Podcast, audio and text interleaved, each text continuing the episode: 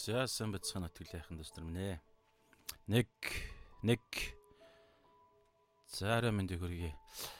За 2022 22 оны анхны Ром номын этгийн шийдэх цаг буюу тайлал библи судлал одоо ишлэлээр нь явдаг библи судлалын цаг ээлж дугаараараа их явах гэж байна. Дууга шалгаад. Окей. За тэгээ шууд залбираад эхлэв. Өнөөдөр нэг ишлэл байгаа. За хүн болгоны нэшлийг бараг чэйжл чэйжилдэг байх гэж бодож итгэж хүмүүс. Энэ ишлэл бол ерөнхийдөө хураангу байгаа. 6 дугаар бүлгийн Ром 6 дугаар бүлэг буюу ариусгал гэдэг ариусгал гэсэн том теологийн итгэлийн амьдралын итгэж хүний итгэлийн амьдралыг одоо илэрхийлдэг теологийн одоо үг нь бол ариусгал гэдэг sanctification.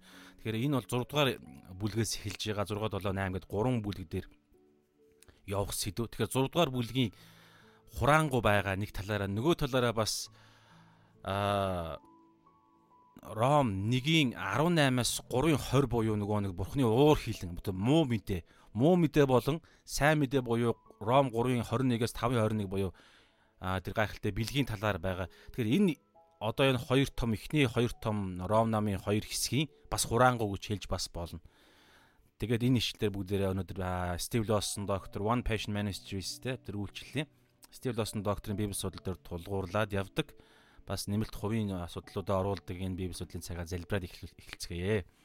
За ер нь бол хамт байдаг хүмүүс л гадралж байгаа нь 2 цаг гар яв явна шүү. Тэм учраас та өөрөө зохицуулаарай. Дараа үзэх яах их. Ямар ч үсэн ямар нэгэн байдлаар энэ цагийг нөхөд чамаагүй бүтэн үзүүл маш их гайхалтай илчлэлт ойлголт зүйлсүүдийг эвэл ирүүл итгэлийн амьдрал алхам тутамдтай хэрэгтэй зүйлсүүд байгаа шүү. Тэм учраас та өөрөө зохицуулаарай. Залбирая. Эзэн энэ цагийн төлөө талархах 2022 оны анхны библи судлал Ром номын цагийг эзэн энэ цаг мөчд таньда өргөж байна. Тэгээд эзэн техникийн болон элдв янзын дайралт товтлохоос хаадрыг эзэн та холдуулж өгөөрэй. Тэгээд энэ цагт одоо байх болон дараа нь хожим нөхөж үзэх хэн нэгэн тэр өөрийн а дагалдагч өөрийн зарц боол тэр нэг нэг эзэн та өөрөө удирдаараа тэгээд дороо энэ цаг мөчид дороо мөхөс миний амыг миний сүнсийг эзэн та өөрийн сүнсээр удирдах болтугай энэ цагийг таньда даадах нь талархан Есүсийн нэрээр залбирч байна. Амен. За дуу мууны асуудал зэгайгүйсэн. За шууд эхлэе.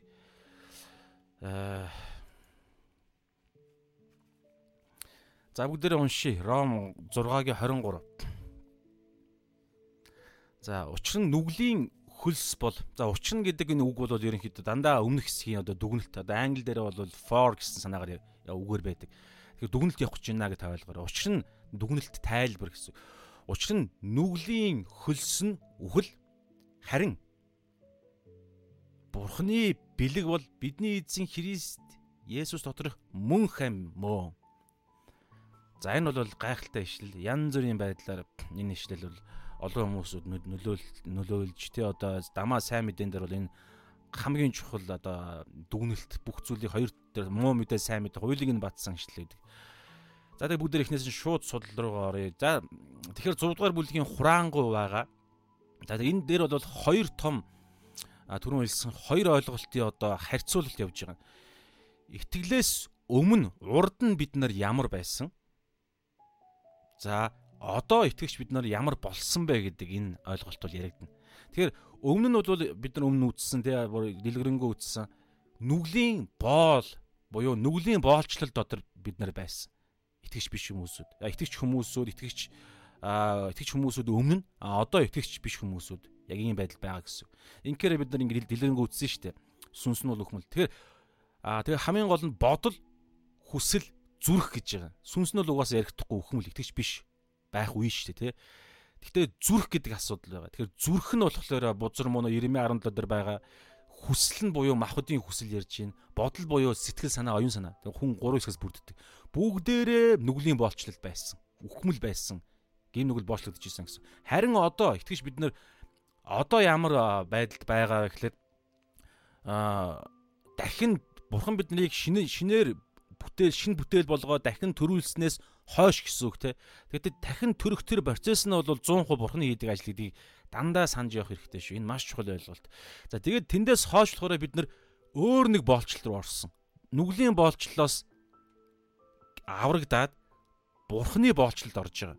Тэгэхээр боолчлол гэдэг ойлголт бид нар өмнө үтсэн те Рокитес гэдэг санаагаар ярьж байгаа. Хүн болго угаасаа анханасаа тэр боолчлол ямар нэгэн зүйлийг эзнээ болгож ямар нэгэн зүйлийг амьдралын зорилгоо болгох тэр санаагаар буюу ямар нэгэн эрх мэдлийн дор байдаг. Тэгэхээр нэг бол бузар муугийн гим нүглийн үхлийн боолчлол байх уу?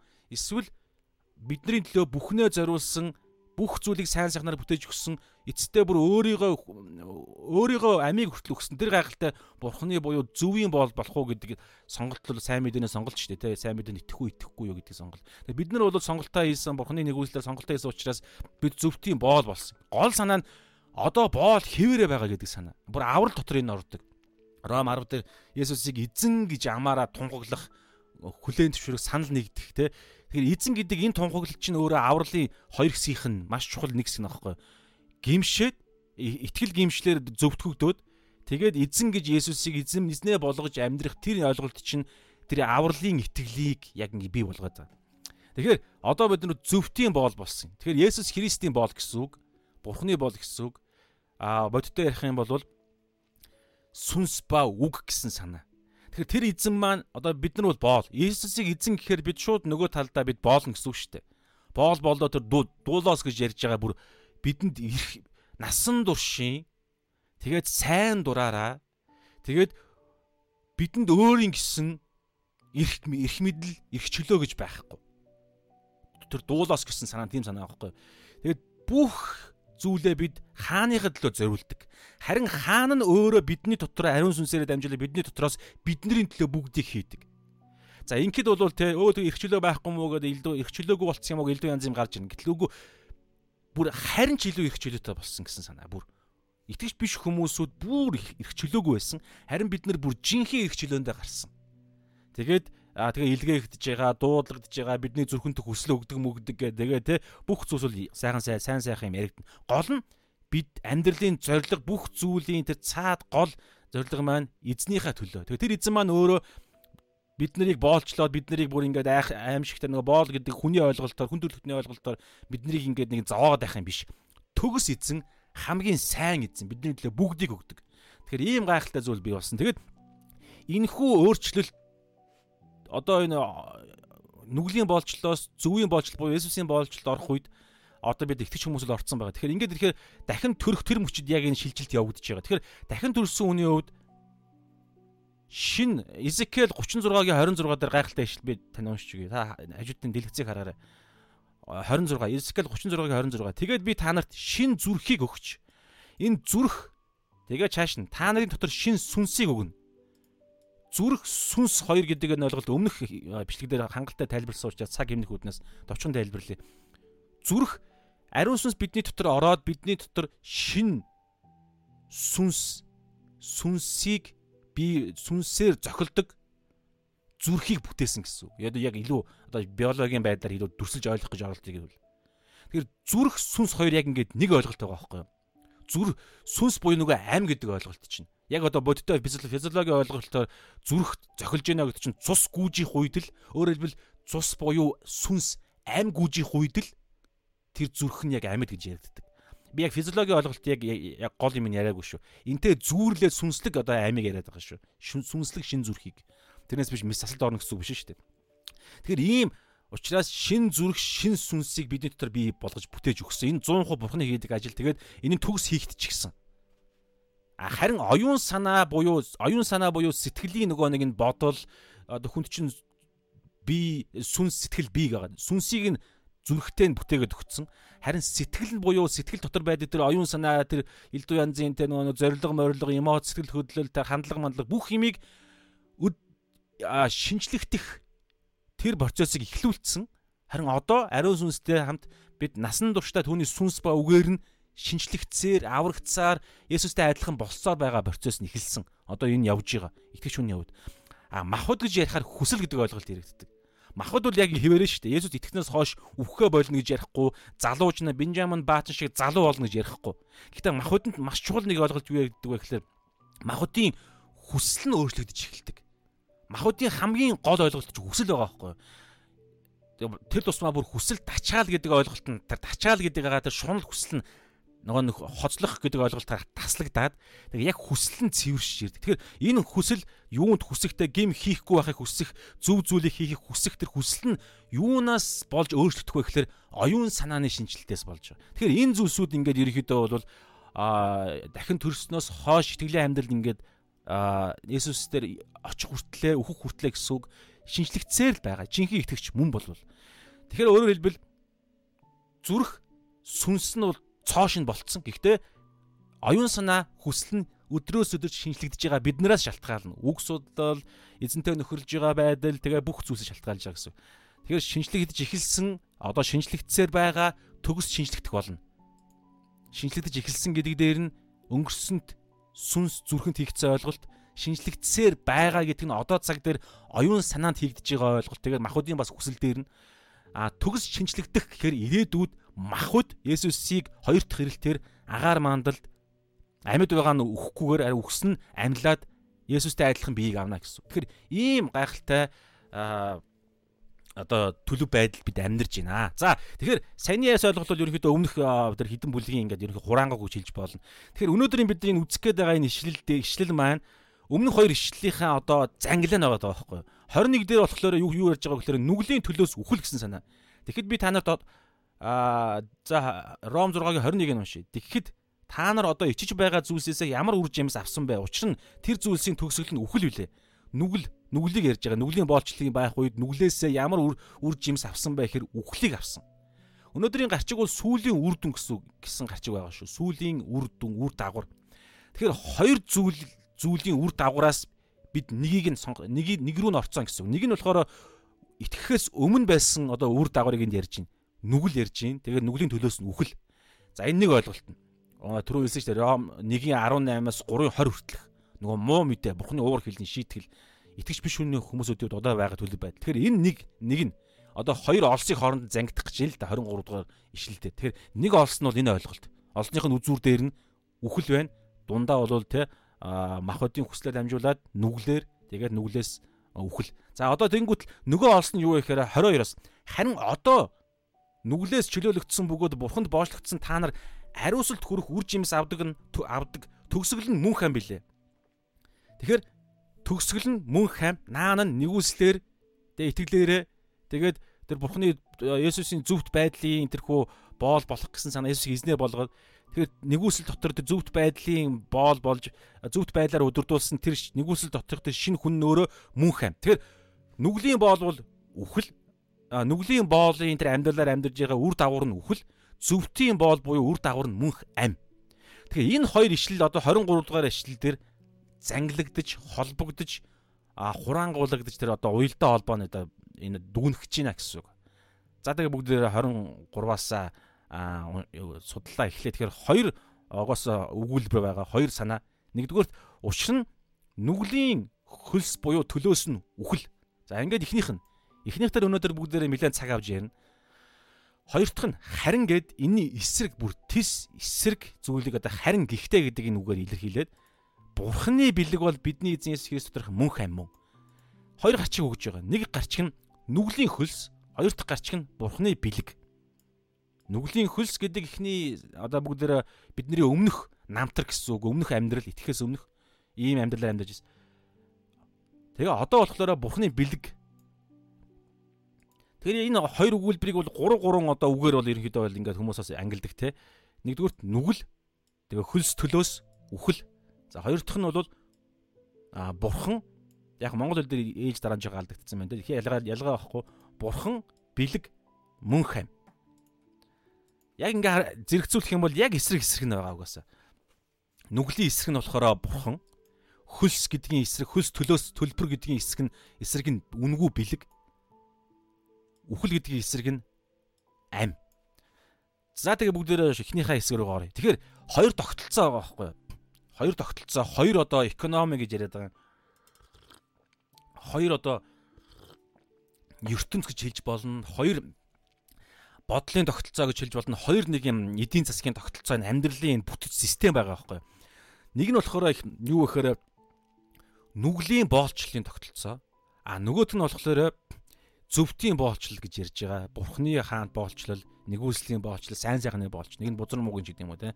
Тэгэхээр энэ ихний тогтолцоо нь ямар тогтолцоотой ном журам жаяг ёс жаягтай бай гэхээр үйлсээр суурил суурилдаг бүтцтэй. За өнөөдөр ингээд итгэж бид нар бид нар бүгдээрээ таавал итгэж хүн үзэж байгаа бол өө над хамаагүй болцсон болцсон гэж ямар дөрийн бодол танд орж ирэхгүй маш хамаатай шүү. Маш хамаатай ер нь ийм ойлголт байгаа шүү дээ. Сайн мэдээг яг сайныг нь мэдхийн тулд байнга тэр муу мэдээ гэдэг зүйл зүйл дотор угаасаа бид амьдарч байгаа шүү дээ. Энэ дэлхий дээр амьдарч байгаа. Бидний бие чинь хүртэл муу мэдээгийн одоо тэг үр дагавраар ингээд ялзарж яваа бий байхгүй. Энэ дэлхий ч гэсэн. Тэгэхээр тэгээ тулаанд байгаа. Тэгэхээр ялахын тулд дайснаа мэднэ гэдэг ойлголт маш чухал. Тэгээ энэ дэлхий дээр нэгэн тал бид те Филиппо 3-ын төгслийн 2 20 дээр нэлж байгаа ачлаа иргэний хариалал тэнгэрт байгаа байгаа шүү дээ те. Гэхдээ энэ дэлхий дээр байгаа даа байхгүй.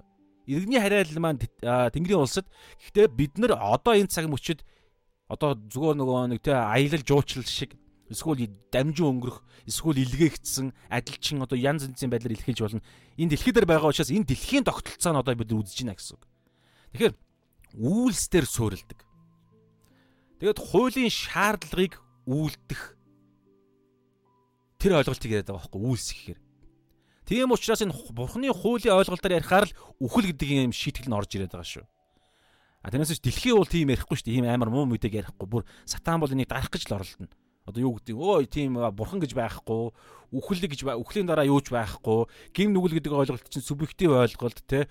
Тэр бодохоор бүр гим нүглүүдийг хүртэл гим нүгэл бишгээ болгоцсон зөндөө хар мянган юм байгаа бүр янз бүр баг бүр амар болц. Тэгэхээр Бурхны ойлголтоор л Библийн стандартаар л энэ яриад байгаа ойлголтууд шүү. Итгэж биш хүмүүс энэ бол ямар ч сонирхолгүй одоо юу гэдгийг энд бол ийм наадах чинь худлаа тарих угаалт гэж ярина. Гэтэл энэ дэлхийн тэр эзнийг ялсан эцсийн өдөр шүүх тэр нэгэн буюу үл үзэг Еврей 11 дээр байгаа шүү дээ 11-ийн 3 дээр үзэгдэх зүйлс нь үл үзэгдэх зүйлээр бүтээгдсэн. Тэгэхээр энэ дэлхийн ертөнцийн суур нь сүнслэг ертөнц байгаа даа байхгүй юу? Нар мандж гин, бид амьсгалж гин, зүрх цохилж гин. Бүх юмний цаана нь колосодор хэлж байгаачлан Есүс буюу сүнслэг энэ бурхан өөрөө тогтоон барьж байгаа. Йохан дээр ч гэсэн хэлж байгаа. Йохан 6 дээр нь 5 дээр нь миний эцэг одоо ч гэсэн ажилласаар байгаа гэж ярьж байгаа. Би ч гэсэн ажиллаж байгаа гэдэг санаа. Эхлэл номдэр бол те 7 дахь өдөр амарж байгаа шүү дээ. Тэр амралт гэдэг бол те биднэрт зориулсан сүнслэг ойлголт. Харин бурхан бол амрах гэдэг ойлголт ярихгүй шүү дээ. Бурхан амрах шаардлагагүй. Бурхан бүр ингээд дандаа итгэвтэй хэвд. Тэгэхээр энэ дэлхийн ертөнцийг одоо энэ цаана бол сүнслэг ертөнц ажиллаж байгаа. Ажиллуулж байгаа. Тэр утгаараа итгэж бид нар тэрнийг тэр бүх зүйлс илчилт ойлголт бид авцсан учраас жинхэнэ үннийг жинхэнэ суур ойлголтыг нь бид үзэж байгаа учраас тэр ойлголтын хувь буюу библийн дагуу ярихад бурхны хуулийн шаардлага л яригдчихэж байгаа. Ингээд ирэхээр сүнс нүглийн төлөөс бол үхэл мөхөл гэдэг ойлгоо. Тэгэхээр энэ тогтолцоо нь өөрөө үйлс дээр туур тулгуурладаг. Тэгэхээр үйлс ярихаар одоо баг ажил гэсэн үг байхгүй ажил үйлс. Ингэж ярихаар ямар ямар нэгэн сайн ч бай муу ч бай ямар нэгэн үйлс гарахад үйлс хийхэд тэрний төлөөс одоо энэ wage гэж ярьж байгаа те wages гэдэг төлөөс хөлс төлбөр тооцоо гэсэн энэ санаа заавал орж ирж байгаа яг энэ одоо сүнслэг энэ тогтолцооны одоо энэ сүнслэг ертөнцийн дээр ч бодиттой энэ дэлхий дээр ч гэсэн бодиттой байгаа байхгүй юу? Тэрний маш бодиттой илэрлүүд нь бол жишээ нь те гар хөдлөвөл амд осно гэдэг хэллэгүүд байна. Дээшээ шидсэн ч болоо толгой үлээ өөдөө шидсэн ч болоо өөрийн толгой дээр чинь буун ч хэлүүн. Янз бүр ийм фактууд байгаа байхгүй юу? Тэгэхээр заавал үр дагавар одоо энэ дээр бол цалин гэдэг хэллэгээр Монгол хөлс гэдэг хэллэгээр бол энэ Библиэл дээр байна те. Нүглийн буюу альва ямар ч үйлсийн үр дагавар нь гэсэн санаа ярьж байгаа. Цалинтай. Үйлс бүр нэг ч үйлс цалингаа авахгүй гэж байхгүй. Одоо цалин хөлс төлөөсөө гэсэн үг. Харин энэ дэр нүгэл яригадаад байгаа учраас нүглийнхэн төлөөс нь үхэл байгаа даа байхгүй. Тэгээ энэ энэ цалин энэ цалин одоо энэ эдийн засгийн цалингийн тогтолцоо нь бол маш шудраг үнэлгээтэй. Бүгдэд яг адилхан. Бүх хүн.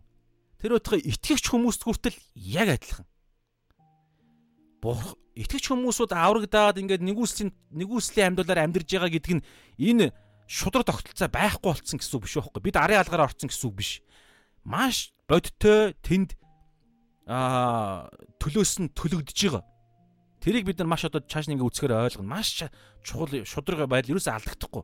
Тэгэхээр шудраг үнэлгээтэй бүгдэд яг адилхан үйлчлдэг энэ тогтсон эдийн засгийн бүтц бүтцийн дагуу одоо үйлс цалингаа авна гэсэн. Төлбөр авна гэсэн. За одоо бүгд үг рүү оръё. 23-ын. За учир нь нүглийн хөлс нь үхэл. За энэ гурван үг дээр бүгдээрээ тус бүгдээр нь ярилцъя. Тэгэхээр эхлээд хөлс Яг би яг английнх нь дэс дараагаар нь явцсан ялгаа байхгүй. За тэгэхээр хөлс гэдэг ойлголт. За нүглийн хөлс. За энэ хөлс гэж ярихаар wages гэдэг энэ wage гэдэг үгтэй олон донор wages түрүү хэлсэн маш шудраг хөлс өгөгддөг. Бурхан өөрөө шудраг учраас энэ бурханы л ойлголттой сүнслэг ойлголт. А хүний хөлс мүлс гэж яриул ерөөсөө өө хүмүүс өөрсдөө янз бүрийн хууль, элдв янзын юм зохиогоод маш шудраг биш жинхэнэ нөгөө арын хаалга авилгал одоо юу гэдэг нөгөө нэг жинхэнэ араатны ёсоор хүчтэй хүчтэй нь өөрсдийгөө сайн хууль тогтоодог тэрүүгээр явна гэсэн. Хин тарих угаах чадaltaй, хин залтай нь өөртөө сайныг ягаад тэгээд сул дорой хүмүүсүүдийг тарихыг угааж хүчээрээ тэр хуулиараа өөрийн гаргасан тэрхүү тогтолцоо аалзны шүлсээрээ яана гэсэн. Гэтэл энэ болохоор шудраг хууль ярьж байгаа. Бурхны шудраг тогтолцоо, Библийн дагуу гэсэн. Тэгэхээр маш шудраг хөлс яригддаг. Нэгдүгээр, хоёрдугаарт зайлшгүй заавал төлөгдөнө. Заавал. Тийм учраас Есүс өгөх шаардлагатай болсон. Заавал нэг ч арын халга гэж байхгүй, нэг ч гим нүгэл өнгөрөхгүй. Заавал төлөгдөнө. Хоёрдугаарт бүх, гуравдугаарт нь бүх хүнд адилхан. Тэгэхээр энэ инхээр нэг юм асуудал гарч иж байгаа. Одоо энэ дээр миний яг хувийн хувийн судал маяг юм. Хоёр ойлголт ингээд та бол судалсан хүмүүс нь бол мэдж байгаа. Гэхдээ судлаагүй хүмүүс нь бас хэрэг болох үднэс бурхны нэг 10 хэдэн мөн чанарын хоёр ойлголтод зөрчлөх гээд байгаа юм шиг санагдав. Тэгэхээр энэ дэр Ром намын 3 дээр бид нар үтсэн 25-аас 26 дээр. Гэхдээ бүгдээр дахиад богинохон хурдан дурдъя. Бурхны зөв шудраг байдал. Өөрөөр хэлбэл энэ бурхны зөв шудраг байдал, ариун чанар, бурхны ууралдаг чанар, одоо хартаа мартаа гэдэг эдгээр зүйлсүүд нэгтгэхээр нэг юм шудраг түрүүний ярьсан яг энэ одоо хүлс альва үр дагаврын үйлсийн альва үйлс сонголт тэр бүх зүйлсийн үр дагавар дээр бурхан маш шудрагын ханддаг. Тэгээ тэр нь тэрийг ярихаар энэ саяны энэ бурханы зан чанаруудаар илэрдэг энэ маш чухал ойлголт ярьдэж байгаа. Ярихтаар бурханы зөвч шудраг байдал, үнэн байдал, ариун байдал, а ууралдаг чанар нь а хартай байдал. Энд энэ бүх зүйлсүүд чинь ингээд нэгтгэхээр нэг нэг үнэнг үннийг тогтолцоог бий болгоно. Одоо хуучин гэрээ хуучин гэрээний ойлголт тахгүй а үхлийн хууль мөл гэж ярьдаг энэ Ормосыг. За тэгэнгүүтээ хоёр дахь нь юу гэхээр шин гэрэний а одоо хууль гэсэн сүнсний хууль, нэгүслийн хууль мөл гэдэг загалмай хууль мөл ч гэдэг юм уу. Тэгэхээр амийн хууль гэж. Энэ нь болохоор юу гэхээр бурхны нөгөө 10 хэдэн мөн чанарын бас өөр бас нэг өөр мөн чанарууд нь хайр, өршөөл, нэгүсэл, дэвчээрч гэдэг юм уу юу гэдэг юм. Тэ? Мэрэгүү ухаан. Энэ бүх зүйлсүүд ингээд нэгтгэхээр бас нэг төлөв байдлыг энэ үнний тогтолцоо илрээд байна. Хоёр гэрээ гэж ярьж болно. Тэгэхээр хоорондоо хальт гарах юм бол зөрчилдөж байгаа юм шиг харагдана. Одоо энэ Ром 23 дээр 6 23 дээр дээ. Нүглийн хөлс бол хүлэгдэж юусэн хизээж өөрчлөгдөхгүй бүх цаг үеийн турш одоо Матай 15-ын 17 байна 17-оос хоошоо ингэ хэлж байгаа шүү дээ. 18 аймаг явж байгаа. Тэнгэр газар өнгөрөө хоттол хуулиас нэгч үсэг нэгч зураас алга болохгүй гэж ярьж байгаа. Хэрвээ эндээс аль альва нэгийг л хасаж хин нэг нь номлол тайлбарлал амийн номоос тэр хүний нэр хасагдана гэж ярьж байгаа. Юу гэсэн үг вэ гэхээр хууль гэдэг зүйл үргэлж хിവэрэ байна. Шин гэрэний итгэгч нарын хувьд ч гэсэн хууль хിവэрэ. А гэхдээ хуулийн а шаардлага нь хуулийн ял нь тэ хуулийн одоо хуулийг биелүүлэх ёстой гэсэн тэр шаардлага эднэр бол итгэгч бидний хувьд тэр нь хүчингү болцсон. Есүс тэрийг одоо бид доор ичлэр үзнэ. Есүс тэрийг бүгдийг нь биелүүлсэн гэсэн үг. Гэхдээ юу ярих гэдэг вэ гэхээр бид Есүсийн дотор амьдарч байгаа шүү дээ. Аврагдсан хүмүүс Есүсийн дотор энэ дэлхий дээр Есүсийн дотор орно гэдэг чинь л аврагдсан гэсэн санаа. Есүсийн зөвхт байдлыг хүн бурхан харж ижил шүүлтийн өдөр Есүс хүүгийнхаа 33 жил нэг ч гимгүү байсныг харж ижил таны хин гэдгүү намаа хин гэдгүү тэр хүний нэрээр инх тайван батад орж цэцгийг энэ хүн нэг ч гимгүү гэж тэр хүний шүүлтийн өдөр хонин хонь ямааны хоньны талд оруулах нь Есүсийн зөвхт байдлыг харж байгаа байхгүй. Тэгэхээр тэр утгаараа Есүсийн дотор бид нар явж байгаа. Тэгэхээр Есүсийн дотор гэхээр Есүс хуулийг төгс биелүүлсэн. Тэгээд бид ч гэсэн хуулийг төгс биелүүлсэн төлөв байдалд очсон тооцогдчихсон. Тэгээд нөгөө ариусгалын амьд гэдэг чинь энэ дэлхий дээр байгаа учраас өдрөөс өдөрт бид Есүстэй улам илүү адилхан болно буюу улам илүү хуулийг биелүүлэх төлөв рүү улам илүү очно гэсэн үг. Гэхдээ хуулийг биелүүлэх өртөө биш. Хуулийн төлөөс э, хууль нүглийн төлс бол үхэл гэдэг шиг бид нүгэлтэй уушаас хөлс үхэх ёстой гэдэг тэр ял шийтгэл нь Есүс дээр тогтцсон.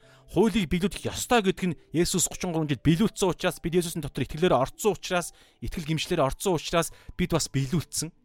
Гэхдээ үнэхээр энэ Есүстэй нэгдсэн гэдэг нэгдэл нь байгаа бол дотор нь тэр итгэж хүний дотор ариун сүнс ороод тэгээд ариун сүнс тэр хүний дотроос нь галан баптизм буюу галан хүчээр ариун байдал нь шатааж шатаадаг аахгүй. Тэгэхээр эн чинь юу гэхээр нөгөө нь ярьж байгаа түрүү ихэнд ярьсан оюун санаа өөрчлөгдөж эхэлдэг. Хүсэл нь өөрчлөгдөж эхэлдэг. Өөрөөр хэлбэл хуулийг өдрөөс өдөрт биелүүл биелүүлдэг болдог гэсэн үг. Тэгэхээр ийм ойлголтоор юу гэсэн үг вэ гэхээр тэр Матай 5-ын 19 18 19 хавцаа багс нэгт чинь хуулиас нэг ч үсэг нэг зураас алга болохгүй байхгүй. Янз бүрийн ингээд хэмжээсээр нь яриад ингээд ярьж болно гэсэн. Тэгэхээр юу хэлэх гээд байгаа гэхээр нүглийн хөлс бол үхэл гэдэг энэ ойлголт үргэлж хിവэрэ. Тэгэнгүүт нөгөө нэг түрүүний би ярьж гисэн санаа одоо зөрчилдөх гээд байгаа юм шиг гарч ирнэ. Бурхны бэлэг бол хоёр дахь ойлголт тий хоёр дахь хэсэг нь харин бурхны бэлэг бол биднээс бидний эзэс Христ доторх мөнх ам гэж чана. Тэгэнгүүт юу яриад байгаа юм одоо шудраг байдалтай иймэрхүү асуулт асууна гэсэн. Нүглийн төлөөс нь үхэл Өөрөөр хэлбэл ингээд эхлэл 1-ийн эхлэл 2-ын 17-д бид доор ишлэлээр бас жоох үзнэ. Нэг гим нүглийн төлөөс шууд мөн үхэл байхгүй юу? Нэг нэгхэн гим нүгэл. Тэгэхээр бид нэг байтугай гим нүгэл үлддэг учраас нүглийн төлөөс нь үхэл гэдэг энэ бодтой биднэрт ийм факт байхад одоо шудрыгоос эсвэл үхэлт үхэлч гэдэг юм уу сатанч гэдэг юм уу бурхантай ингэ заргалдах заргалдах санаа байхгүй юу? Тэр утгаараа шүүх хурлын танхимд сатан үргэлж ингэ заргалддаг байсан байхгүй юу? Хуучин гэрээнд. Тэгээд Есүс шүүх хурлын танхимаас ертөнцийн захирагчийг зайлуулсан гэдэг санаа Йохан дээр бид нар үзсэн шүү дээ. Та нар санаж байгаа бол аа тийм санаа байгаа зүгээр. Шүүх хурлаас сатан зайлуулагдсан. Гэхдээ энэ дэлхий дээр байгаа. Тэгэхээр шүүх хурлын ойлголт. Тэгэхээр урд нь сатан ингэж заргалддаг байсан гэсэн. Нөгөө Йов мовтой Йови нөгөө Йовын юун дээр ордог эзний оршихуд орцсон байсан сатан матан гэдэг чинь бас энэ жоо энтэй хамааралтай ярьдаг байхгүй. Одоо бол шүүх хурал буюу Йов шиг тэ одоо за өөрөөсөө дөрөв орох чинь. Гэхдээ урд нь те бурхны хөвгүүд дотор сатан мата орж ирж байгаа шүү дээ. Тэгэхээр одоо бол тэр боломжийг загалмайтай зайлуулсан байхгүй. За энэ бол жоохон өөр сэдв. Гэхдээ маш сонирхолтой сэдв. Тэгэхээр урд нь ингэ заргалдаг байсан бол заргалдгаараа бол хэрвээ заргалдъя гэвэл ингэ заргалдах байхгүй. За инхтэй за намайг инхтэй гэдэг. Тэгэхээр инхтэй нүгэл үлдсэн нь үлдсэн. Тэгэхээр нүглийн хөлөө төлөөс үр дагавар бол үхэл гэдэг энэ хууль хизээж өөрчлөгдөхгүй Мата 5:18 байна уу тэр явцаа байгаа. Нэг ч энэ дэлхийн өнгөрөө одод нэг зураас алга болохгүй. Хууль яг хэвээрээ байгаа. Нүгэл үлдсэн өөх ёстой. Гэтэл яагаад харин гээд нэг сони юм гаргаж ирэх гээд байгаа юм бэ? Бурхан гээд нэг хүн заргална гэсэн одоо сатан. Эсвэл шудраг одоо шудрагаас хүртэл ингэ зарлах байхгүй? Хэрвээ яг ном журам бараа хийхгүй бол бурхан өөрөө доторх тэр мөн чанар чинь хүртэл хоорондоо зөрчилдөнө гэсэн үг. Тэгэхээр юу гэхээр ийм хууль байхад тэгээ тэр хүн инх тайван нүгэл үлдчихэд байхад яагаад нэгдүгürt харин гэдэг юм гаргаж ирээд байгаа. Хоёрдугаарт яагаад бэлэг өгөх гээд байгаа. Тэгээд яагаад мөнх амийг зүгээр бэлгэлчихэж байгаа гэдэг асуудал гарч ирнэ гэсэн. Тэрүүлсэн шүү дээ. Энэ хөлс гэдэг үг нь маш шудраг, зайлшгүй, бүгдэд адилхан байх ёстой байтал яагаад итгэгч нар гэдэг нэртэй хүмүүсүүдийг бурхан харин гэдэг энэ сони юм гаргаж ирээд яагаад мөнх амийг бэлэг болгож өгöd байгаа юм бэ гэж заргалдана гэсэн үг. Гэтэл энд маш чухал санаа бол би шууд хэлчихье. Эзэн Есүс доторх гэдэг нь дотор л байгаа. Ерөөсөн. Тэгэхээр одоо энийг би жоохон задлаа заяа. Жоохон задлаад яг ишлэлээр нь харуулъя. Ром 3-ын 25 26 дээр байгаа байхгүй. Маш чухал ойлголт. Тэгэхээр Бурхны одоо энэ дээр бол зүг гэдэг. За би 20 Ром 3-ын 25 26-г уншия. Урд нь үлдэгдсэн та яг гоо ингэ тогтож харах юм бол маш чухал санаанууд байна. За урд нь үйлдэгдсэн нүглүүдийг бурхан дэвчиж өнгөрүүлсэн учраас За энэ ардаа энэ дээр бол ингээл одоо баг сони ойлголт гараад ирнэ гэсэн. Төрөүний нөгөө нэг зөрчилтөө чинь гарч ирнэ гэсэн. Яагаад бурхан нүглүүдийг дэвчдэг вүлээ гэдэг асуудал гарч ирж байгаа байхгүй. яагаад өнгөрүүлээд байгаа юм бэ гэдэг асуудал. Одоо pass тэгээ pass over гэсэн санаа. Яагаад нүглүүдийг тэгээ урд нь буюу хуучин гэрээний итгэгч нарыг авралыг ерөнхийдөө ярьж байгаа. Одоо Мосе одоо хуучин гэрээнд байсан Давид, Мосе, одоо Самуэль хинч үтийн бүгдээрээ тэд нар ирээдүйн Есүст урдчилж одоо загалмай сайн мэдээнд урдчилж итгээд аврагдсан хүмүүс гэхгүй юу. Гэхдээ нүглүүд нь хайцсан юм бэ гэхээр загалмайн төлөөс төлөгдөөгүй байсан шүү дээ. Одоо энэ урд нь гэдэг бай хуучин гэрээний ойлголтыг ярьж байгаа. Хуучин гэрээнд загалмай үхэл болоог байхад яагаад урдчилж энэ сонин ойлголтыг гаргаж ирээд байгаа юм гэхээр энд төвчих гэдэг санаа байгаа байхгүй. Хуучин гэрээний итгэгчдийг итгэгчдийг итгэлээр нь бас яг адилхан аварсан. Яа эхлэл 15-ын 6 дээр. Гэхдээ итгэлээр нь ингээд нүглийн төлөөс яг нь төлчлөө. Йоо нүглийн бишээ итгэлээр нь ингээд зөвд тооцчлоо. Гэхдээ тэр нүглүүдийнх нь шийтгэл нь хайчих юм гэхээр Есүс өгөөгүй байсан учраас нөгөө нэг юм юу дахил өргөдөв болохгүй байгаа байхгүй. Тэгээд ирэхээр юу шударгаас хайчих гээд байгаа юм бэ гэдээ асуудал гарч ирнэ. Тэгэхээр энэ дээр хардаа бурхан дэвчиж өнгөрүүлсэн гэж ярина. Яагаад дэвчиж байгаа юм? Нүглийн төлөөс үхэн шүү дээ. Яагаад үхстэй байтал яагаад дэвчээд тэгээ өнгөрүүлээд байгаа юм? Арын алгадаад байгаа юм гэхээр одоо хардаа урд нь үлдэгдсэн нүглүүдийг бурхан дэвчиж өнгөрүүлсэн учраас ийм болчихсон. Тэгээ энэ ийм одоо ийм авралын нэг юм урд нь нэг юм дэвчижсэн нэг юм төлөв байдал байгаа. Тэгэхээр ийм юм байсан учраас өөрийнхөө зүв гэдэг нөгөө righteousness одоо энэ нөгөө түрүүний ярьсан хоёр зөрчилдөг хоёр ойлголтын нэг нь бурхны шудраг байдал. Тэгэхээр бурхан өөрийнхөө шудраг зөвч шудраг байдлыг илэрхийлэх буюу батлахын тулд би шудраг шүү би нэгч гим нүглийг төвчж өнгөрүүлдэггүй гэдгээ харуулахын тулд түүний буюу Есүсийн цуснд итгэх итгэлээр дамжуулан бурхан түүнийг эвлэрүүлэл буюу тайвшруулах гэдэг үг propitiation гэдэг үг байгаа. Тайвшруулал хоёр талтай энэ бурханы уур хилгийн тайвшруулж байгаа юм. Тэгээд гимтэй нэг нэг эвлэрүүлж байгаа. Энэ хоёр гүүр болсон ойлголт байгаа байхгүй. Тэгээд тайвшруул эвлэрүүлэл тайвшруулал гэж нийтэд харуулв. Нийтэд гэдэг нь publicly гэдэг ингээд бүх хуучин гэрээр өнгөрсөн рүү нэгдүгээр хоёрдугаарт 26-аас энэ нь идүгөө цагт 94 ч гэсэн бүх цаг үе рүү нийтэд харуулахын тулд би бол шудраг шүү. Би бол нэг ч гим нүглийг өнгөрөөлдөггүй гэдгээ харуулахын тулд тэр одоо жишээ нь Мосе нэг гим нүгэл үлдсэн. Тэр гим нүгэл тухайн үед Мосе итгэлээр нь ингээ те зүвт тооцсон. Гэхдээ тухайн тэр үлдсэн тэр гим нүглийнх нь төлөөс нь хайцсан байх хэрэг хуучин гэрэн зүгээр төвччихсэн. Ингээд нэг газар хадгалцсан одоо юу гэдэг нь төвчих гэдэг өнгөрүүлсэн ингээ. Тэгэхээр тэр нь ингээд шудрагаас нь заавал хэрэгжих ёстой учраас заавал хин нэгний цус өгөх ёстой гэд байж исэн. Тэр нь хизээ вэ гэхээр түүний цуснд итгэх итгэлээр Есүсийн цус түүнийг эвдрүүлэх гэж нийтэд харуулв. Павлик л загламаа дээр ингэж өргөсөн гэсэн санаа. Ингиж хуучин гэрэн дээр шудрагаас алдагдахгүй. Бурхны хайр нь хэрэгжин. Гэхдээ шудрагаас алдагдахгүй. Тэгээ энэ нь бүх цаг үед. Энэ нь идүүгээ цагт. Одоо бүх цаг үед гэсэн үг те. Өөрийнхөө зүвийг илэрхийлэх. Дахиад нөгөө зүв гэдэг. Өөрийнхөө зүв шударгыг өнгөрсний итгэгч нар ч ялгаа байхгүй, ирээдүйн итгэгч нар ч ялгаа байхгүй. Бүгд зүвийг илэрхийлэхийн тулд мөн мөн гэж байгааз яг нөгөө нэг энэ түүний цуснд итгэх итгэл гэдэг санаа. Мөн Есүст итгэгчийг зөвтгөхийн тулд. Тэгэхээр энэ хоёр ишлэлээр юу сая би юу ярьсан бэ гэхээр өнөөдөр үдж байгаа энэ ихний Ром 6-гийн 23 энэ хөлс гэдэг үгэн дээр ярьж байгаа байхгүй юу? Хөлс гэдэг нь маш шудраг төлөөс нүглийн төлөөс зайлшгүй бүгдэд адилхан байх ёстой. Хуучин гэрээнд ч шинэ гэрээнд ч. Тэгэхээр тэр бүх итгэгч нарын аврагдсан итгэгч нарын үйлсүүдийнх нь нүглийн үйлсүүд нүглийнх нь төлөөсүүд нь хайцсан байхээр арын хаалгадаагүй гэсэн. Бурхан шудраг байдал зөрчигдөхгүй загламай дээр биелсэн гэсэн. Ингээд ирэхээр хайрынч хайр нэгүүлсэн ч гэсэн хэрэгжиж байгаа юм шудраг байдал нь ч гэсэн хэрэгжиж байгаа. Энэ бол төгс шийдэл байгаа байхгүй. Тэр утгаараа цорын ганц үүсдэрч байгаа, явхандаач байгаа, цорын ганц зам, цорын ганц нэр гэдэг байгаа чинь тэр байхгүй. Матай 7 дээрч байгаа 13 14 дээр хавчиг зам гэдэг ойлголт. Хавчиг хаалга гэдэг ойлголт. Ерөөсө хавчиг буюу ингээд нэг юм тогтсон л ойлголт яриад байгаа байхгүй. Одоо сүрэлт хөтлөх нь маш өргөн.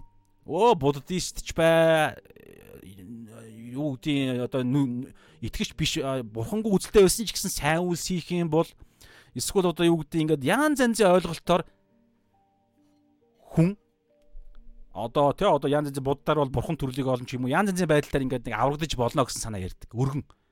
Гэтэл жинхэнэ үнэн бол цорын ганц шударгаас хайр хоёр нь зөрчилдөхгүй ганц хийгдсэн арга зам загалмаа байгаа байхгүй загалмаа. Тийм учраас энэ цорын ганц сайн бидэнд итгэх гэд бүтэх буюу бодиттой ийм л ганцхан бидний гим нүглийн гим нүглийн төлөөс төлөгдөх ганцхан арга зам байгаа. Тэрнээс биш сайн үс юу ийм дорой ойлголт юусээ биш. Маш шудраг, маш э, логиктой ойлголт. За хөлсдөр ийм яригдчих байгаа. Одоо бүгд дээр нүгэл гэдэг дээр хэдийн юм хуваалцъя. Тэгэхээр за хөлс гэдэг нь тодорхой болсон. Аа бурхны бэлэг гэдгийн эсрэг харьцуулалт нь явж байгаа шүү. Хөлс гэдэг бол маш бодиттой аа шудраг тэгээд үүс болгонд заавал хөлсөн аавна. Бэлэг бол одоо доор бид нар бас жоохон цухас дурд. Гэхдээ өнөөдөр бүгдээрээ их энэ хэсэг дээр их юм цаг аавна. Бэлэг гэдэг бол үнэгүй юу ч хийгээг байхад те ийм ойлголт ярьж байгаа. За үхэл. Тэгэхээр үхэл гэж ярихаар та одоо шууд текст харах юм бол маш бодиттой нэг зүйл ихлээр бүгдээр тодорхой болгоно гэсэн. Ямар үхлийг ярьж байгаа вэ гэхээр түрүү ярьсан энэ аим гэдгийн өмнөх үхтэй харьцуулагдсан үхлийг л ярьж байгаа. Учир нь нүглийн хөлс бол үхэл харин одоо харьцуулж байгаа. Харин Бурхны бэлэг бол бидний эзэн Есүс Христ Есүс доторх ам билээ. Нүглийн хөлс бол үхэл, бэлэг бол ам билээ. Нэг үг дутуу байна те. Мөнх ам билээ. Тийм учраас мөнх үхлийг ярьж байгаа. Мөнх үхэл. Мөнхийн үхлийг ярьж байгаа. Өөрөөр Библийн дагуу бол хоёр дахь үхэл гэж ярьдаг илчлэлт 20 дээр. Хоёр дахь үхэл. Хоёр дахь үхэл. За нэг дахь үхэл гэж байгаа. За бүгдээр яг яг ээлж дараагаар нэгдэх үхлийг нь ярилцъя. За нэгдэх үхэл гэж ярихаараа мах бодийн үхэл нэг удаагийн мах бодийн үхэл гэсэн үг. За бүр тэрнээс наанад за бүр за бүр янз янзын байдлаар ярина. Заримдаа бүр нэгдэх үхэл гэж ярихаар одоо хүн болгонд төрөхтөө сүнсээр үхмэл гэж ярьдаг. Сүнслэг үхмэл. Сүнсний үхмэл байдлыг. Тэгээд тэр нэгдэх гэж шилж болно. Хоёр дахь нь тэгээ махуудын үхэл, гурав дахь нь бол мөнхийн махуд болон сүнс хоёулаа хамт үхэл. За ихтэй өнөөдөр бүгдээрээ зүгээр нэгтэх гэдэг үхэл дээр махбодын үхлийг яриа. Яг бодиттой нөгөө үхэх гэдэг яг энэ бодиттой мэдрэх гэдэг ойлголтоор. Яг л сүнсний үхлийг хүмүүс мэдрэхгүй байдаг шүү дээ, тий. Хүн болгон төрөхдөө за амьд би амьдарч байна гэж ярьдэн шүү дээ. Гэтэл сүнс нь үхмэл байгаа хүн ярихгүй. Тэгэхээр энийг бол жоохон өөр субъектив ойлголт учраас энийг хошин тавиад нэгдэх үхлээр махбодын үхэл. Тэгэхээр энэ махбодын үхэл нь бүх хүнд тогтоогдсон. За би өмнөх хэсэг дээр би мартахгүй бол хэлнэ гэж байгаа март мартцсан юм байсан юм а сайн дээр санаад одоо оруулахаар шийдсэн. Тэрний юу гэхээр итгэж хүмүүсүүд ч гэсэн үхэн гэдэг ойлголтыг итгэж хүмүүс юу гэж юу ойлгох юм бэ гэдгийг дээр одоо би хуваалцъя. Тэгэхээр эхлээд маш чухал нэг хэдийн ишлэг нэг ишлэг хараадах. Еврэ 9:27 дээр байгаа. Мм. Таач. Би үхэл рүү би халгасцсан байна. За манайха уучлаарай аа нүгэл гэдгээ би ярих хэрэгтэй байсан байна. Яг ишлэл мишлэлээр ингээд дистаранд оруулсан байсан учраас. Тэгэхээр түрүүн хөлс ярьсан. Тэгээ одоо бүгдээрээ нүглийг нь ярив. Тэгээд дараагаар нүхлээ ярив. За тэгэхээр нүглийн хөлс тэгэхээр нүгэл гэдэг ойлголт ярихаар юу вэ гэхээр аа бүгдээр нэг ишлэг харнаа. Нэгдүгээр явах нь 3-ын 4 дээр ингэж байгаа байхгүй юу? Нүглийг юусе ингэж тодорхойлж байгаа. Нүгэл үйлддэг нүгэл үйлддэг хүн бүр бас ёс босыг үйлддэг нүгэл бол ёс бус юм а гэж. Тэгэхээр Монгол хэл дээр ёс бус гэж байгаа. Гэхдээ хууль бус гэдэг үг байхгүй юу? Lawlessness гэж байгаа. Маш чухал хэллэг. Хууль бус гэж орчуулбал маш чухал байгаа. Ёс гэхэр зүгээр уламжлал моламжлал ёс жаяг маяг гэдэг яа сони ойлголт гараад ирдэ штэ. Одоо юу гэдэг Монгол улсын үндсэн хууль бол ийм хуультай. Гэхдээ Архангай аймгийн ёс жаяг бол эсвэл бол те одоо юу гэдэг Баян үлгийн ёс жаншил бол гэдэг ялгаатай байх боломжтой. Гэтэл ийм нэг ялгаатай биш тухайн эрх мэдэлдор тухайн харьяалал дотор байгаа хуулийг яриад байгаа байхгүй. Хууль, ёс бус биш, хууль бус. Law гэдэг үг нь байгаа. Lawlessness гэдэг. Тэгэхээр ингэж ярьж байгаа нь маш чухал санаа гаргаж ирнэ гэсэн үг. Нүгэл гэдэг нь хуулийг эсрэг хуулийн эсрэг бүх үйлдэлүүдийг ярьж байгаа. Зүгээр ёс жайг маяг тийм хүний зохиосон биш. Яг бодиттой хууль. Тэгэхээр ямар хууль вэ гэхээр бурхны хууль. Тэгэхээр Ром 3-ын 20 дээр байгаа бид нар үзсэн. За би уншия. Ром 3:20 дээр нь учир нь ямар ч махад хуулийн үйлсээр түүний өмнө зөвтгөгдөхгүй. Өөрөөр өөрөөр хэлбэл ямар ч хүн өөрийн хүчээр аврагдах боломжгүй гэсэн үг. Зөвхт байдлыг авах боломжгүй гэсэн үг. Ганцхан хүн чадсан нь Есүс 33 жил. Яг жинхэнэ Есүс хуучин гэрээний дор хуулийн үйлсээр зөвхт байж чадсан ганц хүн бол Есүс гэхгүй. Тэр утгаараа тэгж чадсан учраас л биднэрт тэр чадсан зөвхт байдлын тэр тамга тэр лоодсон одоо тэр нөгөө нэг юм одонгоо медалаа биднэрт өгж байгаа. Тэр Есүс чадаагүй байсан бол хинт ч аврахдаггүй. Есүс өөрөө өөрийнхөө нүглийн төлөө өгнө гэсэн. 3 хоногийн дараа амьлахгүй гэсэн. Тэгэхээр учир нь ямар ч махбод хуулийн үйлсээр түүний өмнө зөв төгтөхгүй. Тэгвэл хууль тэгвэл хууль яах гээд баахан юм шаардсан бэ гэдэг асуултанд дараагийн өгүүлбэр нь хууль нь нүглийг мэдүүлэх чил юм аа гэж. Зөвхөн нүглийг л мэдүүлэхийн тулд ирсэн. Төрүүлсэн шүү дээ. Нүгэл гэдэг нь юу вэ гэхээр хууль бус байдал lawlessness. Тэгэхээр нүглийг юу нүгэл гэдэг гэж илчлээд байгаа вэ гэхээр бурхны хууль аахгүй. Нөө 613 хууль. 10 хууль 10 хууль дээр суурилсан. За шааш нь бүгд дээр 20 дээр нэг юм шлээ. Ром 3-ын наавш 5-ын 20 дээр. Сая хэлсэн шүү дээ. Хууль ирсэн зорилго бол нүглийг илчлэх зориул зорилготой. Илчлэх. Энэ бол нүгэл юм аа. Наад үйлс чинь нүгэл юм аа гэдгээ бурхан тодорхой заалтуудаар илчилсэн гэсэн. За тэгээд чаашлаад бас нэг зорилготой. Ром 5-ын 20 дээр хууль ирснээр алдаа зөрчил ихссэн, ихссэн ч гэж байгаа. Алдаа зөрчил ихсэх буюу нүгэл ихссэн. Яагаад вэ гэхээр хууль нүгэлтэй гэдгийг харуулах зорилготой ирсэн, харуулж чадсан, нүгэл нь тэгээд ихссэн. Хууль судлах тусам, хуулийн дор амьдрах тусам нүгэлтэй гэдгээ хүн мэдээл байгаа. Нүглийг бий болгож байгаа юм биш. Угаасаа дотор нь байгаа нүглийг нь илчлээд байгаа гэсэн. Гэрэл ассан гэсэн. Өрөөнд гэрэл асахад гэрэл асснараа тэр гэрэл энэ ламп тэр өрөөнд байгаа муухай толбыг үүсгээгүй шүү дээ. Тэнд хулган болгон оруулж ирээгүй. Тэнд байгаа одоо тэр хоолны тэр бөөлц зөөлцсийг те гэрэл бий болгоогүй. Гэтэ гэрэл асснараа тэр өрөөнд байгаа бүх хийгдчихсэн зүйлсүүдийг илчилсэн. Тэр хуулийн нэг зорилго бол энэ. Тэгээ чаашилж байгаа хуулийнх нь. Хууль ирснээрээ алдаа зөрчил ихссэн ч нүгэл ихснээр энэ алдаа зөрчил нүгэл адилхан санаа шүү. Алдаа зөрчил нүгэл нь ихснээр дараачийн зөвлөг нэгүүлсэл улам бялхсан юм а гэж. Гэхдээ энэ дээр ардаа нэг юм зүйл дутуу байгаа. Юу гэхээр хууль ирснээр алдаа зөрчил ихссэн ч гэдэг энэ зүйл чинь Израильчууд дээр яригдана. Эсвэл итгэж хүмүүс дээр ярьж байгаа бол тэр хүн гимтэй гэдгээ хүлээн зөвшөөрөх гэдэг ойлголт. Гимтэй гэдгээ гимшиж хүлээн зөвшөөрж ижил тэр хүний дотор тэр хүн нэгүсэлд ордог. Тэгэхээр энэ зүгээр итгэж биш хүмүүсүүдийг юусоо энэ ярихгүй. Итгэж хүмүүс итгэж хүмүүсүүдийг л ярьж байгаа. Тэгэд хууль ирснээр тэр хүний нүгэлтэйг нь ойлголоо. Нүгэлтэйг нь ойлгосноор тэр хүн гимших үр дагавар гарч ирлээ. Гимших үр дагавар гарснараа тэр хүн нэгүслийн тэр үр дагавруудыг авна. Тэр нь юу гэхээр бялхам дүрм нэгүсэл. За, ийм зоригтой. Тэгэнгүүт нь ингэж байгаа юм. Аа тэгээ хууль одоо хууль нэгүс гим нүглийн уялдаа хамаарлын би яриад байгаа байхгүй юу? Нэгдүгээрт гим нүгэл гэдэг нь хууль бус хуулийг зөрчиж байгаа байдал. А тэнгуут нь хууль нь тэр гим нүглийг зөрчдөг гэдгийг нь илчилж байгаа.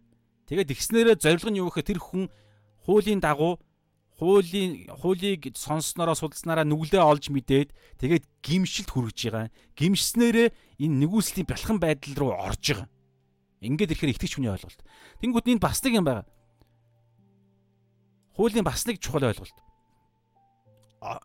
Нэгдүгээр Тимот 1:8-аас 11 дээр хуулийн зөв хэрэглээ байгаа байхгүй. Итгэж одоо энэ дэлхий дээр бидний итгэж хүмүүсүүдэд ч гэсэн бид нар энэ бидний энэ одоо энэ хуулийн зөв хэрэглээг ашиглаж бидний нэг үүрэг байгаа байхгүй. За бүгдээрээ уншъя. Итгэж хүмүүсүүдэд одоо хуулийн зорилго бол тэ өөрчлөгдсөн шүү дээ. Зүгээр одоо юу нь зааварчилгаа тий бурхны хүслийг мэдүүлэх. Тэрнээс биш ингээд ийм яллах маллах биш. Гэхдээ яллах юм нь хэвээрээ бас нэг хэлбэр байгаа байхгүй. Тэр нь юу гэхээр 1-р Тимот 1:8-аас хин нэгin ёсоор нь хэрэглэвэл хууль нь сайн гэдгийг бид мэднэ. Ёсоор нь хэрэглэнэ гэхээр итгэж хүмүүсүүд өв жишээ нь хуулийг хуулиас бурхны хүслийг мэдээ тэгээд биелүүлэх тэр одоо аюулсгалын амьдрал руу орж болно. Гэхдээ энэ дээр бас бүр яг анхны тэрүүний Ром 3:20 морь дээр хэлж байгаачлан яг ирсэн тэр зорилгын дагуу маш чухал санаа байгаа. Саяны тэрүүний тэрүүний цус дурддаг бол төгс биелүүлэх чадахгүй шүү дээ угаасаа. Харин төгс биелүүлэх гэдэг тэр хуулийн яг жинхэнэ үүргээрээ бол нэг хэрэглээ байгаа нь юу гэхээр чааш уншия бүгдээр. Хууль нь зөв хүнд бус гэж байгаа. Итгэж хүмүүст биш гэж байгаа. Харин хуульгүй тэрслүү сүсэг бишрэлгүй нүгэлтнүүд ариун бус бузар эцэг гэхээ хороогчд алуурчд садарлагчд ижил хүснэндээ явалдагчд хүн хулгайлагчд худалч худалчууд тангаргаасаа няцагчд болон эрүүл сургаалыг эсэргүүцэгч бүхэнд зориулагдчихэ. Эрүүл сургаал гэдэг дээр маш том анхаарал хөндөг байгаа шүү. За, эдгээр хүмүүсүүдэд хууль зориулагдж байгаа. 11. Энэ нь надад даалгагдсан ивэлт бурхны алдрын сайн мэдээний дагуу юм а гэж байгаа. Тэгэхээр сайн мэдээний зорилгоор хуулийг хэрэглэх төгс хэрэглээ нь одоо хэвээр байгаа. Харин итгэгч хүмүүсүүдэд хуулийн төгс хэрэглээг буюу нэгч гим нүгэл нэгч хуулийг зөрчих асуу гэдэг хэрэглээ нь биднэрт хүчингү болцсон. Хууль нь одоо бидний хувьд арай өөр байдалтай болцсон. Зүгээр одоо юу гэдэг юм зүгээр нэг мэдүүлэгч нэг багш гэдэг юм уу нэг юм тиймэрхүү байдлаар яллагч биш. Харин төгс хэлбрээр яллагч гэдгээрээ сайн итгэгч биш түрүүний ярьсан энэ жагсаалтын дагуу бид хэрэглэх үүрэгтэй одоо ч гэсэн сайн мэдээ тарахтаа. Тэр ч утгаараа сайн мэдээний ихний хэсэг дээр нь тэр хүнийг гимтэй гэдгийг ойлгуулж ижил тэр хүн сайн мэдээний хэрэгцээг харна уу гэхээс биш зүгээр л цуглаанд явбал та ингэн тэгнэх юм бол хэн ч аврахдахгүй бүр нөгөө нэг эрүүл биш сургаалчин болж байгаа байхгүй. За ийм хуулийн юм их бас нэг хэрэглээ байгаа. Тэнгүүтээ энэ дээр одоо яг саяны энэ ярьсан хуулийн хэрэглээг би нэг чухал зүйлээ танд харуулъя. Йохан 16-гийн Йохан 16-гийн 7-оос 14 дээр ариун сүнсний За энд за би зүгээр уншаа тэгээд гол ишлэлийн 12 дээр л байгаа. Ариун сүнс ч гэсэн яг саний энэ хуулийн хэрэглээ яг энэ хэрэглээгээр дэлхийг яллахаар ирсэн гэж байгаа. Маш чухал итгэж бидний амьдралд маш чухал шүү. Дамаа илгээлтийн сайн мэдээ тараадаг бүх хүмүүсүүдэд. Йохан 16-гийн 7-оос. Гэхдээ за энэ хамт дөрөв эхлээ хэлчихье. Гэхдээ би та нарт үннийг хэлж байна. Миний явах нь та нарт дээр, би явахгүй бол туслагч та нар дээр ирэхгүй. Харин би явбал түүнийг та нар дээр илгээнэ. Өөрөөр хэлбэл Есүс үхээд 3 хоногийн дараа аймлаа дээш явах нь маш чухал байсан. Тэгээд өөр олон хамааралтайгаар ярьж болно. Ямар ч зэн одоо бол туслагчийг ярьж байна. Туслагч ирэх нь маш чухал байна. А 8-аас тэр буюу туслагч ирэхдээ нүгэл за сонсож байгаа. Нүгэл нэгдүгээр хоёрдугаар зөвхт байдал гуравдугаар шүүлтийн талаар ертөнцийг зэмлэн энэ зэмлэх гэдэг үг нь э, чи жоохон алдаа хийгээд дэжтэй гэдэг нэг иймэрхүү нэг зүгээр нэг ээж аавын найз нөхдийн нэг юм нэг юм аюулгүй нэг хайрын дотор зэмлж байгаа зэмлэл биш яг энэ үг судлалаараа ял хуулийн би яг судалсан учраас ярьж байгаа шүү дээ. Хуулийн шүүх танхим дотор гемт хэрэгтнийг шүүх хурлын тэр төгсгөл дээр нь хамгийн сүүлд яллаад ялын тогтоолыг нь уншиж байгаа тэр хэлбэр байгаа даа байхгүй. Тэгэхээр итгэгч биш хүмүүсүүд яг ийм ялын тогтоол уншсан ялаа идлээд үхэл рүүгээ явж байгаа шоронд орц шорон дотор амьдарч байгаа хүмүүс шүү дээ бүр. Шүүх хурлаараа яллагдаад тэгээд цаазын ялаа цаазлуулах өдрөө хүлээж байгаа хүмүүс байхгүй итгэж биш хүмүүс. Тэгэхээр тийм маш аюултай бодтой төлөв байдал байгаа трийг нь ариун сүнс яг энэ зорилгоор ирж байгаа. Итгэж хүмүүсүүдийг бол бид нар туслахаар ирсэнтэй ингээд цаашаа одоо би уншия. Та нарт хэлэх зүйл 12-оос нь та нарт хэлэх зүйл надад олон бич одоо та нар үнийг дааж ис чаднаа. Харин үнний сүнс ирэхдээ та нарыг бүхий л үнэн өөд удирдна. Тэр өөрөөсөө биш харин аливаа сонсох юмаа ярина. Ирэх зүйлийг тэр та нарт мэдүүлнэ. Тэр минийхийг авч та нарт мэдүүлэх учраас намайг алдаршуулна. Ариун сүнс өөрийгөө алдаршуулдаггүй шүү. Ямар нэгэн байдлаар ариун сүнсэнд хандаж залбирах, ариун сүнсийг, ариун сүнс бурхан минь ээ та алдрыг авах болтгоо болтгоо гэдэг нь ойлголт мэдээж байдаг боловч ариун сүнс ийм ойлголт нь жоохон дургүй байхгүй. Ариун сүнс юусоо тэр алдарших тийм юусоо байдаггүй. Есүс л алдаршдаг. Тэр утгаа аав бурхан хүртэл Есүсийг өргөмжилж байгаа. Харин Есүс нь өөрөө Аа Бурхныг өргөмжилж байгаа. Ариун сүнсний маш гайхалтай онцлог нь юу гэхээр маш даруухан өөртөө ерөөсөө алдрыг авдаггүй.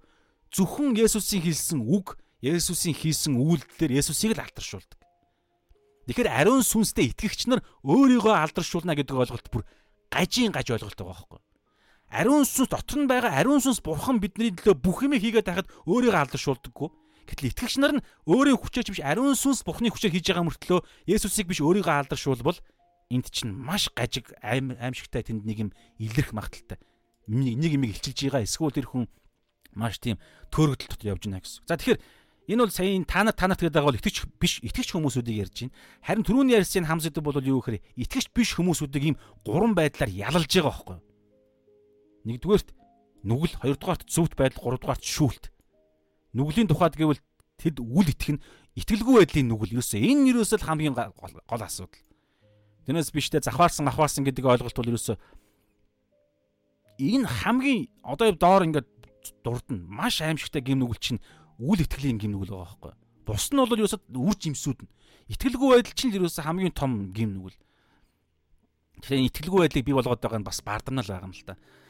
Тэнгүүтээ одоо зөвхт байдлын тухайд гэвэл би эцэгтэй очино. За энэ бол загалмай үйл явц энэ дээр нарийн яриад яах вэ? Ерөнхийдөө бол загалмай ойлголт яригдж байгаа. Есүсийн ирэлт яригдж болно. За тэнгүүтээ та нар намайг дахиж ис гарна гэдэг утгаараа. Тэгээд 11 дээр нь шүүлтийн тухайд гэвэл ертөнцийн захис шүүгдсэн юм аа.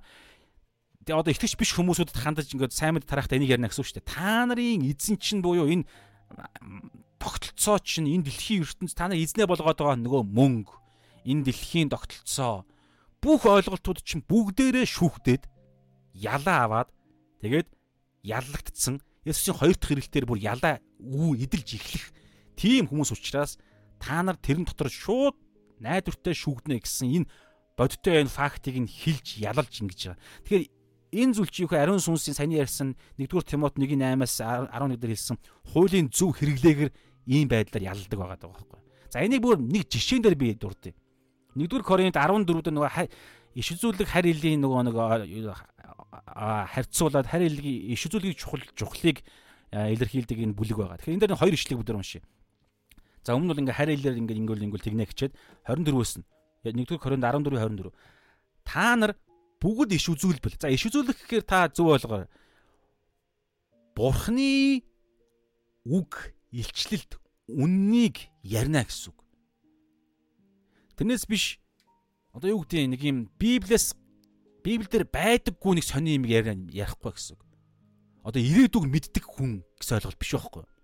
Иш үзүүлэг гэдэг чинь юусоо маш тодорхой Библиэрээ илчилчихсэн тэр үннийг дагуу хин нэг нэг яг яаж болно мэдээж кейс дээр хин нэг нэг дүгнээд маш тодорхой хийж байгаа юм нь библийн дагуу биш байхаар тэр библийн дагуу биш байгаа юмны үр дагавар нь тодорхой библийн дагуу нэг юм байгаа шүү дээ. Тэрийг нь хэлэх нь бол иш үзүүлэг мөн шүү дээ яг тодорхой кейстэр ч ярьж болно. Гэхдээ хамгийн гол нь тэр хүндээ биш Библиэд байгаа байхгүй. Библийн дагуу би Бурхны үг гэсэн үг. Тэгэхээр одоо энэ одоо энэ энэ хэрэглэн дээр бол Бурхны хуулийг ярина гэсэн үг. Энд дээр хараа та нар бүгд иш үзүүлбэл итгэдэггүй эсвэл хараахан сураагүй итгэж болсон мөртлөө хараахан Библийн хууль муултай Библийн зарчмыг мдээгүй байгаа шинэ итгэгч нар хараа хараахан сураагүй хүн орж ирээд тэрээр бүхнээр хардаа нөгөө түрүүний ярьсан Явах 16-гийн 12 дээр байсан нөгөө үг чинь шүү. Зэмлэн гэдэг үгээр би хэлсэн шүү дээ, тэ. Биш 10 юун дээр энэ 8 дээр Явах 16-гийн 8 дээр туслагч буюу ариун сүнс эрэхтэй нүгэл зүвт байдлыг шүүлтийн талаар ертөнцийг зэмлэнэ гэдэг энэ үг та бүр грек хэлний хардаг юм байгуул хараараа яг адилхан үг байгаа шүү. Зэмлэнэ гэдэг энэ үг 1-р Коринт 14-ийн энэ 20 дөрөвдөр байгаа энэ үгтэй яг адилхан үг байна. Та нар бүгд иш үзүүлбэл итгэдэггүй эсвэл хараахан сураагүй хүн орж ирээд бүхнээр яллагдах гэдэг үг. Шүүхийн ялын тогтоолоор ялыг нь уншиж байгаа гэсэн санаа. Яллагдаж бүхнээр шүүгдэнэ. Гэхдээ тэр номлогч хүн энэ дээрээс тэр шинэ хүний харангуутлаа за чи шинэ итгэгч үү? Таны хэн гэдэг гэж асууж нөгөө хүн те намайг Бата гэдгээ гэсэн чинь аа Бата та өнөөдөр анхудаа ирж байгаа юу те тэгвэл та би таныг та завхаарсан те тэгвэл та завхаарсан учраас та завхаарлын үр дагавар мөнхийн тамд орноо гэд ингэж ярьдаг ийм яриаггүй шүү. Номлол энэ дэр дээрээс юусоо тэр бурхны олон талтай тэр үгийг зүгээр ингэ тунгаглаж байгаа. Харин энэ дээр хараа 25-аас сонсоор зүрхний нууцуд нь илчлэгдэнэ. Ийхүү тэрээр одоо 24-өөс нь та нар бүгд иш үзүүлбэл итгэдэггүй эсвэл хараахан сураагүй хүн орж ирээ тэрээр бүхнээр яллагдаж бүхнээр гэдэг нь тэр хүн пастораа дамжуулаад дотор нь болж байгаа ариун сүнсний хийж байгаа тэр хүний дотор байгаа тэр төрөлхийн мөн чанар тэгээ тэр хүний чихрүүн ариун сүнсний шимжээга тэр ойлголт байгаа байхгүй нөгөө нэг түрүүний ярьсан ертөнцийг ялна гэдэг ариун сүнсний ялалт. Дотор нь ороогүй байгаа шүү дээ гэхдээ итгэж болоог байгаа. Одоо наа болох гэж байгаа процесс нь. Бүхнээр яллагдаж бүхнээр шүүгдэнэ энэ бүхэн бүхэн гэдэг байгаа чинь иш үзүүлэх шүү. Библийн дагуух тэр үнэн хатуу үннүүдийг ярьж байгаа. Итгэж биш хүмүүсүүдийн хувьд. Итгэж хүмүүсүүдийн бол жинхэнэ тэр гайхалтай босгон байгуулах тэнгуүтэ бүхнээр шүүгдэх бөгөөд зүрхний нууцуд нь илчлэгдэнэ Тэр хүн өөрөө ч зүрхэнд нь ямар ямар гим нүгэл үлдснээ ч мэдэхгүй.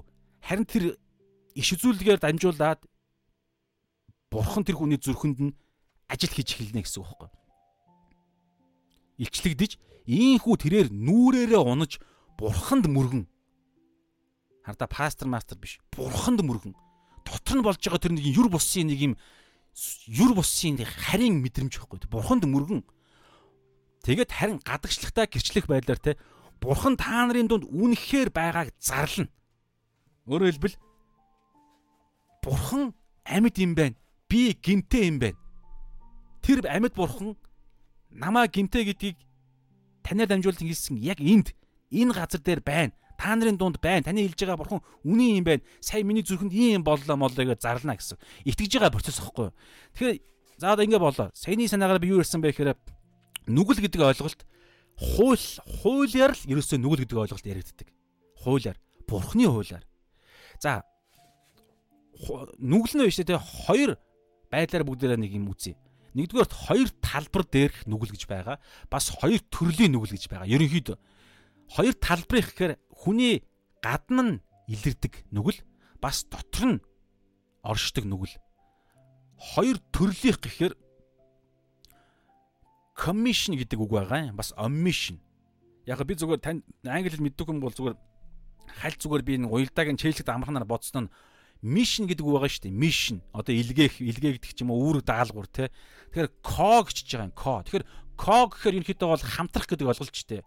Coexist хамтран зэрэгцэн орших. Тэгэхээр co-г залгахчаар давхар үйлдэл байгаа байхгүй юу? Давхар үйлдэл. За энэгээр юу ярьж байгаа вэ гэхээр хийх ёсгүйг хийх. Өөрөөр битгий хийгээрэй гэсэн юмыг хийж байгаа ойлголт. Тэр хүн оршиж чинь зүгээр итгэж биш хүмүүс ярьж байгаа шүү дээ. Эсвэл итгэж хүн ч гэсэн ярьж, итгэж хүн дээр ч гэсэн яригдэн шүү.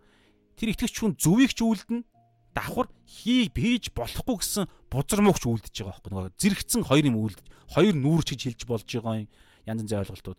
Гэтэ итгэж хүн дээр бол энэ өөр ойлголт яригдж байгаа шүү. Ингээд алдаатай мэдхгүйсээ болоод ингээд те угаасаа энэ хэд байгаа хизээч төгс болж чадахгүй. Гэтэ өдрөөс өдөрт өөрчлөгдөв. За ямар ч хэлж байгаа санааны үхээр хоёр төрлийнх гэхээр хийх ёсгүйг хийх гэдэг нэг төрлийн гимнүгэл байна. Нөгөөх нь хийх ёстойг хийхгүй байх.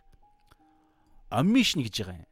Нэг нь co гэдэг одоо өмнө ухтуртай, нэг нь o гэдэг ухтуртай.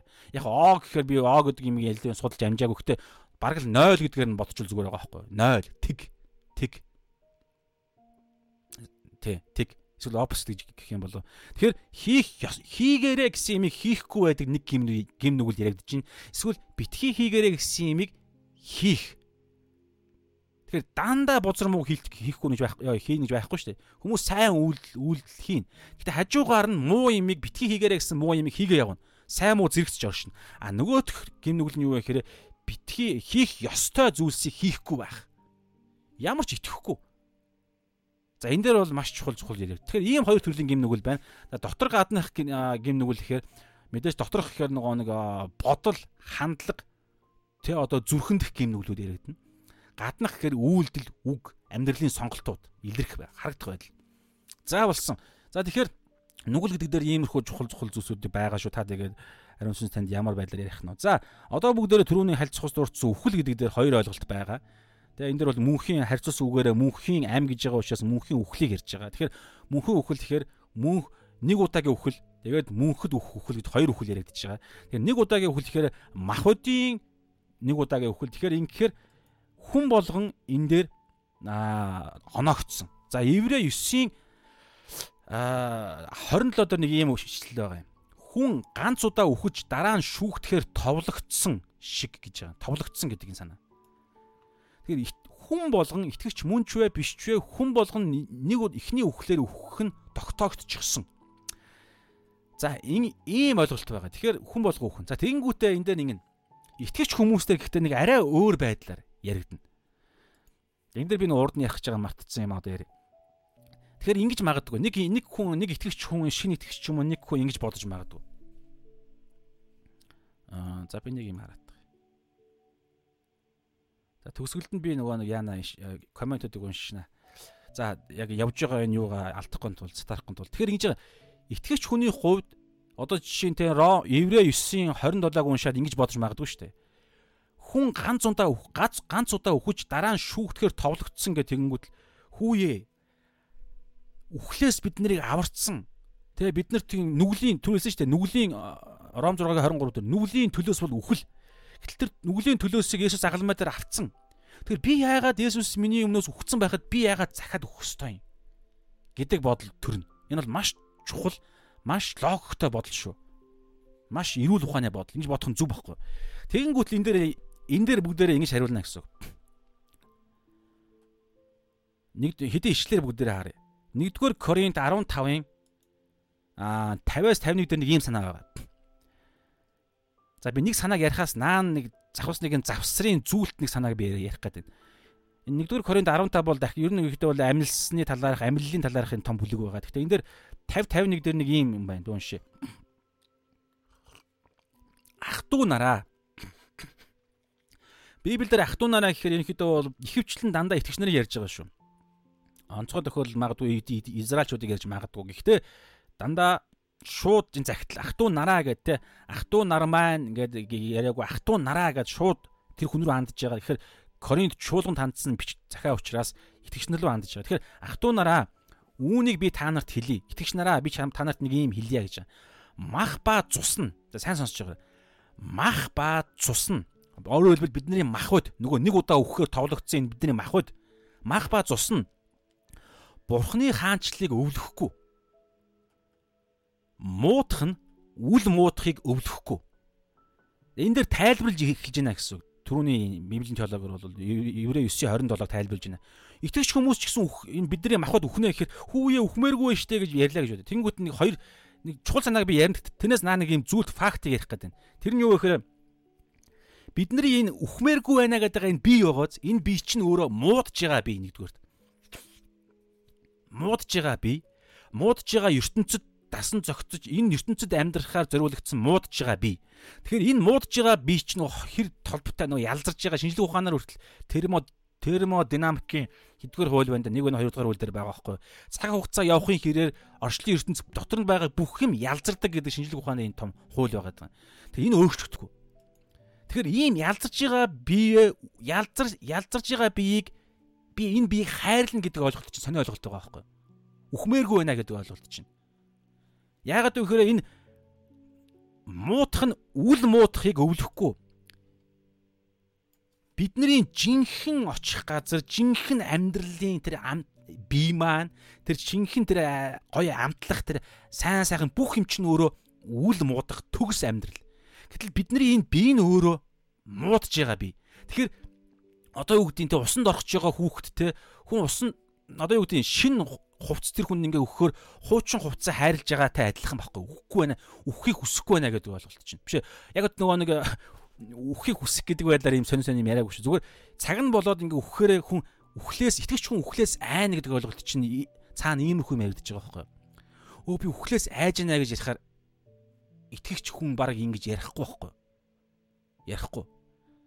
Тэр утгаараа тэр утгаараа чуулганы түүхэнд нөгөө эртний чуулганы те нөгөө 100-аас 600 оны хооронд тэр зааш 100-аас 300 тийм 2 3 400 жилийн тэрхүү 2 300 жилийн тэр юу хавчлагын үеэр итгэгч нар яагаад үхээсээ айхгүй байсан бэ гэхээр үхэл гэдэг ойлголт чинь тэр оюун санаа тэр оюун санаа шинжлэгдсэн итгэгч хүний хувьд үхэх гэдэг ойлголт чинь одоо би Филиппо 1:21-с 24 дээр хэлнэ. Паулын шоронд байхдаа тэр хэлсэн ойлголтоор яригддаг байхгүй Тэр ойлголтоор явж байгаа хүн итгэж итгэлийн одоо итгэж хүмүүсүүд энэ дэлхий дээр ч гэсэн амьдрахдаа энэ дэлхийд хорогдоод энэ дэлхийн юмнасаа салмааргүй байна. Энэ дэлхий дээр л сайхан амьдрмаар гэдэг ойлголтууд чинь ингээд нэг юм сонирн байгаад идэг тэр ихгүй. Жинхэнэ итгэж бол. Тэгэхээр хараа мах цус нь хаанчлыг өвлөхгүй. Гэтэ энэ бол ямар мах цусыг мах цусыг ярьж байгаа энэ биеийг яриад байгаа шүү. За тэгээд харагтун би та нарт нэг нууцыг хэлье. 1-р Коринт 15 20 51 дээр Харагтун би танарт нэг нууцыг хэлье. Бид бүгдээрээ нойрсохгүй. За анзаарж байгаа бол үхэхгүй гэж хэлээг байгаа. Итгэгч нарыг нойрсох гэдгээр ярьдаг. Ерөөсөө үхэх гэдэг санаа л да. Гэхдээ нөгөө нэг цаад хиллэгээр ярьж байгаа. Юугаа утгаар ярьж байгаа. Тэгэхээр бид бүгдээрээ үхэхгүй гэсэн үг. Бодиттой махуудыг үхэхгүй. Харин бүгдээрээ өөрчлөлтөх болно. Энэ ингээ өмнөх хамсад мэд би харахаар юу ярьж байгаа вэ гэхээр Есүсийн хоёр дахь ирэлт гэдэг энэ санаа ярихаар тэр энэ дэлхий дээр итгэж ер нь хүмүүс амьдарч их үед Есүс ирэх ирнэ шүү дээ. Тэр энэ дэлхий дээр хүн амьдарч л байгаа бол ямар нэгэн байдлаар тэнд итгэгч нар байна гэсэн үг. Аа өргөлт мөргөлт гэдэг эцсийн цаг үеийн онлоор бол те зарим нэг онол нь бол яг одоо та би бид нар бол тэр зовлонгийн 7 жил аймаар юм үзэхгүй гэж ярьдаг онол байгаа. А гэхдээ энэ ингээд жоохон ингээд тодорхойгүй. Ямар ч ус юу гэхээр Тухайн цаг үед бидний амьдарч их үед Есүс ирэхч бай. Аа бидний үхсний дараа ирэхч бай. Есүсийг ирэх үед энэ дэлхий дээр хүн итгэж хүн байна гэсэн үг. Ямар нэгэн байдлаар. Тэгэхээр мянган жилийн өмнөх юм яриад байгаа шүү. Тэгээд энэ дэлхий дээр ирээд тэгээ мянган жил мэлгээл юм байгаа. Тэр бол илчил номыг судалгаа замаар ярилцсан. Тэгэхээр энэ дээр бол хэлж байгаа санаа Есүсийг ирэх үед итгэгч нар байна. Тэгэхээр тэр итгэгч нар үхэхгүй байхгүй. Шууд өөрчлөгдөнө гэсэн. Нэгдүгээр Тесалоник 4:15-аас 16 17-5 унших юм бол яг бодиттой байгаа энэ нөгөө нэг энэ өргөлтийн үйл явдал. Тэгэхээр итгэгч нар нэгдэх үхлээр үхнэ гэдэг ойлголтыг ярихаар сайн нэг би хүл зүйлч нэг юм ярьсан юу гэхээр энэ дэлхий дээр хүн төрлөختний түүхэнд байгаа бүх итгэгч нар үхэхгүй байхгүй юу? Тэр удаа хуучин гэрээнд хүртэл хоёр итгэгч хоёр итгэгч хүн үхээгүй шүү дээ. Енох үхээгүй. Илия үхээгүй. Эхлэл ном дээр Илия байгаа, Самуэль дээр юун дээр байна да. Аа, эхлэл ном дээр Енох, тэгээд Самуэль дээр Илия байгаа. Хоёулаа үхлийг үзээгүй дээш өргөгдөж байгаа. За гурав дахь нь Мойсе гэдэг хүн бол үхсэн. Гэхдээ бие нь биеийг нь тэгээд Люцифер биш ээ Михаил Люцифертэй тулдаж мулдаад ингээд янз янзын ойлголт тэгээд дээшээ биеийг нь аваад явсан гэдэг санаагаар байгаа. Тэр утгаараа Есүсийн нөгөө нэг Матай 7 өнө хэд дээр байна да. Есүсийн нөгөө нэг уулын Хермон билүү эсвэл Тобат ч гэлөө тэр аль нэг уулынх нь уулан дээр Есүс хоёр дахь удаагийн ирэлтээрээ ямар алдраар ирэхээ Петр, Яаков, Йохан гуравт харуулах үедээ хоёр талд нь хоёр хүн зогсож идэг. Илия, Мосе байдаг байхгүй. Илия байгаа нь бол нэгдүгээрт Илия үхээгүй. Тэр утгаар Есүсийн хажууд зогсож ирсэн тэр нэг үзэгдлэхээс илүүгээр яг бодиттой Есүс Илия ирсэн байгаад байгаа байхгүй. Үхээгүй тэр биеэр. А Мосе үхсэн. Гэхдээ бие нь ялзраагүй. Есүсээс 1500 орчим жилийн өмнө Мосе үхсэн шүү дээ. Тэгэхээр эргээд биендээ ороод ч гэдэг юм уу Тэгээд э, Мосег Есүсийн хажууд ирсэн байх боломжтой гэсэн янз бүрийн теологийн ойлголт гэхдээ тэр утга элчин номдор ч гэсэн хоёр гэрч гарч ирнэ ярьж байгаа. Тэрийг бас энэ хоёр гэж хэлдэг ойлголт байдаг. А сүнслэгээрээ бол ингээд хоёр чуулган те Израилийн чуулган харь үндэсний нэгдсэн чуулган болон янз бүрийн ойлголт байгаа. За ямар ч үсэн хэлэх гээд байгаа санаа нь итгэж хүн бүгдээрээ өхгүй гэсэн үг. Есүсийн хоёр дахь ирэлтээр амьд ирэх үед амьдууд нь байх хүмүүсүүд амьд байх хүмүүсүүд өөх шаардлагагүй. Шууд зүгээр өөрчлөгдөнө гэж ярьж байгаа. За одоо биднэрт бүр илүү хамаатай нэг үхлийг бүгдээр өөрсдийнхөө өнцгөөс бидний үхэл гэдэг нь яг яаж үхэлтэй эхний үхлийг бид юу гэж үзэх ёстой юм бэ гэж ярихтаа түрүүн бол энэ дээр хэлсэн шүү дээ. Нэгдүгээр Коринтер бол түрүүн хэлсэн. Мах цус нь Бурхны хаанчлыг өвлөхгүй. Бидний мах цус чи өөрөө Тэнгэрийн хаанчлалынх биш энэ дэлхийх байхгүй. Тэгэхээр угаасаа энэ дэлхийн зүйлсийг орхиод явах нь асуудал биш ээ гэд ойлгох хэрэгтэй нэгдүгээрт хайрлаад байх юм биш энэ би чи өөрөө. Та анзаарч байгавал энэ махбодоос л болж ирөөсөө бүх асуудлууд гараад байгаа шүү дээ. Нөгөө гим нүглийн сорил дандаа махбодын хүсэлд ачаалаас. Тэгээд би энэ өвдөж чинь, корона дусч чинь, ядарч чинь, нуруу өвдөж чинь, өлсөж чинь ёо баахан асуудлууд. Тэгэхээр ийм дорой биеийг биеийг орхиод явна гэдэг чинь өө ерөөсөө одоо энэ Филиппод Паулын хэлж байгаа санаа чинь ойлгомжтой байхгүй. Дараачих нь түрүүний бас нэг санааны юу гэхээр үл муудах муудах зүйлийг бид үнэхээр л үл муудах биеэр л авна гэхээс биш муудах биетэй очиод яах юм бэ? Угаасаа очихгүй л гэхдээ сонголт байлаа гэж бодоход тийм биеэр яах юм? Очоод угаасаа удахгүй тэгэл үхнэ гэсэн үг шүү дээ. Ийм сонин балаа юм ойлголт байхгүй. За за энэ бол хөл зуулт нэг юм факт ярьла. За одоо бүгдээрээ Филиппоныгийн 21-с 24 дээр нэг юм санаа. За энэ шоронд байх үеийн цагтлаа шүү. Паул Филиппочууд таныг хэлж байна. Филиппоныгийн 21-с миний хувьд амьдрах нь Христ Өөрөөр хэлбэл амьдрах нь загалмай амьдралаа гэсэн үг. Христ гэдэг чинь томилогдсон толгцсон гэсэн үг шүү дээ. Тэгэхээр загалмай сайн мэдээний төлөө Есүс Христ энэ дэлхийд юуны төлөө ирсэн тийм л зорилгоор би амьдарж байна л гэсэн үг. Тэрнээс биш би өөрөө сайн сайхны төлөө энэ дэлхий дээр жаргах гад энэ дэлхий дээр нэг хайр дурлалыг үзчихээ. За энэ мэдээж хайр дурлал зөв байгаа. Гэхдээ амьдралын зорилго болохгүй байгаа байхгүй юу? Эсвэл хүү гэр сайхан гэр бүлтэй байх бидний зорилго биш байгаа байхгүй юу? Тэр болгон чинь бидний нэмэлт шагнал байна уу гэхээс биш гол зорилго ерөөсөө энэ амьдрах нь Христ гэдэг ойлголт. Загалмайн сайн, загалмайн зорилго. Бусдын авралын төлөө. За ингэхдээ бол яваа ингэх үедээ бол бид нар ариусгал гэдэг юм яригдчихэж байгаа гимнүүдээс те. За амьдрах нь Христ үхэх нь ололт юм гэж байгааз ашиг орлого гэсэн санаагаар ололт амжилт ололт нэг юм олж авах юм ойлголт үхэн үхэл гэдэг нь. За тэнгууд 22-оос хэрв би махбодтой амьдрах аваас ажил минь гэж байгааз ямар ажил юм? Христтэй ажил адилхан ажил, загалмай ажил.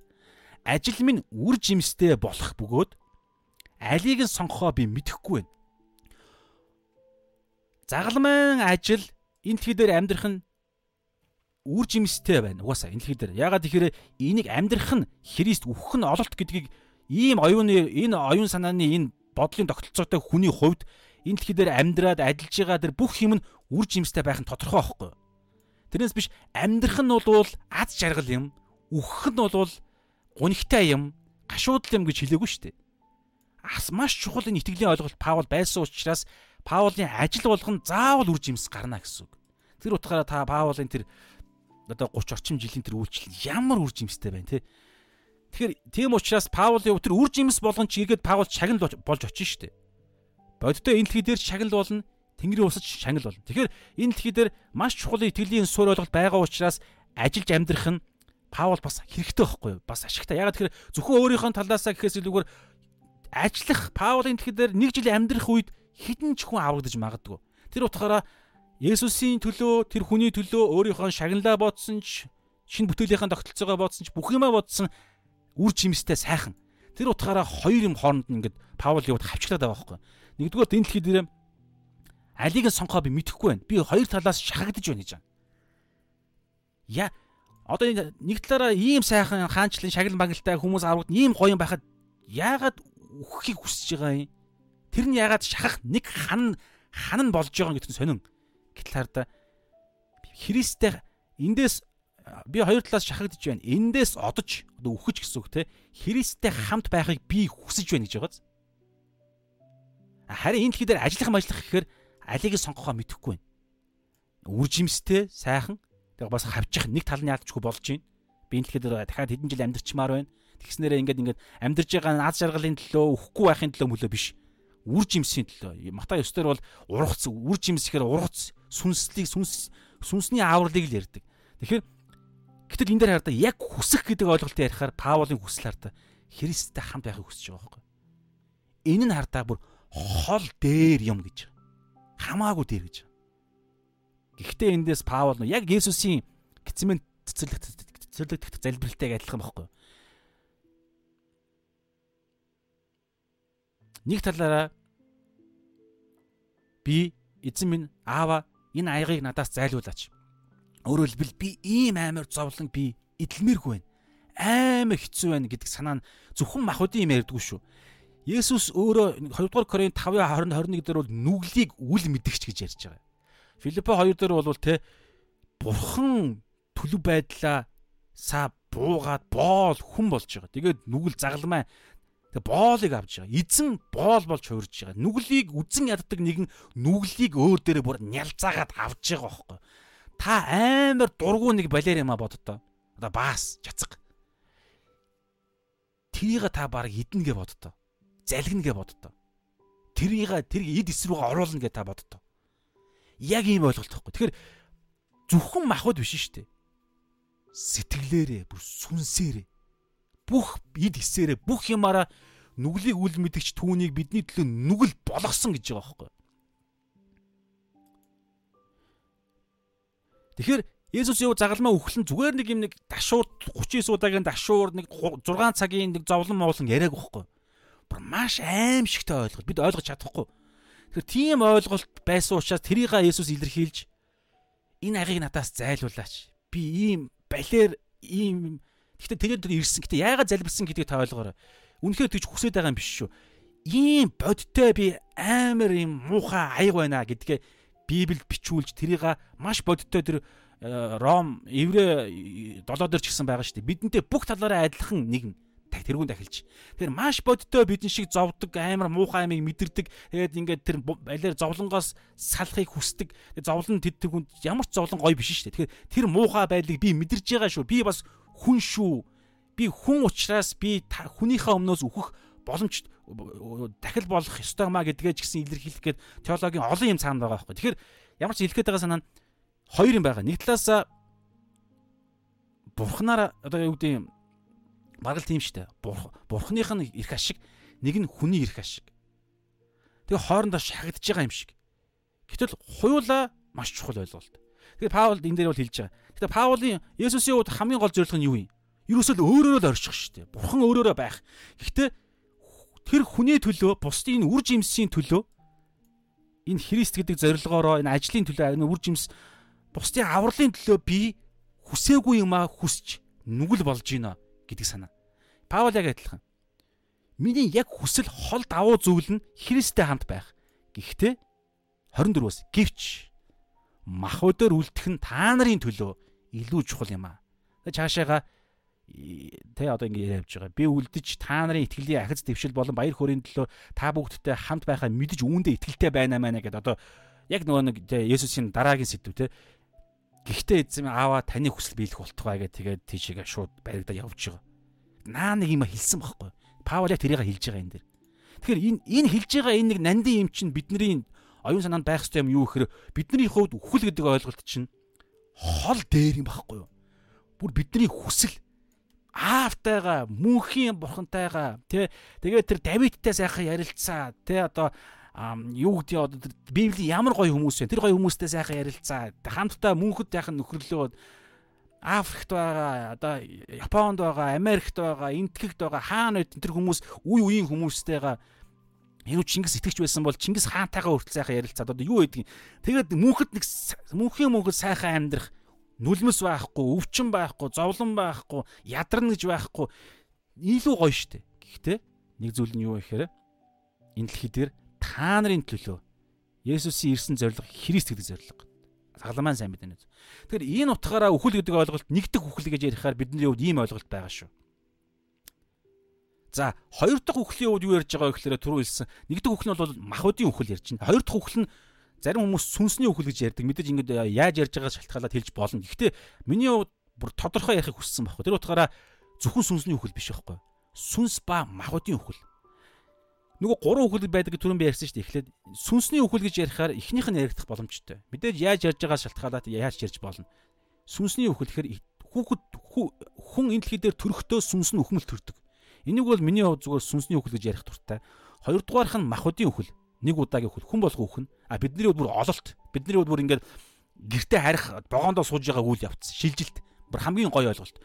А тэгэнгүүтээ Гэтэ амиа хорлох морлох гэдэг юм балаа балаа тэр гаж урсгал юм юусоо байхгүй шүү дээ. Та тэрийг ойлгож байгаа шүү дээ. Тийм одоо тийм юусоо байхгүй. Бид нар бид эзэн биш шүү дээ. Одоо би доор хэлнэ. Амь юусоо бурхных байхгүй.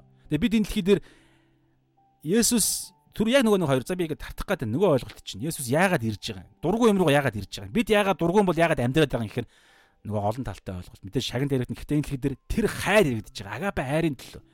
Гэтэл амиа оруулж ийнэ гэдэг чинь яг гаж урсгалын л ойлголт. Итгэж хүн амиа орлоо ерөөсөө тийм ойлголт байхгүй байхгүй. Яагаад амиа орлож байгаа юм?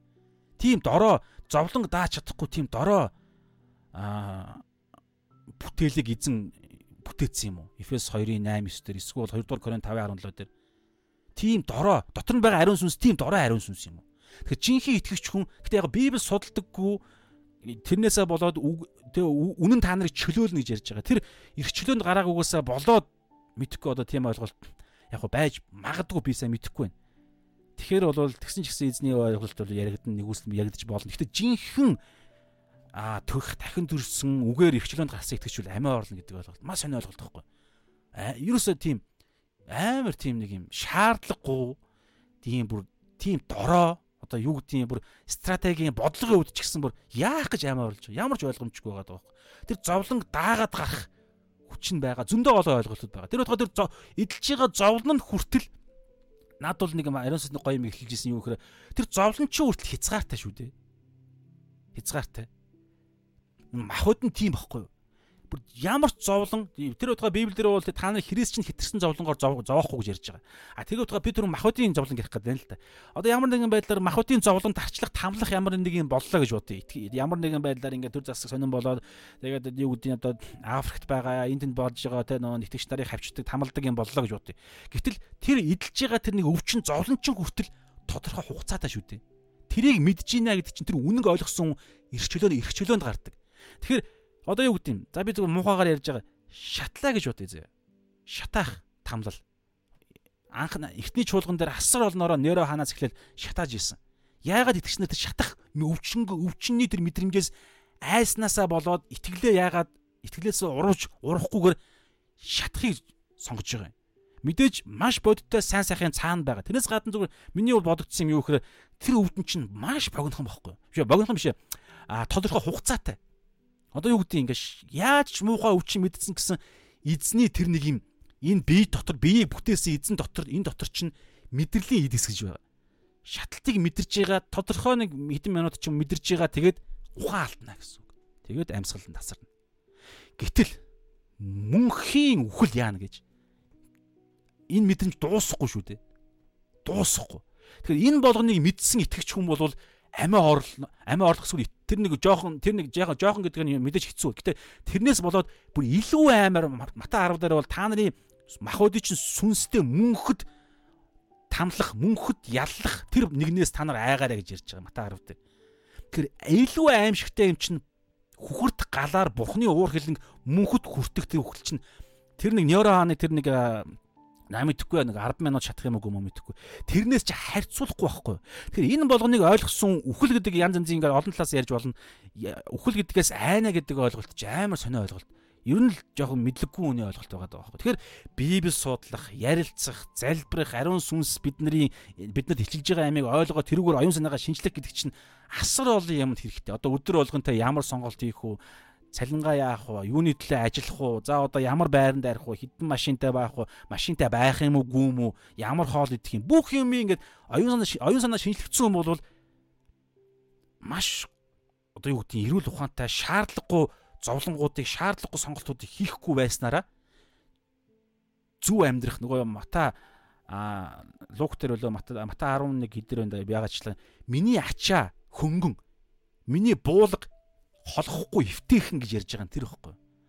Яг Есүсийн сүнс ба үнээр явдаг хүний хувьд энэ дэлхий дээр анхан шатныхаа хэрэгцээ нээж хэрэгцээнийхээ төлөө ингээ амар зовхсан амьдралаар амьдрах шаардлагагүй байхгүй да. Дамаа итгэгч нэг хоорондоо нэг байх юм бол би биендээ өгдөг яг тэр байгаачлан би биендээ өгдөг юус намдар байгаачлан хуваалцдаг байх юм бол энэ дэлхий дээр бид нэг анхан шатны хэрэгцээнийхээ төлөө ингээ ёо ингээ зовх шаардлагагүй уг нь бол гэтээ яг хөө тэнд ингээ янз юм миний мэдхгүй юм байгаа. За хэлгээд байгаас нэрөөсөл тэр Хоёр дахь хүүхэл гэж ярихаар аа түрүү ярьсан ингэ байдлаа. Тэгэхээр миний хэлэх гээд байгаа санаа хоёр дахь хүүхэл нь юу гэхээр зөвхөн сүнсний хүүхэл биш байхгүй. Махуудын хүүхэл байгаа. За гэхдээ энэ махууд нь бидний энэ махуудын хүүхэл биш. Энэ махуудын хүүхэл чинь яг энэ хэлдгээр бол нэг удаа өгцөн шүү дээ. Гэхдээ би өөр махуудыг ярих гээд байна. За би ихшлэр нь харуулъя. Үйлс 24:15 дээр ингэж байна. Тэдний Паул ингээд янз янзын нөгөө Садукахийн хоёрын хооронд ингээд янз янз юм ярьж байгаа та. За тэдний найддгийн адилаар зүвт ба зүвт бус хин хин нь амьлна гэдэгт ч би бурханд найддаг. Зүвт хүмүүс ч амьлна. Зүвт бус хүмүүс зүвт хүмүүс ч амьлна. Зүвт бус хүмүүс ч гэсэн амьлна. Энэ амьлна гэж юу яриад байгаа юм? Махуудын амьллыг ярьж байгаа шүү дээ. Махуудын амьллыг ярьж байгаа. За. Даниэл 12-ын 2 дээр ингэж газрын шороон дотор нойрсогч олон нь сэрж зарим нь мөнх ам руу нөгөө нь гутамшиг ба мөнхийн жигшил рүү явна. Энэ юу ярьж байна? Газар шороо. Газар шороонд ороод ялзраад ингээд тоос шороо болцсон хүмүүсүүд сэрх ойлголтыг ярьж байгаа. Тэгэхээр юу хэлэх гээд байгаа гэхээр тэгээд мөнхийн гэж ярьж байгаа. Тэгэхээр мөнхөд хүн болгон итгэвч мөн ч бай биш ч бай мөнхөд орших нэг биеийг Есүсийн хоёр дахь ирэлтээр авна гэсэн үг. Аа, нэг нь болохоор мөнх ам руу нөгөөх нь мөнхийн гутамшиг жигшил үхэл рүү. Тэгэхээр итгэж биш хүмүүсүүдийн хувьд мөнхийн үхэл гэж итгэж итгэж хүний хувьд мөнхийн энэ ярьж байгаа үхэл биш шүү. Хоёр дахь амьлалт хоёр дахь амьлалт буюу биш энэ үхлээс амьлах гэдэг ойлголт бол сүнс ба махбодоор амьлахдаа ам руу амьлна гэсэн. Харин итгэгч биш хүмүүсүүдийн хувьд мөнхийн үхэл рүү амьлахдаа мөнхөд түрүүн ярьсан ойлголтоор хүхүрт нуул тэр галт галт нуурд шатахдаа мөнхөд шатаад тэгээ түрүүн ярьсан нейро нейро хааны тэр хөө тэр юун дээр шонд нэг 10 минут хэдэн минут үдин тэгэж шатаад мэдээ нь алдагдаад үхээд ингээ тоос үнс нуран бол дуусахгүй тийм бие ярьж байгаа байхгүй. Тийм бие. Маш бодиттой мэдэрнэ гэсэн үг. Зовлон мөнхийн хүхрийг нэг талдаа. Нөгөө талдаа итгэж хүмүүс маш бодиттой аз жаргалыг мэдэрнэ. Зүгээр нэг сүнслэг юм нэг хийсэн хийсэн юмнууд яваад байхгүй. Маш бодиттой тэр бие бол Есүсийн үхээд 3 хоногийн дараа амьдсан тэр биетэй адилхан бие. Филиппо 3-ын 21 дээрээ байгаа сүүлийн ишлэлээр та уншаарай. Есүстэй адилхан тэр биеийг бид авна гэж байгаа. Есүсийг ирэх үед бид тэндээс хүлээж гинэ. Есүсийн ирэлтийг хүлээж гинэ гэдэг байдлаар ярьж байгаа. За энэ бол хоёр дахь үхэл. За тэгээ илчлэлт 20-ын 14 15 дээр ингэж юм л да. Тэгэхэд үхэл ба үхсдийн орон галтнуурт хаягдлаа. Энэ үхэл гэдэг нь үхэл үхсдийн орон гэдэг нь одоо хээл тамыг ярьж байгаа байхгүй. Там галтнуурт хоёр тусдаа шүү. Яг го там үхсдийн орон тий одоо бол там гэдэг яг хуучин гэрэн дээр бол Деваачин там гэдэг өгсдийн орон дотроо Деваачин там гэж тустай байсан гэсэн бас теологийн судалгаа байгаа. Одоо бол Есүсээс хойш бол шинэ гэрээний үед Деваачин нь Тэнгэрийн улстай нэгдээд шууд тэр чигээр өгсдийн орон там болцсон гэж ярьж байгаа. Хил хязгаараа тэлээд ийм судалгаанууд дэр гарч ирж байгаа. Тэгэхээр ерөнхийдөө бол үхэл ба үхсдийн орон тэгээ өмнө өмнө бас сатан гэж байгаа. Тэгээ тэднийг мэхэлсэн диавол сатан диавол хүрт диавол хүхэр бүхий галтнуурт хаягдлаа. Тэнд мөн араатан болоод хуурамч иш үзүүлэгч нар байх агаад тэнд үеийн үед өдөр шөнөгүй тарчилна гэж. Тэгэхээр сатан үхэл там үхсдийн одоо хүмүүсүүдийн байгаа газар итгэж биш хүмүүсүүдийн байгаа газар бүгдээрээ Иесусийн хоёр дахь ирэлт дараагаар нь цагаан агуу цагаан хаан ширээний сүлтийн үед үеэр бүгд хаягдана. Тэгээ галтнуурт хаягдана. Хоёр дахь үхлийг гол нийлэх гэдэг санаа. Тэгээд мөн амийн номонд нэр нь бичигдээгүй олдоогүй хүмүүсүүд галтнууд хаягдана. Итгэж хүмүүс бүгдээрээ амийн номд нэр нь бичигдсэн учраас галтнууд хаягдж байгаа. За. Та шашаа бүгдээрээ.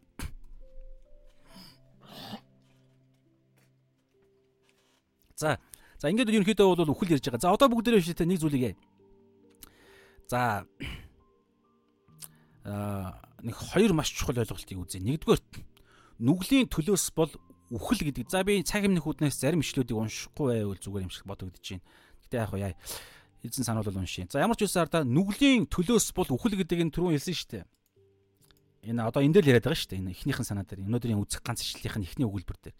Энэ биш үү те бүх цаг үед байсан гэдгийг нэгдүгээрт харуулах зорилготой. Нэгдүгээрт хоёрдугаарт маш чухал чухал нэг юм таны мдээгүй байх боломжтой. Би ч гэсэн заримыг нь сая анхудаа мэдлээ. Анхудаа ч яг ингээд яг бодиттой ишлэлийг нь олж харлаа санааг нь ойлгож ирсэн. Гэхдээ тэрийг маш будтай бүгдээ хідэн үндсийг харъя. Нэгдүгээр хамгийн анхны үхэл дээр бүгдээрээ нэг зүйлийг харъя. За эхлээд 2-ын за би энэ дээр нуршихгүй. За эхлээд 2-ын 17 дээр байгаа нөгөө нэг. Эхлээд 2-ын 17 дээр. Харин сайн мөг мэдүүлэгч модны жимс за би 15-аас нуушъя. Эзэн бурхан хүнийг авчирч эдийн цэцэрлэгийн арчлуулан сахиулахаар тэнд суулгав. Тэгээд эзэн бурхан тэр хүнд Адам тэлж байгаа шүү. Ева бүтээгдэг байгаа шүү. Энэ та югмыг сайн ойлгоорой. 16 19-с бүтээгдэж байгаа. Тэгээд эзэн бурхан тэр хүнд тушаан Адамд чи энэ цэцэрлэгийн альч модны жимс жимснээс жимснийг идэж болно, жимсийг идэж болно. Харин сайн мууг мэдүүлэгч модны жимснээс идэж болохгүй. Түүнээс идсэн тэр өдөртөө л чи зайлшгүй үхнэ гэж байна. Энэ нэг үйлдэл байгаа. Миний хэлэх гээд байгаа гол санаа. Сайн мууг мэдүүлэгч модны жимснээс идэж болохгүй тэр өдөртөө зайлшгүй үхнэ гэж байна. Тэгээ дараагаар нь ингээд 18-аас хэнийг Еваг бүтээх асуудал яригдчих эхэлж байна. Эзэн бурхан хүн анзаараа байх нь сайн биш учраас түүнд туслагчийг бий болгоё гэд араатай амьтад нэр мэр өгөөд илж хайгаад боо юм болоод олдгоо. За тэгэхээр эндээс хэлэхэд байгаа санаа юу гэхээр нэг гим нүглийн төлөөс нь үхэл байгаа анзаарж байна та. Ганцхан гим нүгэл үлдсэн шүү дээ. Ява идсэн, Ява хажуудаа байгаа Адамд өгсөн. Тэгээ Адам идсэн, хадсан, идсэн нэг жимсийг нэг л хатсан. Хоёр хатсан. Эсвэл нэг жимс, нэг үйлдэл, нэг сонголт. Тэгэхээр нэг гим нүгэл мөнхийн үхлийг бий болгож байгаа. За энэ маш чухал ойлголтыг та бодоорой. За тэгэнгүүтлээ дараагийн нэг ишлэлээ. Изекэл 18-ын 4 дээр харагтун бүх бүх ам минийх юм. Бурхан хэлж байна. Бүх ам минийх. Эцгийн ам хүгүүний ам адилхан минийх. Бүх хүн төрлөختний хүн болгоны ам нь бурханых. Шинжлэх ухааных биш. Аав ээж хоёрыг бүтээгээд байгаа юм биш. Тэр бэлгийн амьдралын үйл явдал донд бүтээгдэж байгаа юм биш. Бурхан өгж байгаа. Бурханы ам, таны ам, миний ам бурханых. Тэгээд энэ эрх мэдлээрээ бурхан нэг юм хэлж байна. Нүглийг үйлдэгч ам үхэх болно. Та одоо ямар өнгөрөө гарвэ? Та одоо хийн? Надад буддаа гэдэг бурхан байна. Би бурхангүй үзэлтэй хүн. Юугаад ингэ биднийг айлгаад байгаа юм? Юугаад юугаад юугаад юугаад юугаад юугаад яаваа гэжсэн чил шууд амийн авлаа. Юугаад ингээл өхнө гэсэн.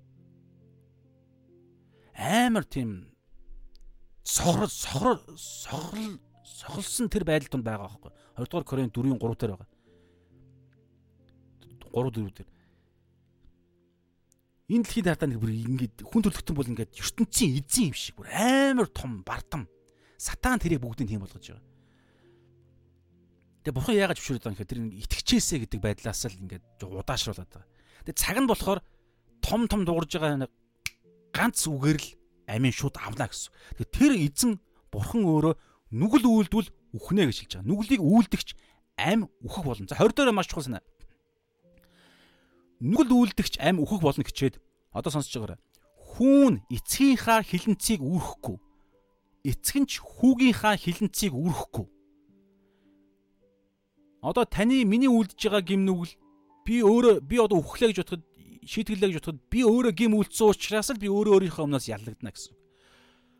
Миний аав гим нүгэл үлдсэн учраас би аавынхаа гим нүглээс бол эсвэл Адамын гим нүглээс болж би үхэж байна. Би хараагдлаа гэдэг ойлголт байхгүй байгаа байхгүй.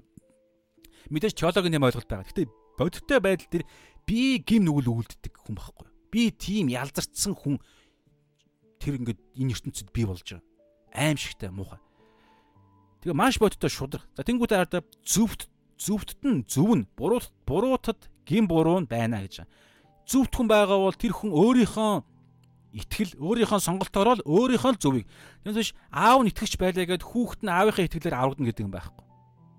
Хүү хуу хүн болон өөр өөрсдийнхөө л юм яригдана гэсэн. Тэр утгаараа бүх ам бурхных тэгээд шийтгэл болгон эсвэл шагнал болгон хувь хүний өөрийнх нь л сонголт амьдрал итгэл яригдана гэсэн. За дахиад нэг шил. Ром 8:2 дээр Учир нь Христ Есүс доторх амийн сүнсний хууль нь чамайг нэгдүгürt нүглийн болон хоёрдугаарт үхлийн хуулиас чөлөөлсөн ажээ. Үхэл нүгэл үхэл хоёр теологийн хэллэгээр бол ихч ихэр ихч дүүс гэж ярьдаг. Яагаад ихэр ах дүүс биш ихч дүүс гэж ярьж байгаа вэ гэхээр одоо нэг эмхтэй эмхтэй хүүстэн дээр яригддаг. Яагаад вэ гэхээр Яаков 1:15 дээр нэг юм санаа байна. За 14-өөс нь уншия харин дачаалдаа автаж татагдахтай хүн бүр уруу татагддаг 15-аас нь тэгээд дачаал нь үр тогтоон нүглийг төрүүлдэг нүгэл нь гүцэд болохоро үхлийг гаргадаг энэ дачаал гэдэг энэ хиллэг нь юу вэ гэхээр махуудын санаа махуудын хүсэл гэдэг нь яриаггүй шүү хүсэл гэхээр яг бүтээлийн онцлогоор зөв хүсэл байж болно шүү дээ тэ их нэртэйгээ сайхан бэлгийн харилцаан дээр бэлэг гэдэг чи яагаад бэлэг гэж ярьж байгаа вэ гэхээр бурхны бэлэг штэ. Тэ? Бэлгийн харилцаа. Тэгэхээр яг их нартайгаа зөвхөн их нартайгаа бие биенийгээ хайрын илэрхийл болсон бэлгийн харилцаа. Энэ болохоор хүсэл зүгээр маш зөв. Бэлэг бурхны өгсөн шагнал бэлэг өрөөл. Тэгсэн чинь тачаал болчхороо ихнэрээсээ өөр хин нэг нэг бодоод ч бай, үйлдээд ч бай. Бэлгийн харилцааны асуудал, бэлгийн харилцаанд орох. Ингээд ирэхээр тачаал буюу шунал байх ёстой юмнаас даваад ирэхээр. Тэгэхээр энэ дачаал гэдэг байгаа шунал гэд ирэхээр эн чинь өөрөө юу вэ гэхээр нүглийг явдаг замыг нь бэлдэж ийн гэж ярьж байгаа байхгүй. Бидний хүсэл бол асуудалгүй. Гэхдээ дачаал нь буюу шунал дачаал нь гим нүглийн явдаг замыг нь ингээд засч идэг. Тэгээ гим нүгэл нь тэр замаар хүсэл дачаалын махуудын хүсэл дачаал дачаал шунал дачаалын замаар гим нүгэл явж жагаад төгсгөл дээрээ үхлийг бий болгодог. Ийм зураглаар та бод. Гурван үг байгаа байхгүй юу? Дачаал, нүгэл, үхэл. Тэр утгаараа нэмэгтэй үүсдэр ярьж байгаа нь тэр. Одоо ардаа зүүрлж байгаа зүүрлийг ярьж штэ. Дачаал нь үр тогтоон одоо хүсэл э, махуудын шунал дачаал нь махуудыг яриад байгаа штэ. Махуудын шунал дачаал нь үр тогтоон нүглийг төрүүлдэг. Нүгэл нүглийг ингээд одоо энэ баг үр нь бол те одоо ингээд ер нь бол хардаа махуудын хүсэл гим нүгэл хоёр чи ингээд хоорондоо баг бэлгийн айлцанд орж байгаа юм шиг ойлголт байгаа байхгүй. Тэгээд тэнд ингээд нэг юм ургийг бий болгож байгаа. Тэр ураг нь бол баг тэгээд нүгэл гэсэн санаа. Тэгээд тэр нүгэл чи ингээд тижээгдэж тижээгдэж тижээгдэж тижээгдэж хүний ихийн хөвлөд тижээгдэж тижээгдэж жагаад ихийн хөвлөгөөс гарахтаа үхлийг бий болгож байгаа. Аа яг бодиттой энэ бол сая зүүрлэн шүү а биднэрт ойлгуулахын тулд Библиэлд ийм байдаг болохоос шүү нөгөө эрэгтэй эмэгтэй тэр хуу хүний байгалийн онцлог яриаггүй шүү. Тэгэнгүүтлээ харин сүнслэг байдлаар гэж байгаа гэхээр энэ дэлхий дээр махад төрөхтөө бид ингээд махадын бузар муу хүсэл тачаалтай төрж байгаа. Тэр утгаараа хүүхдүүдэд ээж аав нь юу заагааг байхад хүүхэд худлаа ярьдаг бай. Гинт төрөөл баг те тодорхой хэмжээ үг мүг ороод ирэхээр л худлаа ярьдаг болцсон байдаг. Аав хүүхэд найз майз одоо юу гэдгийг ах ихч мэгчээ ингээд зодоо булаацалдаа хамар харамлах маруулах гэд янз бүрийн ойлголт чинь шууд төрхөөсөө бий болдог. Тэгээд тэр нь шүү дээ энэ мах хүсэл хүслийг шунлыг ярьж байгаа. Махуудын муухай мөн чанар. Тэнгүүдээ тэр нь ингээд байж яснаа ингээд нүглийг би ургийг бий болгож байгаа. Тэр нь ингээд бараг шууд зэрэгч явагдаж магадгүй. Тэгээ энэ дэлхий дээр ураг нь ингээд одоо ихийн хөвлөдөл хүүхэд 9 сар гэдэг шиг энэ дэлхий дээр ингээд дуул нам дээр байгаа бол дал үсрээд наа яа хэд ч дунджаар тэдэн жил ингээд ураг нь ингээд томроо л байгаа. Томор товорж байгаад үхэх үед тэр нөгөө нэг энэ нүглийн үр дагавар нь өөхөх үед шууд бодтой нэг хүүхэд болоо гарч ирж байгаа нь байхгүй. Хоёр дахь үхэл цаашлаад мөнхийн үхэл. За ийм зүгээр юм уялдаа хамаарал байгаа. Тэр утгаараа Ром 8-ын хоёр дээр хэлж байгаа ариун сүнсний хууль нь чамайг нүглийн болон үхлийн хуулиас чөлөөсөн гэхээр нүгэл үхэл нүгэл үхэл гэдэг юм дандаа зэрэгсэж явдаг. Нэг юм нэг шооны нэг зоосны хоёр тал эсвэл ихэр хоёр ихч дүүс. Тэгээд нүглээс чинь өмнө тачаал гэдэг юм байгаа шүү. Мах тэр утгаараа итгэж хүмүүсүүд оюун санаа шинжилтгэхээр махуудын хүсэл тачаалаа ингэж ялаад ирэхээр нүгэл гэдэг имийг бий болох шаардлагагүй бий болох нь багасч ирдэг. Тэр утгаараа энэ дэлхий дээр үхлийн тэр муухай үүсүүд нь ингээ багасч ирдэг, өөрчлөгддөг. Гэрэл амийн үүс нь илэрч эхэлдэг. Гэрчлэлүүд нөгөө ойлголт чинь. За, ийм ойлголтыг та ингээ бодоорой. Тэгэхээр махуд тачаал ихээр махуд нүгэл ихээр махуудыг эзэнж эзэгнээд байгаа боол одоо боолчилж байгаа эзэн нь нүгэл байгаа байхгүй. Хүсэл тачаалаар нь нүгэл эзэглэн захирж байгаа. Эфес 4-ийн 20 21 дээр 22 дээр байгаа. 22, 23, 24. 22 дээр нь болохоор залтай махуудын хүсэл тачаал гэж юм ярьж байгаа. Залтай махуудын хүсэл тачаал. Тэгээд амьдралын ялзарж байгаа амьдралын хуучин юм аяг. Тэгээд эндээс итгэж хүмүүсүүд яваад энэ эндээс оюун санаагаа шинжилж ийж шин бүтээлийн амьдралаар амьдрна гэсэн санаа ярьж байгаа. Энэ гурван ишлэл дээр. Тэгэхээр бидний хувьд эзэн бол нүгэл байхаа болцсон. Есүс эзэн зөвхт байдал.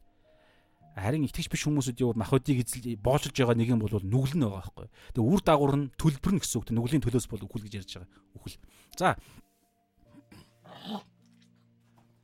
Одоо хоёр дахь санаа. Шудраг байдал дээр маш чухал зүйлсүүдийг бүгдээр харъя. За энэ дээр би энэ олон ишлүүдийн заримын дурд юу уншихгүйгээ зүгээр дурдаад өнгөрье. Гэхдээ харъя. За. Тэгэхээр одоо нэг юм байна. Одоо бүр цааш нь дахиад жоохон ухъя гэсэн үг. Шудраг байдал гэдэг ойлголтыг бүгдээр яриа. Шудраг байдал Тэгэхээр энэ дэр нэг юм байгаа байхгүй. Төрөн бол тодорхой ихний маш тодорхой нэг юм универсал нэг хуулийг бүгдээр ихлэ үзчихлээ шүү дээ. Нүгэл нүглийн төлөөс нь заавал үхэл байх хэрэгтэй. Тэнгүүт нүглэн дотроо шудраг бурхны шудраг байдгийн тогтолцоогоор ялгаатай байгаа. Нүгэл болгон ялгаатай байгаа байхгүй. А тэнгүүт та ингээд нөгөө нэг теологийн ойлголттой бас ингээд хольж утгаад хоорондоо зөрчилдөд байгаа юм шиг харагдана. Юу гэхээр бүх нүглийн төлөөс бол үхэл шүү дээ. Тэнгүүт нь сая би нэг ойлголт ярих гэдэг надад ишлэр бүр батлна ялгаатай нүгэл болгон ялгаатай. Яг тэгэхээр бурхан шудраг учраас. Тэгэхээр энэ юу гэсэн үг юм бэ? За энэ дээр бүгд нэг юм ярилцъя. Тэгэхээр ингэж бурхан бол шудраг гэж хэлсэн. Энэ дэлхийн ертөнц бурхны одоо бурхны бүтээч нэг талаараа нөгөө талаараа энэ дэлхий дээр байгаа хүмүүсийн дотор ч гэсэн эхлэлдэр хэлсэн бид бид өөрсдийнхөө дүр төрхийн дагуу буюу нөгөө бурхан мөн чанар гэдэг ойлголт тий ёс суртахуун мөн чанар гэдэг ойлголт. Хүн болгоны дотор нэг юм ёс суртахуун, ёс зүй байдаг шүү дээ, ёс суртахуун тэндээс ингээд цаашаа гадагшилдаг. Тэгэхээр мөн чанар гэж ярьдаг. Библийн дагуу бол тэ бас бурхны дүр төрх гэж хэлж болно. Бурхны дотоод махбодын хууль гэж зүрхэнд нь бичигдсэн хууль Ром нэг дээр. Тэгэхээр энэ зүйл чинь гаднаа илэрхээр итгэж биш хүмүүсүүд ч гэсэн маш шудраг нийгмийг бий болгоод нь шүү дээ. Одоо үндсэн хуулиуд.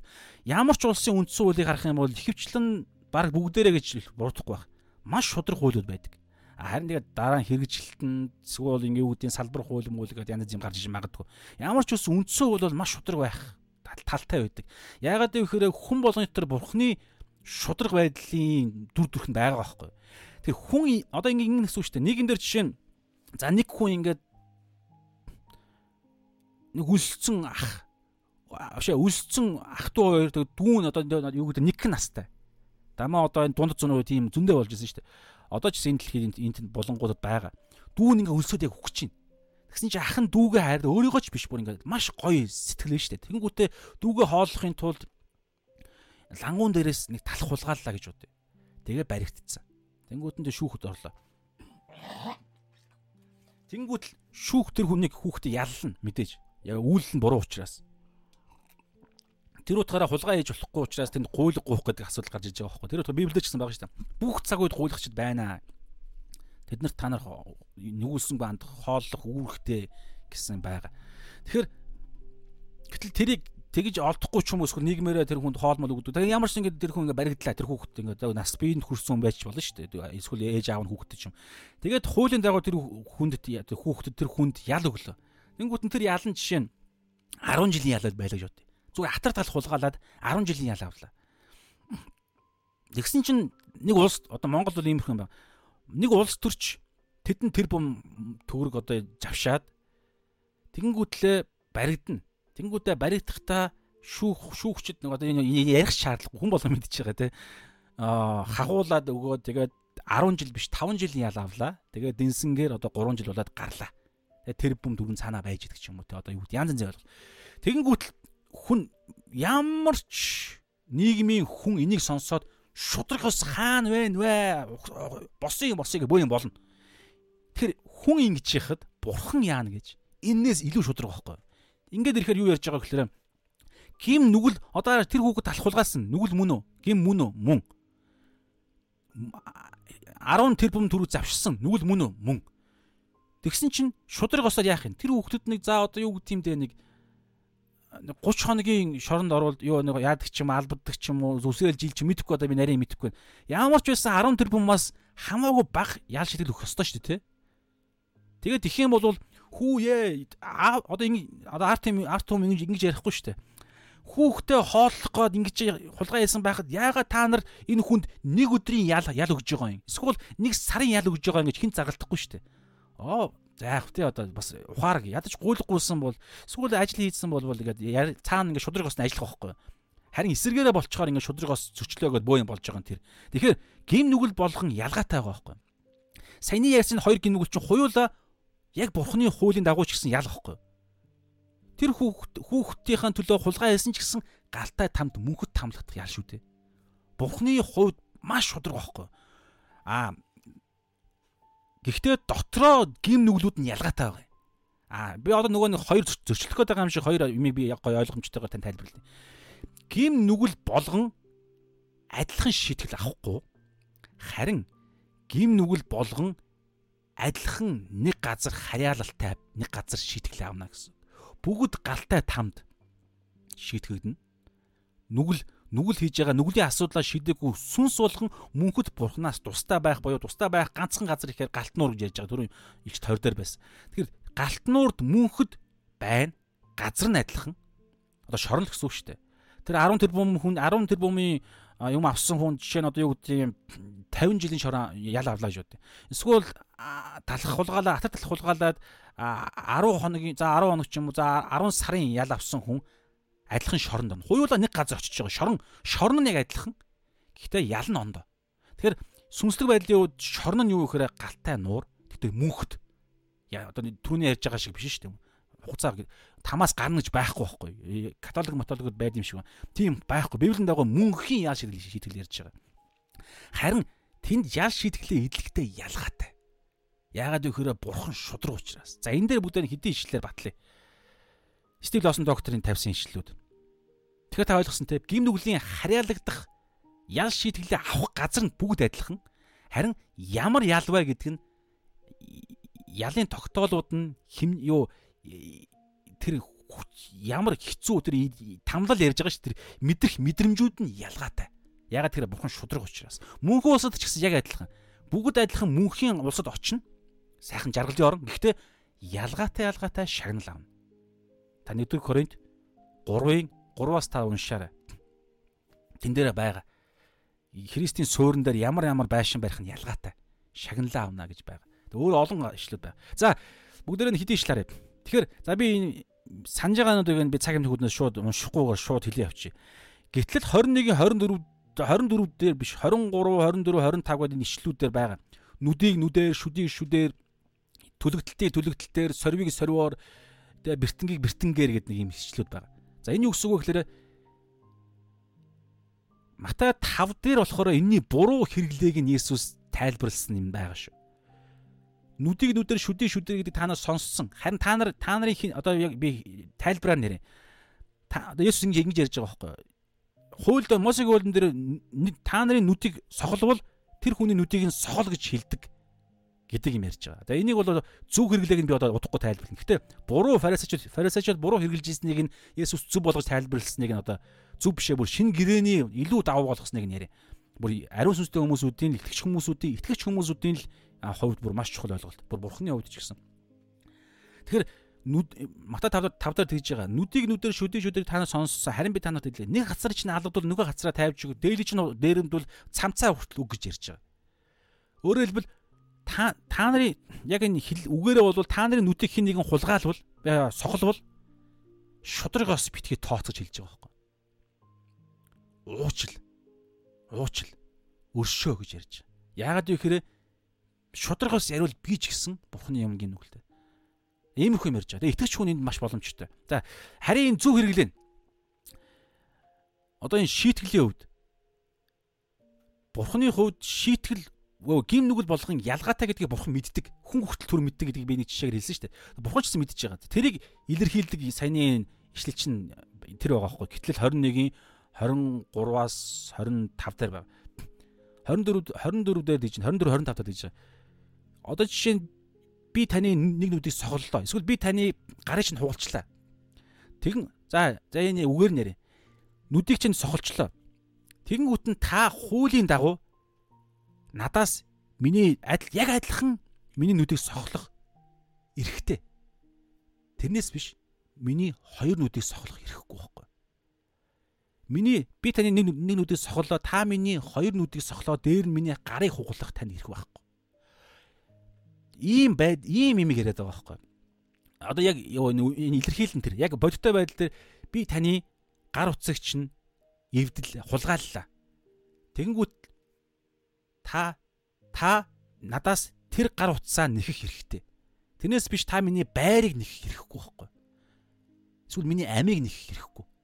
Таны би ялаал өгнө гэсэн. Тэрэнд нь тэрний илэрлүүд нь одоо нөгөө яг тохирсон ял шийтгэл ярьдаг ярьдаг тэр гимт тэргийн шүүхийн тогтолцоогоор бол. Тэгэхээр ийм юм ярьж байгаа. За тэгэнгүүтээ чаашлаа. Гэхдээ зарим нь ингэж байгаа. Зарим нь яаж байгаа гэхээр амийг хүртэл яригддаг юм ярьж байгаа. Ам амийг нь авахгүй юу тэр хүнд байгаа бүх юмыг авна гэсэн үг шүү дээ. Тэг ингэж ярихаараа бас адилхан тэр хин нэгний амийг нь авсан тохиолдолд амийг нь авна. Тэрнээс биш нэг хүний нүдийг сохолцсон чинь одоо энэ хүний амийг авна гэж ярихгүй гэсэн үг. Яг шудраг учраас. Ийм ярьж байгаа. Тэг илчлэлт 20-ын 11 12 дээр маш гоё ишлэн би уншив.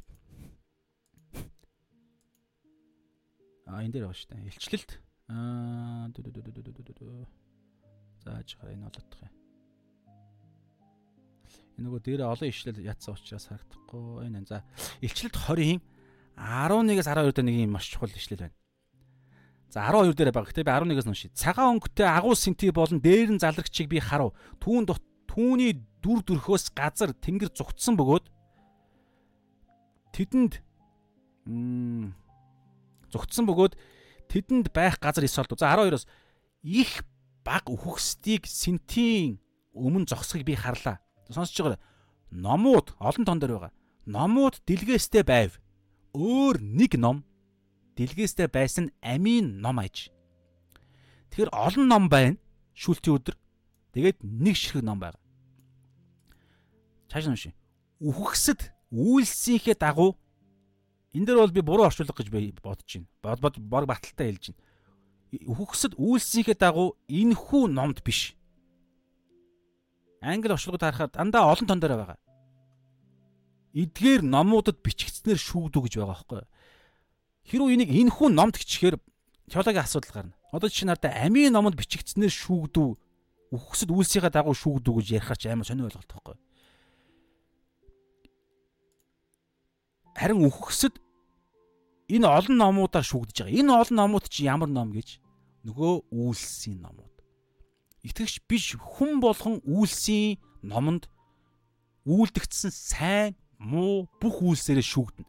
Яагаад ингэ шүүж байгаа юм? Угаасаа л мөнхийн галтай тамд ороод ингэ тамлах юм чинь заавал нарийн байх ямар хэрэг байгаа. Яагаад вэ гэхээр бурхан шудраг учраас. Шүүлтийн өдөр бурхантай хүмүүс заргалдах ямар ч ирэхгүй ам болгоныг дугаа олох гэж Ром Ром 3 дээр байгаа байхгүй Ром 3-ын 19 дээр нэг юм бичлэг хуулийн 19 дээр Ром 3:19 хуулийн хилж байгаа болгоно нь хуулийн дор байгстад хандан ядгийг бид мэднэ. Ингэснээр ам болгон таглагдж ертөнц даяараа бурхны өмнө буруутгагдах юм. Учир нь ямар ч махад хуулийн үйлсээ зөвдөгдөхгүй харин хуулийн нүглийг мэдүүлэгч. Тэгэхээр энэ хуулийн хилж байгаа буюу нүгэл энэ нүглийг нүгэлтэй гэдгийг нь хууль ингээ илчлэхээр шүүлтийн өдөр энэ баахан номууд байгаа байхгүй. Баахан бурхны хуулийн дагуу баахан нүглүүдийг нь илчлэнэ. Тэгээд ирэхээр хараа ам болгон таглагдж ертөнц даяараа бурхны өмнө буруутгагдана. Тэгэхээр шүүлтийн өдөр агуу цагаан цагаан хаан ширээний өмнө шүүлтийн өдөр одоо жишээ нь итгэгч биш нэг хүнийг за одоо хамгийн мэддэг нь бүгдээр Юдасыг гаргалаа гэж. За Юдас бүр бүр илүү шүүлтэнд орно л да ер нь бол. За яг ингээ өөр хүмүүс одоо юу гэдэг за нэг мэдхгүй нэг хүнийг батаа гэдэг нэг хүн байл гэж бод. Тэнгүүд нь тэр хүнийг ингээд шүүлтийн өдөр ингээ харахаар тэр хүний энэ түрүүн илчлэлт 20 дээр байгаачлан Тэ номууд дэлгэрстэй. Тэнгүүт нь Бата гэдэг хүний номууд номуудыг ингэ дэлгэнэ. Нэг номон дээр баахан хуудастай байх юм эсвэл Батагийн амьдралын баахан номууд байх юм мэдэхгүй. Ямар ч асар олон номууд хүн хүн болгонд өгсөн.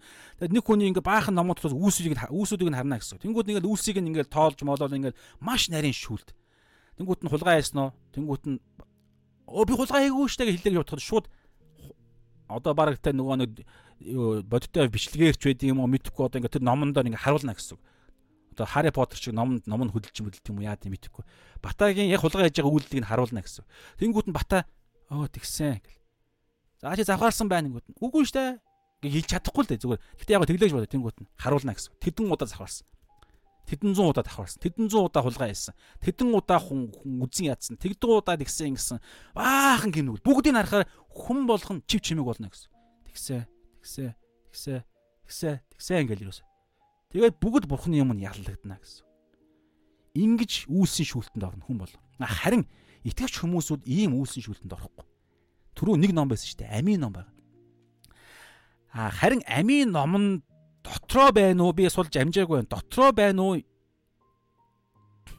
Эсвэл амийн ном амийн ном амийн ном нь тэр хүнийг ингээ тэ аврал руу одоо яг тэ амийн ном чи өөрөө Есүс итгэж Есүсийн зөвхт байдлаа шүгдэж байгаа шүү дээ. Гэхдээ тэрнээс гадна түрүүн галтай хамд шудраг байдал яригдж байгаа бол мөнхөн улсад чинь шудраг байдал буюу түрүү 1-р Коринт 3 дээр байгаачлан итгэвч хүмүүсүүд энэ дэлхий дээр ямар амьдралаар амьдэрсэн гэдгээс шалтгаалаад бас адилхан ялгаатай ялгаатай шагналууд яригдана.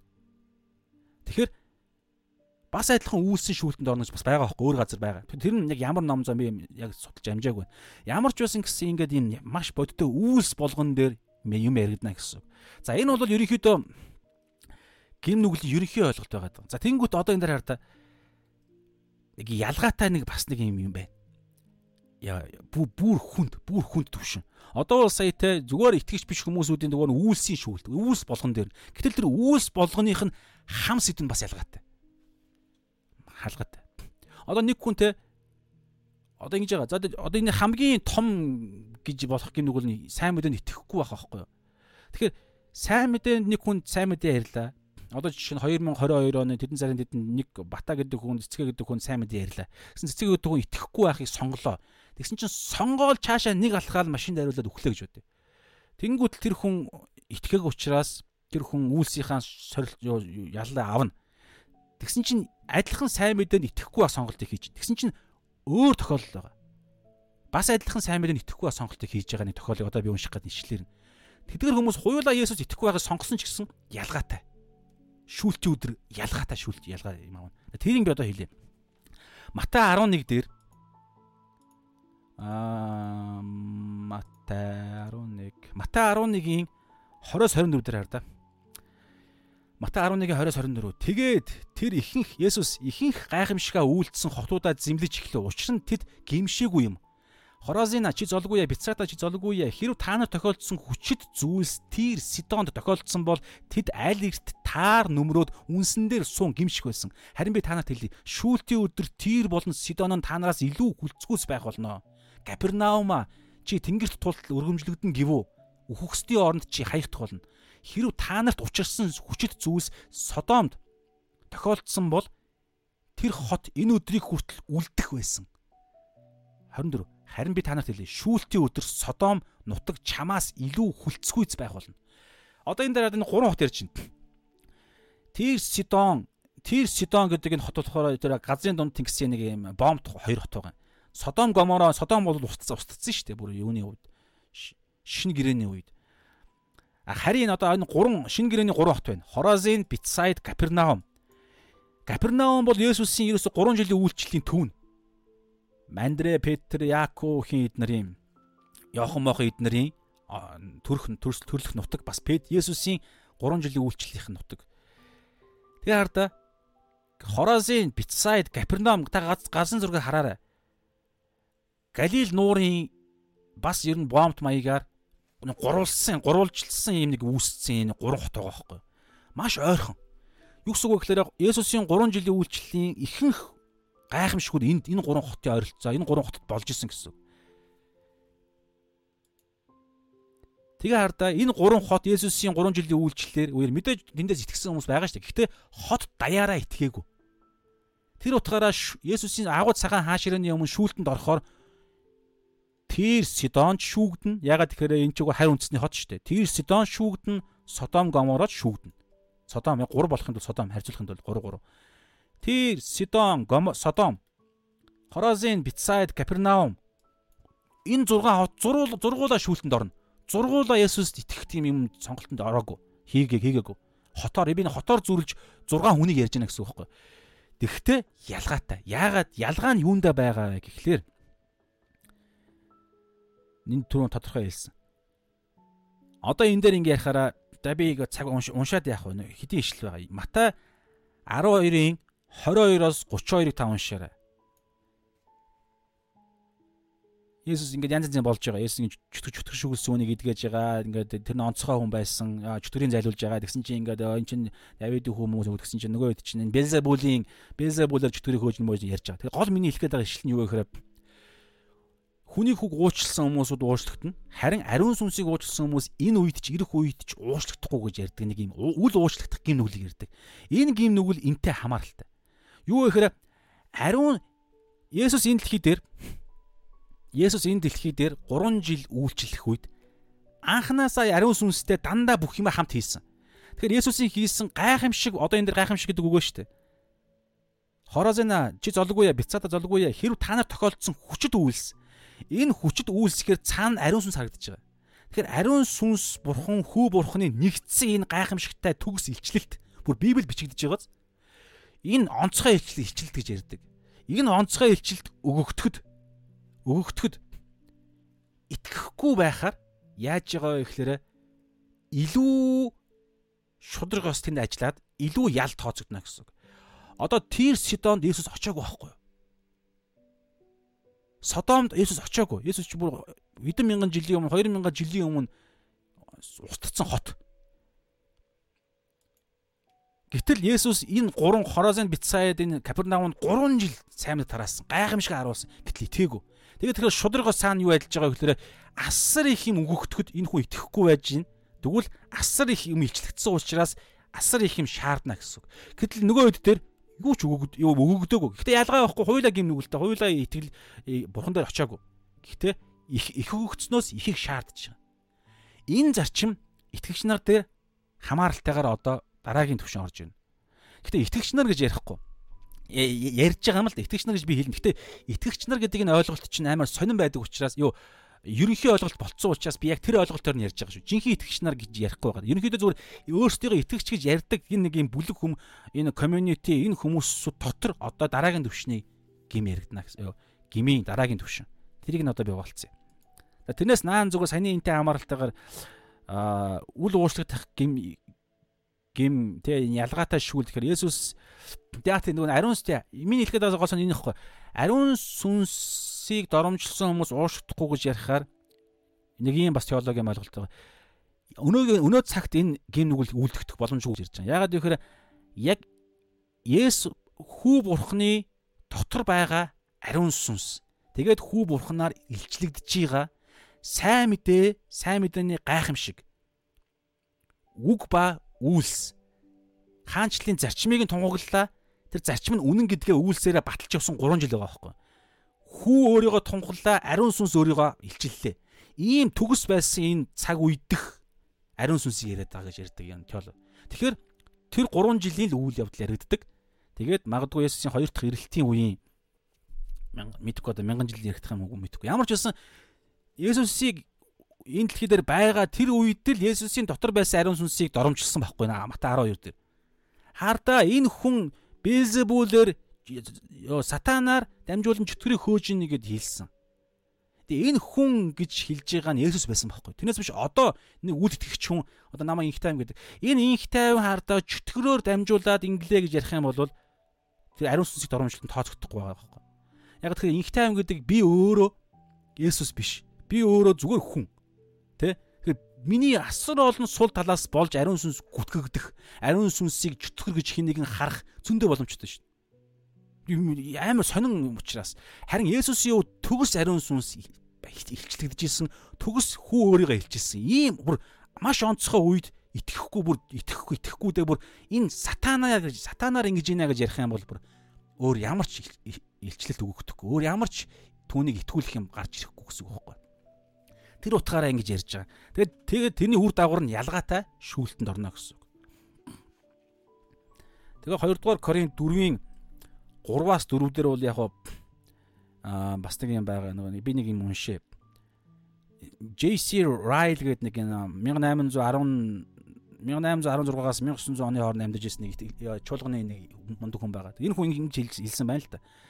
Сатан сайн мэдээг нэгэнт л устгах чадахгүй тул оронд нь сайн мэдэн дээр нэг бол нэмэх эсвэл сайн мэдээнээс хасах эсвэл сайн мэдээг нэг юмар орлуулах гэсэн арга замуудаар ашиглан сайн мэдээний хэрэгцээг нь устгах гэж хичээсээр байдаг. Сайн мэдээг устгах чадахгүй гэхдээ сайн мэдээний хэрэгцээг нь устгадаг. Энийний илрэл нь юу гэхээр 2 дугаар Коринт 4-ийн 3-аас 4 дээр байгаа. Бидний сайн мэдээ нууцлагдсан бол энэ нь мөхөксдийн хувьд нууцлагдсан. Энэ эрэг үеийн бурхан жижиг бурхан сатаныг ирж байна. Үл итгэгчдийн бодол санааг сохолсон учраас яаж сохолсон юм? Сайн мэдээн дээр юм нэмж байгаа Энэ бол итгэгч нар итгэгч нарын дунд байдаг ойлголт. Эсвэл сайн мэдээнээс итгэгч нар гэгдэх хүмүүсийн дунд. Эсвэл сайн мэдээнээс хасж байгаа бас адилхан. Э одоо энэ prosperity gospel янз янзын ойлголтууд. Эсвэл нэг талын туулшгас ойлголтууд. Эсвэл сайн мэдээг орлуулах гэхээр итгэгч итгэгч биш хүмүүсүүд. Жишээ нь юу аврах шаардлагагүй штэ үхлийн дараа юу ч байхгүй штэ гэдэг ойлголтоор орлуулж байна. Эсвэл Заавал яагаад Есүс итгэх ёстой юм? Яг буддисттэй бүх бурхан адилхан шттэ гэдэг ойлголтоор Есүс биш арай амархан зүгээр нэг юм буян үйлдэл аврагдчих ойлголт руу орлуулж ийн. Эсвэл католикийн ойлголттой нөгөө нэг юу бичиг баримт мэмд авч маваа тэгэл орлуулчихдаг. Эсвэл зүгээр шинжлэх ухааны ойлголтууд, эсвэл бурхангүй үзлүүд. Янз янз эсвэл тэ өөрийнхөө өөртөө итгэх итгэл одоо мэдлэгэндээ мөнгөндөө итгэх итгэл. Тэр бүх зүйлүүдээр орлуулаад юу аврах шаардлагагүй. Үхлийн дараа юу ч байхгүй, аюул байхгүй, үхэл бүхэм дуусна. Янз янзын юмудаар сатан орлуулад сайн мэдээний хэрэгцээг нь устгадаг. Итгэх шаардлагагүй шүү дээ. Ямар ч хэрэг сайн мэдээний хэрэгцээ байхгүй. Есүст итгэх шаардлагагүй гэдэг юм. Харин оронд нь ямар хэрэгцээ байгаа гэхээр энэ дэлхий дээр баяжих хэрэгцээ байна. Энэ дэлхий дээр аль болох олон жил амьдрах хэрэгцээ байна гэдэг. Тэр нь хангана угаа сатан өөрөө хангаж чадна. Хангах хангах гэж оролт. Гэтэ тэр нь боолчлох арга замаар. За иймэрхүү юм яригдж байгаа бас яг нэг үр дагавар нь бисээ ярьсан юм. Тэгээд Иохан 9:39 дээр бол Есүс хэлж байгаа. Би энэ ертөнцид шүүлтийн төлөө ирсэн. Есүсийн ирэлт нь өөрөө шүүлт болсон. Итгэхгүй бол ял руугаа явж байгаа. Сайн мэд. Түрүүн хэлсэн Иохан 16-гийн 8 дээр ултай ариун сүнс хүртэл ертөнцийг яллахаар ирсэн гэж ярьж байгаа. ертөнц рүү хандж байгаа. Итгэж хүмүүсд туслахаар ирсэн. Харин ертөнц рүү яллахаар ирсэн. Яллах зорилго нь юу юм? Нөгөө нэгдүгээр Тимот дээр байсан хуулийн зөв хэрэглээ. Ял ял ял яллан дунд байгаа гэдгийг ариун сүнс илчилж тэр хүн түр 1-р Коринт 14 дээр байсанчлан гимшээд аврал ирэх боломжтой учраас яллж байгаа байхгүй. За ийм санаа ярьж байгаа. За одоо түрүүний хэлэх гээдсэн ойлголт. Итгэгч нар гигдэх хүмүүс дотор дараагийн төвшний нэг юм байгаа байхгүй. Дахиад дараагийн төвшний гмийн ялгаа. Шудраг осын нэг юм асуудал гарч байна. Тэгэхээр уншаад явах юм их олон ишлэл байна. Нэгдүгээр юу нэг олон ишлэлтэй нэг багц байна.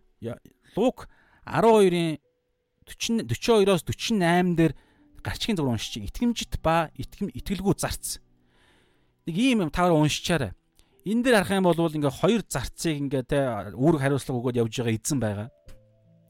Тэгээ нэг зарц нь болохоор яаж байгаа вэ гэхээр эзэн маань ирэх болоогүй гэж хэлээд тэгээд албатуудаа даамал гэсэн үг шүү дээ. Албатуудаа зодож модоод архитаад бөө юм болж байгаа. Тэгсэн чинь эзэн ирээд мдээгүй цагт хамгийн гол мдээгүй цагт нь эзэн ирээд тэр цац би тэр гол ишлэн шин. Мдээгүй цагт нь эзэн ирээд эзнийхээ хүслийг мэдсэн мэддэг мэдсэн хэрнээ бэлдээгүй хүслийнхэн дагуу биелүүлээгүй зарц ашуурын амт хатуухан хүртэнэ. Адилхан зарц.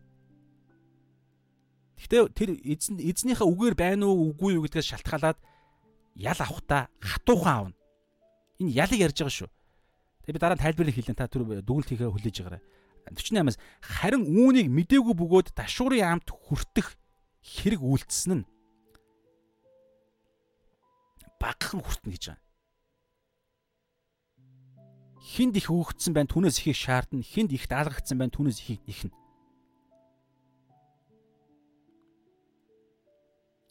Ийм ойлголт ярьж байгаа. 40 42 дээр. За яаж байгаарай. Аа, нэрөө хөрөө юм. За энэ дээр нэг ишлэл байгаа. За би яага цаг юм. Ингэж тэр зарцаа би хаана байна да. Аян дээр 40 юу 7 дээр нь 6 дээр нь. Бодоогүй өдөр нь 45-аас харин тэр зарц зүрхэндээ эзэн маань ирэхгүй удна гэд зарц нарыг нь ир имгэлгүй жанчиж идэж уун согтурж эхэлтэл. Бодоогүй өдөр нь мдээгүй цагт нь мөнөөх зарцын эзэн нэрж түүнийг сонсож байгаарай түүнийг тас хэрчиж итгэл итгэлгүй чүүдийн хувийг онооно за энэ ишлэл нэгдүгээрт Матай 7-гийн 21-оос 23 дугаар ишлэл дараачих нь Еврэ 6-гийн 4-өөс 8 дугаар ишлэл. Еврэ 10-ын 26-аас 31 эдгээр ишлэлүүдээр нэг санаа явж байгаа. За би Еврэ 10-ын 26-аас 31-ийг би уншия. Тэгээд дүүнээ яриа. Еврэ 10-ын 26-аас 31. Учир нь бид үннийг мэд учир нь бид үнний мэдлэгийг хүлээн авсныхаа дараа зоргоороо нүгэл үйлдсээр байвал нүглийн төлөөх дахил цаашд үлдэхгүй харин шүүлт хийгээд эсэргүүцэгчдийг шатаах галын хилэнг айн жижигч хүлээх л үлдэнэ. За 29 тэгвэл бурхны хүүг уландаа гიშгэж өөрийг нь ариусгасан гэрээний цусыг бузар хэмээн тооцож нэгүслийн сүнсийг доромжлогч нь хэр зэрэг илүү хүнд шийтгэл эдэлбэл зохино гэж та нар бодож байна. Учир нь өшөө авалт нь минийх хариуг нь би би өгнө гэд дахиж эзэн өөрийн хүмүүсийг шүүн гэж айлцсан түүнийг бид мэднэ. Амьд бурхны гарт орох нь аимшигтай хэрэг. За яг энэ дээр бол эхний хаамсууд нь юу гэхээр Израиль еврейчүүдэд хандж хэлж байгаа. Итгэгч биш еврейчүүдэд. Төрөний яасан нөгөө нэг ойлголттой адилхан. Харин саяны ихтэй энд нэг маш чухал ойлголт байна. За би зүгээр яа. Саяны нэшлүүд Дама Мата 7-гийн 21-с 23, Еврей 6-гийн 4-өөс 8-да, саяны бас Луг 12-ийн 43, 42-оос 48. Эдгээр нэшлүүдээр юу байгаа гэхээр нэг юм байгаа байхгүй юу? Мэдээж хам саяны ижил мэтлэг хам сэдвүүдний юу гэхээр Израиль итгэгч биш яг шууд ихний хам сэдвүүний Израильчууд еврейчүүд рүү юдэчүүд рүү хандж хэлж байгаа нь үнэн. Гэхдээ зарчим нь юу гэхээр нэг юм байгаа байхгүй юу? Итгэгч гигдэх бас хүмүүсүүд рүү хандж хэлж байгаа. Энд дээр хардаа нэг нэг үг нэг байгаа байхгүй бас аа 26-ад хардаа 20 нэгээд 10-ын 26-аас учир нь бид үнний мэдлэгийг хүлээн авсныхаа дараа гэдэг үг. Нүгэл үлдсээр байвал Тэгээ Матай 7-гийн 21-оос 23 дээр байгаа. Намайг эзэн минь эзэн гэсэн болгон тэнгэрийн хаанчл орохгүй. Нөгөө хэд нь би таны эзэн би таны нэрээр иш үзүүлсэн, гайхамшиг өвлөдсөн, чөтгөрийг хөөсөн. Итгэгч хүмүүсүүдийг хийдэг асуудал. Тэгсэн чинь тэр хүн ёс бусыг үүдэж та надаас зайл гэж хэлнэ гэж хэлж байгаа. Тэнгэрт эцгийн хүслийг үүлдэгчл тэнгэрийн хаанчл орно. Тэгэхээр эзэн боол гэж хэлсэн мөртлөө Есүсийг эзнээ болгоогүй итгэгч нар гэгдэх хүмүүсүүд чуулганд тэр өдөр чуулганд одоо маш олноор байгаа байхгүй юу? маш олноороо байгаа. Тийм учраас шүүлтийн өдөр тэдгэр хүмүүсүүд илүү хүнд мөнхийн галт тамд тамлагдана гэсэн. Илүү хүнд. Яагаад? Чи өд 7 хоног болгон одоо харалт фэйсбүүкээр баахан хүмүүсүүд ярьж эхэлж байна. Тэгээ одоо Америкт бол хэдэн хэдэн 10 жилийн өмнөөс ярьж ингээд фэйсбүүк юу сошиалд байгаа. Интернетэд. Тэгээд хаасаагүй библ байна. Хаасаагүй цуглаан байна. Цуглаан болгон дээр иймэрхүү зүйлсүүдийг хилдэг. Тэр тэр дунд нь чи ингээд баян цуглаанд явж исэн. Цуглаанд явахдаа иймэрхүү ойлголтыг баягдгүй өөрөө ч гэсэн зааж исэн. Түрүү хэлсэн шүү дээ. Би таны нэрээр иш үзүүлсэн гэдэг үгийг хүртэл хэлнэ гэж байгаа байхгүй. Матадлогийн 20-23 дээр. Иш үзүүлэх гэдэг чинь бүр ингээд бурхан ингэж хилдэг мэлдэг гэж баг заадаг хүмүүсүүдийг ярьж байгаа. Тэгэхээр паструу дотроос хүртэл ийм хүмүүсүүд гарч ирэх аюултай гэж ярьж байгаа байхгүй. Чөтгөрийг хөөдөг үйлчлэл хийдэг, гайхамшиг итгэлийн үйлчлэл хийдэг хүмүүс дотор хүртэл. Яагаад гэвэл саяны ийм ойлголтууд чинь бүгд ариун юу угаасаа байгаа тогтол дотор нь угаасаа байгаа. Тэгэхээр гол хэлэх гээд байгаа санаа юу вэ гэхээр хин нэгэн хүн Есүсийг эзнээ болгосон гэсэн мөртлөө эзнээ болгосон гэсэн мөртлөө эзнээ болгоогүй амьдралаар амьдарч байгаа тохиолдолд яг үйлсийн шүүлтэнд орно. Тэр хүн эзнээ болгоогүй хүмүүс бо ёс бос үйлсийнхаа шүүг дээрээ шүүгд шүүлт дээрээ шүүгдэнэ. Дөрөв нүдэг нүдэ шүдэ шүдэр гэсэнчлэн. Тэ? Бас дөрөв илчилт 20-11-аас 12 дээр байсанчлан үйлсийн номонд шүүгд. Амийн номонд номоор шүүгдэхгүй шүү дээ. Үйлсийн номоор шүүгдэнэ. Гэтэ тэр хүн өөрийгөө итгэж гэж бодож исэн. А тэнгуут нь тэр өдөр тэр оо уучлаарай хинээ одоо хинч үдэн тэр хүн уучлаарай чи итгэж биш байсан байна. Итгэж биш байсан шүү дээ. Чи өөрөө мдээгүй юм уу? Гэт тэнгуут өө мдээгүй шүү дээ. Тэнгуут аа тийм чи итгэж биш байсан учраас одоо чи үйлсийн шүүлтээр орноо. Тэнгуут нь үйлсийн шүүлтээр орохоор ингэн итгэгч угаасаа биш. Угаасаа би Есүс чи итгэхгүй гэдэг нэг хүн хэлсэн нэг бата гэдэг хүн. Гэсэн доржо гэдэг хүн би Есүс итгэдэг гэж хэлсэн. Тэгсэн чи итгэдэг гэж хэлдэг хоёр яг адилхан нэг аа аа гэдэг нэг хоёр гим нүгэл үйлдэлсэн байлаа гэж бодъё. Тэнгүүт нь итгэгч гэж өөрийгөө боддог, тунхагладаг, тэгээ бүр заадаг. Заадаг буюу асар их бурхны хүслүүдийг энэ бол бурхны хүсэл биш. Энэ бол бурхны хүсэл мөн гэдэг юмнуудыг өөрөө мэддэг, бүр ярьдаг. Тийм хүн А гэдэг гимнүгэл үлдсэн. Итгэж биш хүн А гэдэг гимнүгэл үлдсэн. Харахаар асар их юмнуудыг үннүүдийг үнний юмд ичлэгдсэн мөртлөө тэрийг үйлдэггүй хүмүүс гэж ярихаар илүү хүн шүүлтд орно гэж. Гэтэ энэ дээр ийм яриаггүй шүү. Итгэгч болсон мөртлөө итгэгч болсон мөртлөө сул дорой байдлаасаа болоод тэ эсвэл угаасаа нөгөө махуудын онцгоос юу махуудын биеэр энэ дорой бийд байгаа учраас адилхан А гэдэг гим нүгэл үйлдэх гэдэг юм яриаггүй шүү. Тэрний нэг ялгаа нь юу вэ гэхээр гимшдэг аахгүй. Гимшдэг. А тэгээ гимшдэг болвол нэгдүгээр явах нь 1-ийн 9 10 дээр байгаа. Гимш жинхэнэ гимшил байдаг болвол тэнд гимшлэр нь дамжуулан Есүсийн цус зүвт бус байдлаас нь цэвэрлэнэ гэж байгаа. Уучлал, даслал тэгээд цэвэрлэнэ гэж байгаа. Тэгэхээр жинхэнэ итгэгч хүн А гэдэг гин нүглийг үйлдэхдээ ялгаатай байдаг хөөхгүй. Яг А байхгүй. Итгэгч биш хүн А гэдэг гин нүглийг үйлдлээ. Итгэгч хүн А гэдэг гин нүглийг үйлдлээ. Ондоо мөн чанар нь ондоо төлөв байдал нь ондоо олон юмараа ондоо. Тэгээд нас цаг хугацааны туршид тэр А гэдэг гим нүгэл нь итгэж биш хүний хувьд А гэдэг гим нүглийг үйлдсэн давтамж нь асар олон. Итгэж биш хүний давтамж нь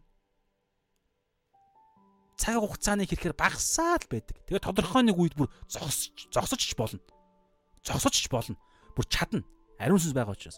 Харин итгэгч гэж өөрийгөө хилдэг мөртлөө аа гэдэг гим нүгэл үлдэх хүн яагаад байгаа гэхээр нөгөө үннийг яг Есүсийг эзнээ болгоогүй учраас харин оронд нь махуудын хүсэл мүслээ эзнээ болгоод тэрийг ашиглаж тэр Есүсийн шашныг ашиглаад бүр аа гэдэг энэ үглээ бүр хүсхээ үйлдэхийг бүр хүсээд байгаа байхгүй.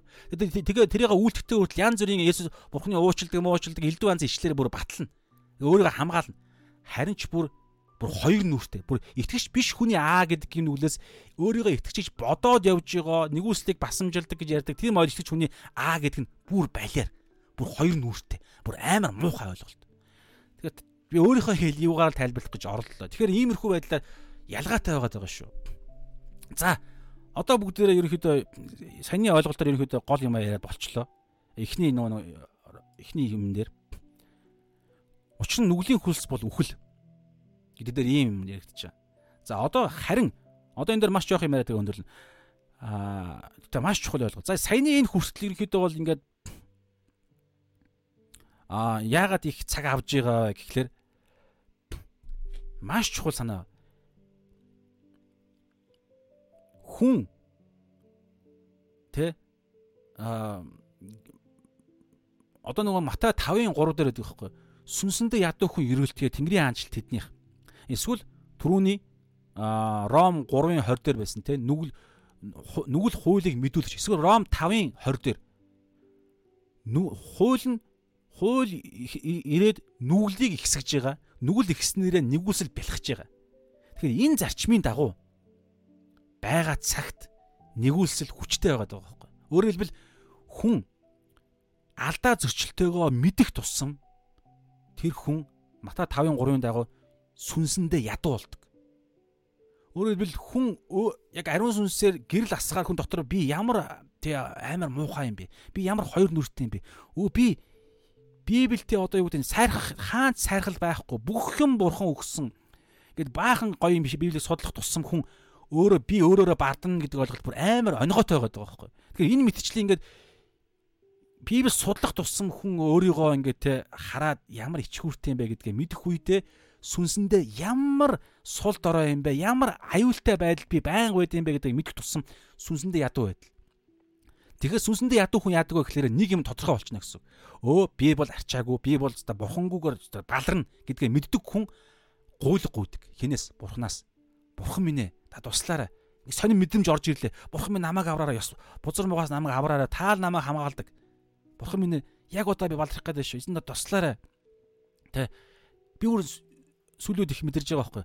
Бардамлын гим нүгэл ингээд асар нарийнаар ингээд бурхнаад мэдрүүлж эхэлж байгаа. Зүгээр бодол дотор юу өсөө. Зүгээр ингээд нэг пост тавиал те тэгэл амар нарийн. Эсвэл нэг одоо ингээд ийм цагийн дараа ч гэсэн мэдрэх боломжтой. Тэ амар муухай байхгүй. Бурхан ингээд бурхнаар ашиглагдана. Тэнгүүт нь бодол махуудын бодол яадаг вэ гэхээр хардаа тайвнаа би бол яг би гэдгээр ярина. Гэтэ яг би нөгөө юугаар яриа. Яг сүнслэг байлаа сатанаад ингэж хэлнэ гэсэн. 50-а чи хардаа ийм ундаг штэ. Тэр батад оржод хинээс тэрнээс чи энүүгээрээ илүү штэ. гэдэг боддгоор яг мэдрэгдэл эхэлдэг юус амар муухай. Тэгээ мэдрэгдэл эхлэнгүүтэл юус шууд сүүлүүд байн гарын сүс нөгөө Ром 8 дээр хэлж байгаа бид өөрсдөө бид яаж залбирахаа мэддэггүй сүнс чиний төлөө яолон бай залбирдаг гэдэг нь яолон бай залбирж байгааг нь би сүүлүүд мэдэрж байгаа нэг нэг нь юу гэдэг вэ гэхээр би өөрөө бүр ариун сүнстэй хамтар залбирч эхэлж яг тэр нэг муухай юм орж ирэх орж ирж байгааг мэдрэнгүүтэл би эзэн минь бузар муугаас намайг хамгаалаарай. Таал намайг хамгаалж чадна гэдэг юмыг шууд дотроо хэлдэг байхгүй. Тэгэл пүн гэдээ байх болчихдог тэр бодол. Тэгэхгүй бол хартаа амар муухай өрхөнд орхинд ордог. Одоо ингээд юу гэдэг энэ болгон чи юусаа би надаас гарч байгаа юм юу ч байхгүй байхгүй. Би надаас гарч байгаа би гэдэг тэр хүн чи өөрөө өөхөх ялтай хүн байхгүй. Би Есүстэй хамт цовлогдох цовлогдсон. Бүр ингээд үхэл ингээд ийм ялзарцсан нэг юм нэг юм нэг юм юу гэвэл цогцсохгүй би өөрөө. Би бүр хөгийн амтан. Тэгээд харин ингэж юм хаяа нэг ингээд юу гэдэг ингээд бурханлаг юм хийж байгаа нь юу вэ гэхээр би биш байхгүй юу? Хин гэж бурхны бүтээсэн шин инх тайван. Тэр чинь би штэ гэж хэлж болно. Үгүй би биш байхгүй юу? Юу гэдэг нь бурхны бүтээсэн шин би мөн л төө. Тэгэхээр тэр нь бурхнаас бүрэн хамааралтай бурхны ерөөсө хийж байгаа юм болгонд бурхны төлөө л хийдэг. Тэгээд бурхны яг харалта Есүс Иохан 5 дээр Иохан 5:19 30 дээр юу гэж байгаа гэхээр хүү өөрөөсөө юу ч хийж чадахгүй гэж байгаа шүү дээ бүр. Тэр Есүс 33 жил амьдрахтаа хуулийг бүрэн биелүүлж чадсан. Тэгэхдээ Есүс тэгж хийхдээ өөрөөсөө би юусоо хийж чадахгүй. Би аавын сүнсээр аавын хүчээр л би хийсэн гэж Есүс хэлж байгаа хүн шүү дээ. Бурхан шүү дээ. Гэтэл би хардаа ингэж нэг жоохон хаяа нэг хичээл заадаг ч юм уу хаяа нэг хүн тусалдаг ч юм уу инкээрээ би бас тэр дорж байгаас илүү гэж бодвол ёо бүр амар сатаны муухай юм байгаа байхгүй. Тийм учраас энийг үг судлах тусам үннийг ойлгох тусам энийг олж хараад байгаа байхгүй. Энийг олж хараад байгаа. Тийм учраас хэлэх гээд байгаа санаа муу талаа олж харах тусам бурхны сайн юм яг цэврээрээ сайн илчлэгдээд байгаа байхгүй.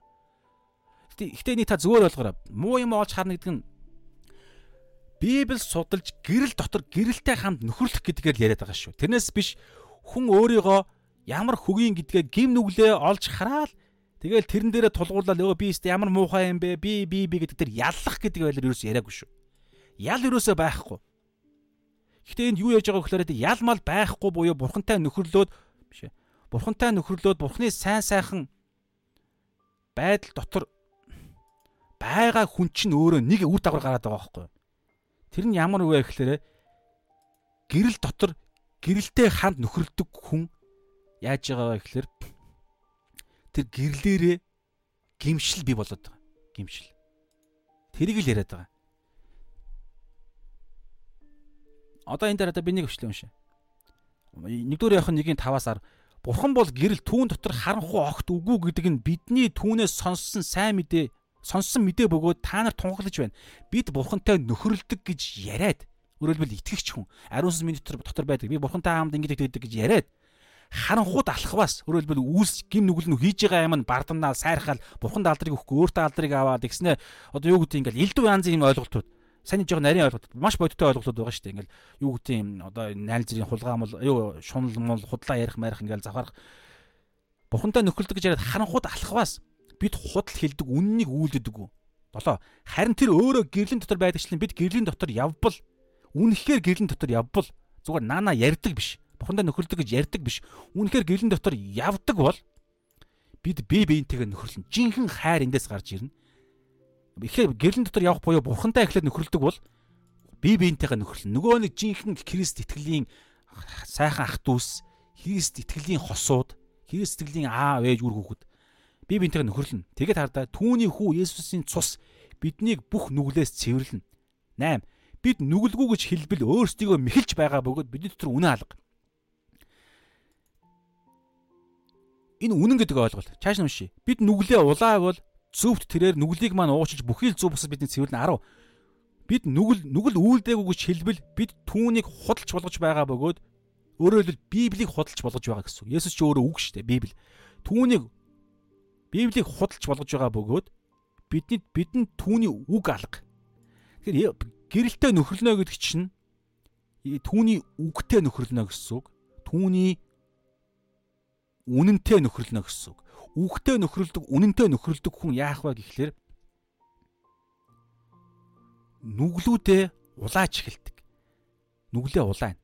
Нүгэлдээ боорчлогдно жилэг байгааз нүгэлдээ боорчлогдно. Нүгэлдээ дарлагдно жилэг. Нүглээ улаана нүглээ улаахаар энэ нүглээ улаана гэдэг чинь юу гэдгийг түрүүн би ярьсан шүү дээ ингээд ингээд библи сулах тусам ингээд өөрийгөө ямар муухай нарийн нарийн юм гэдэг мэдээд байгаа байхгүй. Тэгэхээр тэглээгээд би тэрэндээ улам ингээд дарлагдаад мяа болдог биш. Харин ч би хүчтэй болдог. Ягаад тэгэхээр тэрийг хүлээн зөвшөөрдөг улаадаг. Тэгээ улаагаад ирэхээр итгэмжит зөв тэрээр нүглийг маань уучлна. Маш бодтой загалмаа уучлал. Тэгээд уучлаа зогсохгүй бүхий л зөв бусад бидний цэвэрлэн. Нүглээ улаах гэдэг энэ арга замаар л нүгэл устдаг. Нүглээ улаах үед бид Есүсийн үхэлтэд нэгдэнэ. Үхэлтэд нэгдсэн бол Есүсийн цус бидний цус болж байгаа байхгүй. Бидний дотор бидний цус бидний дотроос Есүсийн цус бидний цусыг цус сэлбэнэ гэсэн. Бидний буухаа цус ингээд цай цэвэрч байгаа. Тэгээ энэ дэр ганцхан юм яриад тэгээд жаашаа үндсэн юм яриад өндөрлөө. Гимшил гэж ярихаар би өчтөрхөн судаллаа хоёр ойлголт ярьж байна. Хоёр үг байгаа. Нэг нь метаноя гэдэг үг, нэг нь аа хомология гэдэг үг. Хомология гэдэг үг. За метаноя гэдэг нь яг уу repentance гэдэг хэллэг байгаа зүгээр яг англи хэлээр бол homologia homologia гэхээр confession confession confess нэг нь repent нэг нь confess нэр үгээр бол нэг нь repentance нэг нь confession Монгол хэл дээр ялгаа авахгүй гимээ болоох мала нүглээ болоох тэгэхээр энэ хоёр ойлголт хоёр хуулаа адилхан ялгаагүй мөртлөө Мэдээж жоохон ч ялгаа байгаа. Гэхдээ хуулаа нэгдээд нэг санаа хэлж болж байгаа. Метаноя гэхээр ерөнхийдөө бол нэг юмнаас нэг юм нэг юмнаас салаад нэг юм руу эргэж байгаа. Өөрөөр хэлбэл бодлоо өөрчлөх, амьдралын зорилгоо өөрчлөх гэсэн санаа. Нэг буруу замаасаа салаад зөв зам руу эргэж байгаа. Буруу зам нь гим нүглийн зам, зөв зам нь Есүсийн зөвхт байдлын зам. Энэ ойлголтыг ярьж байгаа. Арай том зургаараа юм юм шиг байна. Харин хомология гэхээр буруу юмас буруу зүйлээс салахын тулд болдог үйл явц юм шиг анзаарчихсан. Өөрөөр хэлбэл хомо гэдэг нь хомо гэдэг нь гомо гэдэгтэй адилхан үг байхгүй юу? Ижил ижил адилхан гэсэн. Ижил хүүстэн гэдэг шиг. Хомо, гомо. Тэгэхээр хомо логия гэдэг нь логос гэдэгтэй гэдгийн одоо язгуур үг байгаа байхгүй логос одоо үг гэсэн үг. Гэтэ лего гэдэг гэдэг гэдгээр цаана судалсан чинь тийм байлаа. Тэгэхээр лего гэхээр ярих гэсэн санаа. Тэгээ би яг грек судалж амжаагүй байгаа учраас ерөнхийд ерөнхий гол юм ярьж байгаа шүү. Тэгэхээр хомо буюу адил, лего лего буюу ярих, логос гэхээр үг. Тэгэхээр адил зүйлийг ярих гэдэг үг байгаа. Тэгэхээр метаноя гэхээр ингээд бодлоо өөрчлөх, зорилгоо өөрчлөх гэдэг энэ том зургаараа гимшлийн том үр дагавар том зураг нь байна. Харин хомология гэдэг тэгэхээр буруу юмасаа, буруу замаасаа, буруу бодлоо, буруу зорилгоо олж хараад сална гэхдээ олж харж байгаа тэр үйл яв тэр үед хэрэглэгдэж байгаа байхгүй. Тэгвэл маш бодиттой бүр тунгалах энд улаах гэж ярьсан шүү дээ. Яг энэ дээр бол тэр яг энэ энэ үг шүү дээ. Энэ гимших гэдэг дээр тэр хомологи гэдэг үг нь байсан шүү би бүр яг санаж байна. 9 дээр 9 дээр бид нүглээ улаах гэдэг нь тэр хомологи гэдэг үг нь байгаа байхгүй. Тэгэхээр яг confess өөрөөр хэлбэл адилхан юм. Одоо чи Монгол Монгол улс бол тусгаар тогтносон улсаа гэд нэг бата гэдэг хүн ярьлаа гэж бодё. Тэнгүүт нь би их тайван. Тийм ээ, санал нэг байна. Монгол улс тусгаар тогтолсон улсаа гэд би санал нэгдэж адилхан юм ярьж байна. Энэ confess, profess, тунгаглах санал нэгдэж ингэж улаах, тунгаглах гэсэн санаа байгаа байхгүй. Тэгэд нэг хэрэглээр гимэн улаах. Тэгэхээр юу би юутай санал нэгдэж байгаа гэхээр Библиэтэй. Бурхны төгс зөвхт байдлын стандарттай би санал нэгдээд Библи. Гэтэ би хуулийг хуулийг хууль ирээгүй бол ингэж санал нэгдэх юм байхгүй шүү дээ. Стандарт нь байхгүй. Тэгэхээр хууль ирсэн учраас Библиэр Библи судалж байгаа учраас би гэхдээ энэ би нарийн болгож ингэж ярьж байгаа болохоос биш. Итгэж хүний хувьд заавал ингэж шаардлагагүй хууль мөн судлах шаардлагагүй шүү дээ. Зүгээр яг шинэ гэрээний бурхны яг шинэ гэрээнийхээ хаанчлалын тогтолцоог судлах тусам угаасаа ингэ энэ явцд чинь ингээд яг бидний ойлгох зүйлсүүд санал нэгдэх улаах зүйлсүүд гарч ирнэ гэсэн үг. За тэгээд Библи яг гимшлийн тэр авралын гимшлэж байгаа өдөр болгоны гимшлэж байгаа шүү дээ. Авралын гимшил маш тодорхой гим нүгэлтэй Бурхны хуулийн дагуу гим нүгэлтэй гэж яг хууль хэлж байна. Чин чин 10 хууль дээр те гэтэл 20 дээр эцэг гэхээ хүндэл гэж байгаа. Эсвэл худаа худлаа бүү яар. Тэнгүүт нь худлаа ярьсан хүн мөнхийн тамд орноо гэдэг юм байна. Тэгвэл би худлаа ярьсан уу асуусан худлаа ярьдаг. Тэгвэл үр дагавар нь юу? Мөнхийн там. Би үхээд шууд мөнхийн тамд орох аюул байгаа байхгүй. Тэнгүүтэл энийг харангуутлаа би одоо санал нэгднэ гэсэн. Тийм ээ би худлаа ярьсан. Тийм ээ би мөнхийн тамд орох ялтай гэдэг чинь нөгөө хомологи буюу улааж би адилхан ямиг Библийн хэлж байгаа Бурхны шудраг осын тэр тушаалтай би санал нэгдээд тийм ээ би ялтай тийм ээ би гим үлдсэн тийм ээ гимийн төлөөс буюу үхэх ялтай нэгэн гэдгээ хүлээж зөвшөөрөх буюу нөгөө сүнсэндээ ядуу гэдэг ойлголт. Тийм ээ би сүнсээрээ хөгийн амтан гэдэг хүлэн зөвшөөрөх үед тэнд нэгүсэл ичлэгдээд буруу замаа олж хараад гимшээ тэгээд зөв зам руу эргэж байгаа байхгүй. Тэгэхээр ерөнхийдөө юм. Тэгэхээр тийм учраас түрний хэлэх гээд байгаа гол санаа муу зүйлс юу өөрийгөө таньж мэдэх зүйл дээрээ ерөнхийдөө бол бид сайн төлөвсөн тийм шүү. Энэ маш чухал энэ хатуу үннийг бид ойлгож байгаа юм тэр. Нүглийн хөлс бол өхөл гэдэг дээр ихэд их цаг авсан. Энийг яг тайлбарлах гал сая өөр нэг юм давхар ярьчлаа. За, одоо бүгдээрээ бурхны бэлэг бол бидний эзэнс Христ мөнх амин гэдгийг тайлбарлая. Тэгэхээр хоёр дахь тогтолцоо мэдээж Эхний тогтолцоо нь бол түр хэлсэн нүглийн тогтолцоо тий үүлсдээ суурилдаг бурхны хуулийг шаардлах бурхны хуулийн шаардлагыг үйлдэх ёстой. Тэгээд энэ үйл чадсан чад дандаа чаддгүй учраас үр дагавар нь төлөөс нь юу гэхээр үхэл. За тэгсэн чинь одоо хоёр дахь тогтолцоо буюу мөнх амийн тогтолцоо, нэгүүлсэн тогтолцоо гэж ярьдаг. Тэг ингэж ирэхээр хоёр дахь тогтолцоо нь зөвхт байдлын тогтолцоо. Нөгөө нь гим нүглийн тогтолцоо байсан. Нөгөөх нь зөвхт байдлын тогтолцоонд донд бид нар байгаа гэсэн. Ингэж ирэхээр үйлсдээ тулгуурладаг байсан бол одоо бид нар юунд дээр тулгуур вэ гэхээр нэгүүлсэл дээр тулгуурлана гэсэн үг. Нэгүүлсэл дээр суурилсан бүтц. Бурхны сайн сайхан дээр гэсэн. Тэгэд Есүсээр Есүст итгэж зөвтгөгдөөд Есүсийн ариун сүнсээр ариусаад Есүсийн хоёр дахь ирэл дээр алдарших энэ гайхалтай аа аврагдсан хүний амьдрал واخгүй. Есүсээр л зүвтгөгдөж, Есүсээр л ариусгагдж, Есүсээр л алдаршдаг. Есүсийн загалмаа үхлээр зүвтгөгдлөө. Есүсийн гэж үлээсэн Йох 19 20 дээр байгаа Есүсийн илгээсэн ариун сүнсээр ариусч байна. Бас Есүсийн үгээр нь.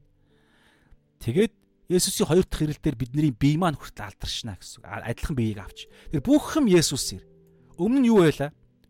Нүглийн тогтолцоо нь бидний үүлсдээ суурилж ирсэн би яаж ийн би яаж хийж хийж ийн гэсэн чинь тэр үйлсийн дагуу бол бид бүгдээрээ хуулийг зөрчөөд үр дагавар нь үхэл тэгсэн чинь одоо Есүсийн хийсэн бүх зүйл дээр төвлөрж байгаа учраас үр дагавар нь Есүсийн бидэнд бэлгэлсэн бэлгийг авч байгаа. Тэгээ энэ нь хамгийн гоё нь итгэгч хүн болгон дээр. Энэ бол гайхалтай хаанчлалын тогтолцоо. За энэ дээр нэг ишлэг бүгдээр харна. Колос 2-ын 14 дээр гэж бидний эсрэг зарилгуудаас бүрдсэн бидэнд дайсагнаж байсан өрийн дансыг арилгав. Тэр үүнийг загалмайд хадаж замаасаа зайлуулжээ. Өрийн дансыг Есүс загалмай дээр хатсан. Загалмай дээр хатсан. Маш бодтой өрийн дансыг байсан. Загалмай дээр хатсан. Тэр өрийн данс гэдэг түрүүн илчлэлт 20:11 дээр байсан ойлголт. Нөгөө нэг үйлсийн номууд маш бодиттой шудраг байдлаар үйлсүүдийг шүүхтгэхэр бүгдээрээ өртөө байгаа бурханд. Тэгээд тэр үйлс Ром 3:19 дээр байгаачлан энэ тэр өртөө гэдгээ шүүлтийн өдөр бүгд хүлээн зөвшөөрч ам болгон таглагдаж бүгд бурханы юмд яллагдах болно. Бүгд хүлээн зөвшөөрнө. Тэгэхээр маш бодиттой фактууд байгаа. Өрийн данс байгаа. Бүгд өртөө. Гэсэн энийг Есүс загалмай дээр хатсан. Загалмай дээр гэдэг нь маш чухал ойлголт. Загалмай дээр. Тэгвэл энд нэг маш чухал нэг юм байгаа. Матай 27-гийн 37 дээр нэг юм юм ишлэл байна. Тэд тэргүүн дээр нь энэ бол Есүс юдэчүүдийн хаан гэж ялыг нь бичсэн пайц хадлаа. Ер нь тухайн үед жалгаа авахгүй одоо шалгаа авахгүй. Альва ял шүүх ял цаазын энэ ёсонд Бата гэдэг нэг хүн гим нүгэл үлдлээ. Бата гэдэг хүн тэр хүний одоо ялын тэр одоо шоронгийн тэр одоо тэр хувийн хэрэг дээр нь Бата гэдэг хүн А гэдэг ийм гим нүгэл үлдсэн учраас Б гэдэг энэ ял ялыг үүрнэ гэдэг ийм юм заалт нь байна. Тэр тэр нэг юм хувийн хэрэгтэнд байгаа байхгүй юу? Одоо тэр заалт нь шүүхийн заалт нь дээр нь. Тэрнтэй адилхан Есүс яг тухайн үеийн шүүх хуралд ороод Есүсийг Есүс яллагдсан. Есүсийн хувийн хэрэг дээр нь буюу энэ тайзан дээр нь юу гэж байгаа вэ гэхээр ялыг нь битсэн. Есүсийн ял нь. Есүсийн ял нь юу байсан бэ гэхээр энэ Есүс бол юдэчүүдийн хаан гэдэг ял байгаа. Өөр ямар ч ял олж чадаагүй. Өөрөө хаан биш байж энэ хүн өөрийгөө хаан гэж хэлсэн гэдэг ялыг онооч чадсан. Гэтэл энэ нь хүртэл үнэн болж таарсан. Ямар ч ял байхгүй. Гэхдээ яалтчгүй Есүс ял ял ялтан болж пайз хадагдсан. Тэгэхээр энэ дэр юу юу гэсэн үг вэ гэхээр тэдний тухайн үеийнхаа шүүх хурлын тогтолцоогоороо Есүс ялтан болсон. Ялтан болсон. Гэхдээ тэр ял ялтан ялын тэр хувийн хэрэг пайзан дээрх ял нь ял биш байсан. Тэгвэл энэ за юдэчүүдийн асуудал ингээд юм болд юм бэ. Тэр ромчууд мангартаад ингээд одоо нэг шүүх хурал буруу адилчлаа гэж бодъё. Гэхдээ яагаад тэнд бурхан үхэл гэдэг шудраг ос гэдэг асуудал тэнд яригдсангүй вэ? Гэхдээ шудраг ос нэг юм дээр яригдсан байхгүй. Есүс тухайн үед ялтаа болчихсон. Есүс яг яг бодиттой Есүс болохоор Есүс өөр ямар ч гимнүгэл олдоогүй. Гэхдээ Есүс нэг юмар нэг өнцгөр нэг харах өнцгөр Есүс ял үүрсэн бохоггүй. Ялтай тухайн үед ялтан болсон. Тэр нь түрүүн би а 2 дугаар Коринт уншаагүй мэн те 2 дугаар Коринт 5:21 дээр байдаг шил байхгүй юу? Мм. За одоо 2 дугаар аа Аа биш ээ 2 дугаар Коринт гаргаагүй мэн. Аа би чэйдэлсэн болохоор 2 дугаар Коринт 5:21 дээр гэж байгаа. Мм. Матай 2 дугаар Коринт 5:21 дээр гэж байгаа. Нүглийг үл мэдгч түүнийг бидний нүглийг үл мэдгч түүнийг буюу Есүсийг бидний төлөө тэрээр буюу Бурхан Аав нь нүгэл болгосон учраас түүний буюу Есүсийн дотор бид зөвхт түүний Есүсийн зөвхт байдал болно гэсэн санаа яга. Өөрөөр хэлбэл Есүс бидний өмнөөс ялын пайзыг үүрсэн. Тэгээд нэг талаараа бас энэ хаан гэдэг нь ч гэсэн биелсэн. Энэ бидний хаан нь өөрийнхөө ирээдүйн ал итгэгч нарынхаа бас өнгөрсөн те албатуудынхаа ялыг үүрч а хадагцсан гэсэн. За энэ дээр одоо дараагийн нэг маш чухал санаа. Тэр нь юу гэхээр Йохан 19-ийн 30 дээр нэг юм үг байна. Есүс цууг амсаж, нөгөө загалмай дээр байх та. Цууг амсаж гүйцэлдэлээ буюу тетелестай гэдэг үг. Грек. Гүйцэлдэлээ гэдэг гээд тэргүүнээ гудаалган сүнсөө өргөжээ. Энэ санаа байж тед ямар санаа байгаа гэхээр түрүү хэлсэн шүү дээ. Бата гэдэг хүн А гэдэг гим нүглээсээ болоод Б гэдэг ялыг ялыг үүрэх ёстойгоо шоронд шүүх хурлаар хувийн хэрэг буюу энэ тайзан дээр нь бичээд орж ирж байгаа. Тэгээ Б гэдэг ял нь 10 жил жишээ нь эсвэл 40 жил. Тэгээд Б гэдэг ялаа үүрж дууссны дараа нь нөгөө шоронгийн харгалзагч шоронгоос нөгөө нэг суллаа шүү дээ. Б гэдэг ял нь дууссан учраас. Тэгээд хувийн хэрэг дээр нь ялаа гүйцэлж үүрж дууссан гэд тамга дарна. Бичиг гарын үсэг зурна. Тэр бичиг нь энэ ойлголтоор тетелестай гэдэг үг гинэ. Гүйцэлдлээ. Энэ хүн ялаа төгс дуусглаа гэдэг санаа. Тэгэхээр Есүс энэ үгийг хэлсэн. Тителестай. Загалмай дээр Есүс бүх хүн да бүх хүндрэлтний тэг өөрт нь итгэх онцгойлон итгэж хүмүүсүүдийн бүх гим нүглийг нь үүрсэн.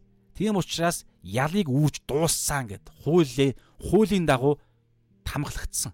Тийм учраас өнөөдөр итгэгч бид нар гимших үед энэ гайхалтай энэ заалт руу ордог байхгүй.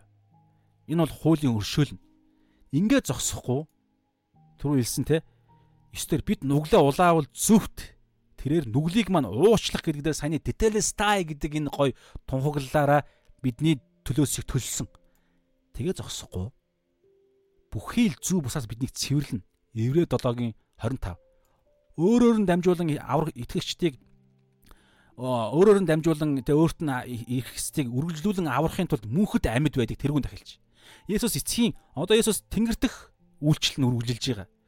Өөрт нь итгэсэн нэгдүгээр зөвтгөгдсөн аврагдсан хүмүүсүүд Тэгвэл энэ дэлхий дээр байгаа учраас гим нүгэл үлдэн. Тэгээ гингүүт нь бид яг гэрэлтэй хамт нөхрөлдөг учраас бид гимшин. Тэнгүүт нь тухайн гим нүглийн төлөөсөө ч гэсэн Есүс эргээд юр бусын байдлаар бидний үл ойлгох байдлаар загалмаар шилжээд тэтэлэс тай гэд загалмай дээр шүүх хулан дагоо тэр өнөөдрийн миний үлдсэн гим нүглийг хүчингү болголоо. Гэхдээ тэр гим нүглийг үлдэх хүсэл нь тэр үйлдэл нь хിവэрэ байна. Тэрийг яах вэ гэхээр эцгийн баруун гар талаас Есүс үргэлжлүүлэн бид нарыг ариусгаж байгаа. Тэр яг аврах гэдэг үгээр дотроо байгаа бидний дотор байгаа ариун сүнс ариун сүнсний гол үг зориг болох үгээ үг ба ариун сүнсээ дамжуулаад Есүсийн цус буюу түүний ариун сүнс бидний дотроос зүрхийг маань цэвэрлж байгаа. Ингээд ирэхээр нөгөө аа маш бодиттой гүйцэллээ гэдэг нь ойлголт чинь өнгөрсөн одоо ирээд өгöd маш гоё энэ аврагдсан хүний амьдрал ингээд гоё цэцгэлдэг. Товчондоо бол За ийм ийм санаа байгаа. Тэгээд Йохан 13-ын 16 дээр бол байгаа шүү дээ. Бурхан ертөнцийг үнэхээр хайрласан цоныг гац үг өгсөн. Ингэснээр хүүдэн итгэж чинь мөхгүй арай мөн хамтаа болно. Тэгээд бурхан ертөнцийг үнэхээр гэдэг энэ үг нь өөрөө сөв гэдэг англи үг байгаа. Гэтэ грек хэл дээрээ бас нэг үг байгаа. Тэр үгийг харсан чинь үнэхээр их гэдэг санаа байгаагүй. Ямар санаа байсан бэ гэхээр ийм арга замаар ийм хүү яг энэ ийм адилаар гэдэг юм үг байгаа. Джон Пайпраас би энийг сурсан. Тэгээд тэгсэн чинь одоо ингэж ийм болно гэсэн үг байхгүй. Бурхан ертөнцийг ийм арга замаар харилсан учраас цорын ганц өхөөгөө өгсөн хүүднэт итгэж хинч мөхөхгүй. Тэнгүүт энэ ишл дангаараа байхаар хүмүүс нэг юм дээр гайхна. Бурхан ертөнцийг ийм арга замаар харилсан учраас цорын ганц өхөөгөө өгсөн гэхээр хэрвээ бурхан ертөнцийг үнэхээр гिचгээр ойлгомжтой. Бурхан ертөнцийг маш их хайрлсан юм байна. Гэтэл бурхан ертөнцийг ийм арга замаар гिचгээр ямар арга замаар гэдэг асуулт гарч ирнэ. Тэгэнгүүт л өмнөх хоёр ишлэл дээр нь байгаа. Йохан 3-ын 14 15 дээр нь юу гэж байгаа вэ гэхлээр ингэж байгаа. Мойсе цөлд тэр могойг өргөсөн шиг хүний хүүч бас өргөгдөх учир тайна. Түүнд итгэдэг бүхэн мөнх амьтаа байхын тулд билээ. Мөнх амьтаа байхын тулд билээ. Тэгээ 16. Бурхан ертөнцийг ийм арга замаар үнэхээр биш. Ийм арга замаар. Ямар арга замаар гэхээр Мосе цөлд тэр могойг өргөсөн шиг хүний хүүч бас өргөгдөх учиртай. Та Мосе цөлд яаж өргөсөн талаар уншия гэвэл тооллого 21-ийн 9 дээр байгаа загалмай модонд өлгөгдөх загалмай өхлийг ярьж байгаа. Тэгэхээр загалмай энэ арга замаар л бурхан ертөнцийг үнэхээр хайрлсан. Бурхан ертөнцийг загалмай энэ арга замаар л хайрласандаа цорын ганц хөгөө өгсөн хүүдний итгэж шинж мөхгүй ариун хамтай болно. Ийм санаа шүү. Маш чухал ойлголт. Тэм учраас загалмай хайр гэдэг нь загалмай сайн мэдээ гэдэг нь бишээ бурханыг тэр агапе хайр гэдэг нь бурхан ертөнцийг яаж хайрлсан бэ гэхээр зүгээр л арын хаалгадаал авилгадаал те өө ямар ч юм одоо тэг католикууд шиг эсвэл буддаас буддистууд шиг те эсвэл заримдаа энэ joy остын жоохон сонь сонь юм ярьдаг. Тэнтэй адилхан те сайн мэдэн итгээгүй мөртлөө сайн хүн байлаа гэд бурхан тэр хүн нэгүүлсэн гэдэг ойлголт байхгүй байхгүй боломжгүй. Шудраг байдал хайчих юм. Тийм учраас сайн мэдээнд итгэх итгэх ийм л төгс арга замыг төгс хайрл байгаа өөр юм байхгүй Маш чухал ойлголт. Тэгээ эн чинь өөрөө биднийг авардаг, үргэлжлүүлэн Есүстэй адилхан болоход яг энэ сайн мэдээний дотроо байнга явдаг хүн л өдрөөс өдөрт их шилөөнд гардаг, ялдаг, бас зөвхт байдлаар амьдардаг. Матай 6:33 Эхлээд Бурхны хаанчлалт түүний зөвхт байдлыг, түүний зөвхт байдал буюу Есүсийн зөвхт байдал. Өөрөөр хэлбэл загалмайн сайн мэдээгээрээ үргэлжлүүлэн явахыг ярьж байгаа. Эхлээд Бурхны хаанчлал загалмайн сайн мэдээний загалмайн сайн мэдээг үргэлжлүүлэн бусдад дамжуулах загалмай сайн мэдээг мэдээгээр дамжуулан би болсон үр шимийг нь өөр хүртэж тэр зорилгоор нь амьдрах Бурхны хаанчлал түүний зөвхт байдал загалмай сайн мэдэн дээр л бидэнд шилжсэн зөвхт байдал. За ийм ярьж байна. За тэгээд төгсгөлт нь ганц хоёр үг дээр нь төвлөр тэгээ өндөрлөө. Тэгэхээр учир нь нүглийн хөлс бол үхэл харин бурхны бэлэг бол бидний эзэн Есүс Христ төрх мөнх амин.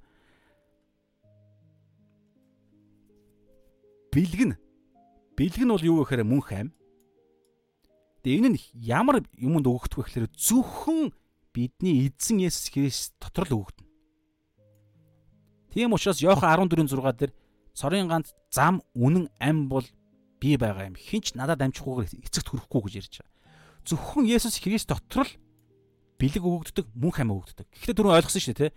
Есүс Христ тэгэхээр юу ярьж байгаа вэ гэхээр загалмай тэр үхлийг л ярьж байгаа. Тэгээ загалмай үхэл дээр бүх юм болсон учраас тетелестая буюу гүйцэлдлээ гэж хэлсэн гэсэн. Харин загалмай сайн мэдээг амьллын сайн мэдээ гэж яагаад хэлдэг вэ гэхээр Есүс 3 хоногийн дараа үхлээс амьлах үе тэр амьлал нь биднийг зөвтгөж байгаа юм биш шүү. Нарийн маш сайн ойлгоорой. Есүсийн 33 жилийн тэрхүү эсвэл 3 жилийн үйлс 33 жилийн амьдрал нь биднийг зөвтгөж байгаа бас биш. Үхэл нь биднийг зөвтгөж байгаа. Харин зөвтгөнө гэдэг нь бидний гим нүглийг өөр дээр аваад өөрийнхөө 33 жилийн зөвхт байлаа биднэрт бэлгэлж байгаа. Яагаад амьдлын сайн мэдээ гэж хэлдэг вэ гэхээр Есүс хэрүү амьлаагүй байсан бол саяны ярьсан ойлголт нь худлаа болно гэсэн үг. Есүсийн үхэл нь өөрийнхөө нэг гим нүглийн төлөө үхсэн болж таарна гэсэн. Бидний өмнөөс биш. Тэгээд Есүс үхлийг ялсан биш, ялагдсан. Тэгээд бүх хүн төлөвтөнтэй адилхан мөнхөд Есүс өөрийнхөө гэмнүглийн төлөө үгсэн болж тана гэсэн. Гэтэл амилцсан. Тийм учраас загалмай тэр деталээс та гэсэн тэрхүү загалмай биднийг зөвтгсөн аварсан нь үнэн болж батлагдсан. Тэгээд өөрөөр хэлбэл тэр данхан дотор байгаа бүх зүйлсийг тагалж байгаа таг гэж бас зарим хүмүүс яриад байгаа байхгүй теологийн ойлголт. Тэр таг нь өөрөө эсвэл гарчиг нь тэр тэр нэг мэдээний агуулга гарчиг нь амьлал таг нь амьлал. Харин жинхэнэ агуулга нь сайн юу загалмаа үхэл байгаа байхгүй. Бидний өмнөөс үхээд өөрийнхөө 33 жилийн сайн зөвхт байдлыг биднэрт бэлгэлсэн. За ийм ойлголт байгаа. Тэгээд энэ тэг Есүс Христийн дотор. Тэгэхээр энэ эзэн гэдэг үг нь маш чухал үг. Баталогийн 13-аас 14 дээр бол нэг хавчих хаалга нарийн зам гэдэг ойлголт яг саний адилхан. Хавчих хаалга нь Есүс Хуйлаа хавчих хаалга нарийн зам хуйлаа Есүсийн тэрхүү сайн загалмаа сайн мэдээлэл ярьж байгаа. Энэ эзэн гэдэг нь маш чухал. Юу гэхээр эзэн гэдэг нь ерөөсөө бидний амьдрал гэсэн үг. Амьдрал. Есүсийг эзэн гэж амаараа хүлээн зөвшөөрдөг мөртлөө Матадлогийн 21-23 дээр байдагчлан бузар муу юм үлддэг хүн бол Есүсийг эзнээ болгоогүй байна гэсэн үг. Есүсийг эзнээ болгоогүй байгаа бол тэр хүн аврагдааг байна гэсэн үг. Тийм учраас эзнээ болгоно гэдэг маш чухал. Тийм учраас өдөр болгоны амьдрал бүх юмн дээр эзнээ болгосон хүн өөр байдаг. Сүүлийн үг мөнх ам мөнх гэдэг үг. Мөнх ам мөнхийн гэдэг ойлголт ярихаар бурхан аавтай, бурхан Есүс хүүтэй мөнхөд амьдрна гэсэн үг.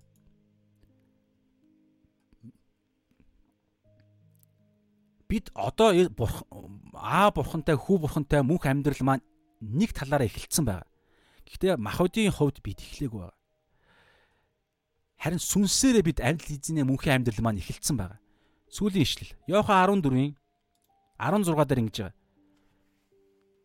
Сүүлийн хоёр ишлэгээ өндөрлөө. Би эцгээс гуйхад тэр та нарт өөр буюу надтай яг адилхан туслагчийг надтай яг адилхан бас нэг гэсэн санаа шүү. Надтай яг адилхан бас нэгэн туслагчийг өгнө. Тэр та нартай үрд хамт байх болно. Үхлийн дараа хамт байж эхлэн биш Чааш та унших юм бол маш дэлгэрэнгүй байгаа. Тэр цагт тэр өдөр тэр үед та нар тэгхийг мэдэх болно болно гэж байгаа. Пентекостийн өдөр түүхэн байдлаараа харин бидний хувьд юу вэ гэхээр итгэх тэр мөчөд ариун сүнс гимшиж итгэж итгэх тэр мөчөд Есүсийг эзнэ гэж гимшил итгэл тунгаглал гэсэн санаа шүү. Confess энэ тунгаглах энэ Ром 10 10 дээр байдаг санаа. Есүсийг эзэн гэж амаараа хүлээн зөвшөөрөх гэдэг үг нөгөө үг чинь. Хомология гэдэг үг. Улаах, тунгаглах. Тэгэхээр гимшиж Тэгээд Есүст итгээд тэгээд эзэн гэж тунгаглах энэ гурван санаа хамт байгаа цагт юу гэхээр бидний дотор ариун сүнс орж ирээд тэгээ бид шинэ бүтээл болдог. Бүтээл болдог. Тэгээд тэндээс ихэд ариун сүнс дахиж хизээч гарахгүй. Хизээч гарахгүй. Шинэ бүтээл нь тэгээд үргэлж ахиж явдаг. Үргэлж ариусж явдаг. Үргэлж алдаагаа харж үргэлж Есүстэй адилхан болохыг хүсдэг. Үргэлж хаанчлын зорилгон руу явахыг хүсдэг. Ийм би. Тийм учраас бид сүнсээрээ аль тэгээд 23 дээр нэгж байгаа. Йох 14:23. Есүс хэн нэг нь намайг хайрлавал энэ хайрлах гэдэг санаа ерөөсөө зүгээр өө би хайртай шүү гэдэг юм яриаггүй шүү. Та нар намайг хайрладаг бол тушаалуудыг минь сах. Дандаа давтан давтан хэлж байгаа 21 дээр. Миний тушаалуудыг хүлээн авч сахигч намайг хайрлагч юм. Тэгэхээр та нар хэн нэг нь намайг хайрлал буюу тушаалуудыг нь ойлгож тэрүүгээр нь оюун библийн үгээр оюун санаагаа шинчилдэг аа тэрүүгээр нь амьдрдаг хүний ярьж байгаа. Мэдээж төгс юм яриаггүй. Гэхдээ тэгж амьдрдаг амьдралын химнэл замналыг тэр хвшлийг ярьж байгаа. Тэгэхээр хин нэг нь намайг хайрлах буюу түүний үгээр нь явдаг бол үгийг минь доор энэ дээрээ байж тээ. Хин нэг намайг хайрладаг бол хайрлал бол үгийг минь тэр захих бөгөөд эцэг минь ч түүнийг хайрлна. Сонсож байгаараа бид олон тоон дээр бид бид түүн рүү очиж түүнтэй хамт түүнтэй амьдрна. Хизээ Есүст итгэх үед үгээр нь амьдрья. Энэ үг бол миний эзэн.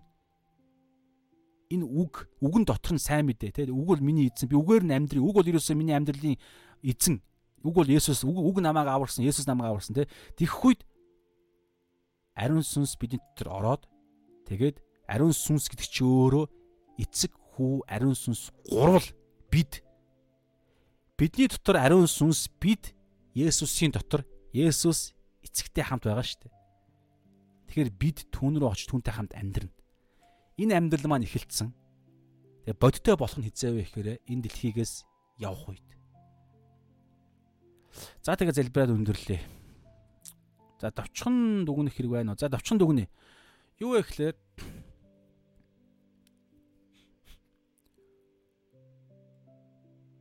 нүгэл нэг зүйлээр орж ирсэн. Тэр нь махуудын хүсэл тачаал. Итгэгч хүмүүсүүдэд махуудын хүсэл махуудын хүсэл тачаал нь одоо байгаа. Тийм учраас оюун санаагаа шинчилж махуудын хүслээ сүнсний хүслээр амьдрдаг болох үед бид махуудын хүсэл тачаалд үгүй гэж хэлээд загалмаа дээр үргэлжлүүлэн улаах байдлаар Иесусийн цусаар сэлбэх байдлаар загалмаа дээр өөртөө хадах байдлаар бид махуудын хүсэл тачаалыг устгасаар байдаг Иесусийн цусаар ариун сүнсний хүчээр галан баптизм байна. Тэгэхээр итгэж болохоос өмнө бол хүсэл тачаал тач шунал тачаал тэрүүгээр нүгэл орж ирээд тэр нүгэл нь бодтой биелэлээ болохоор үхлийг бий болгодог. Харин Есүс итгэсний дараа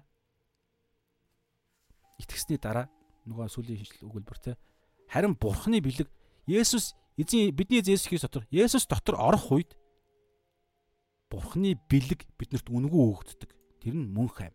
Эхэлсэн байгаа эхэлч гисэн одоо амьдарч ийн бид нар гэтээ нэг сүнслэг байдлаараа бас сэтгэлийн төлөвлөөр махбод дээр бол амьдарч эхлэх байгаа.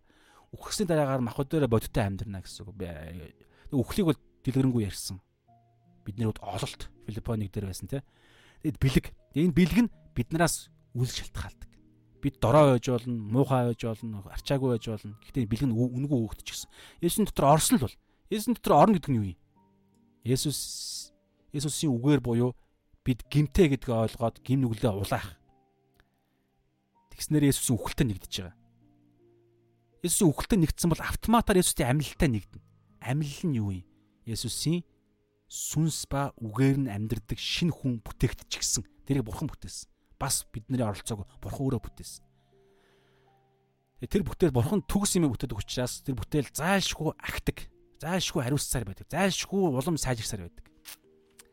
За залбираа өндөрлөе. За энэ цагийн төлөө талархъя. Тэг өнөөдөр маш чухал зүйлийг ярьлаа. Тэгээд мэдээж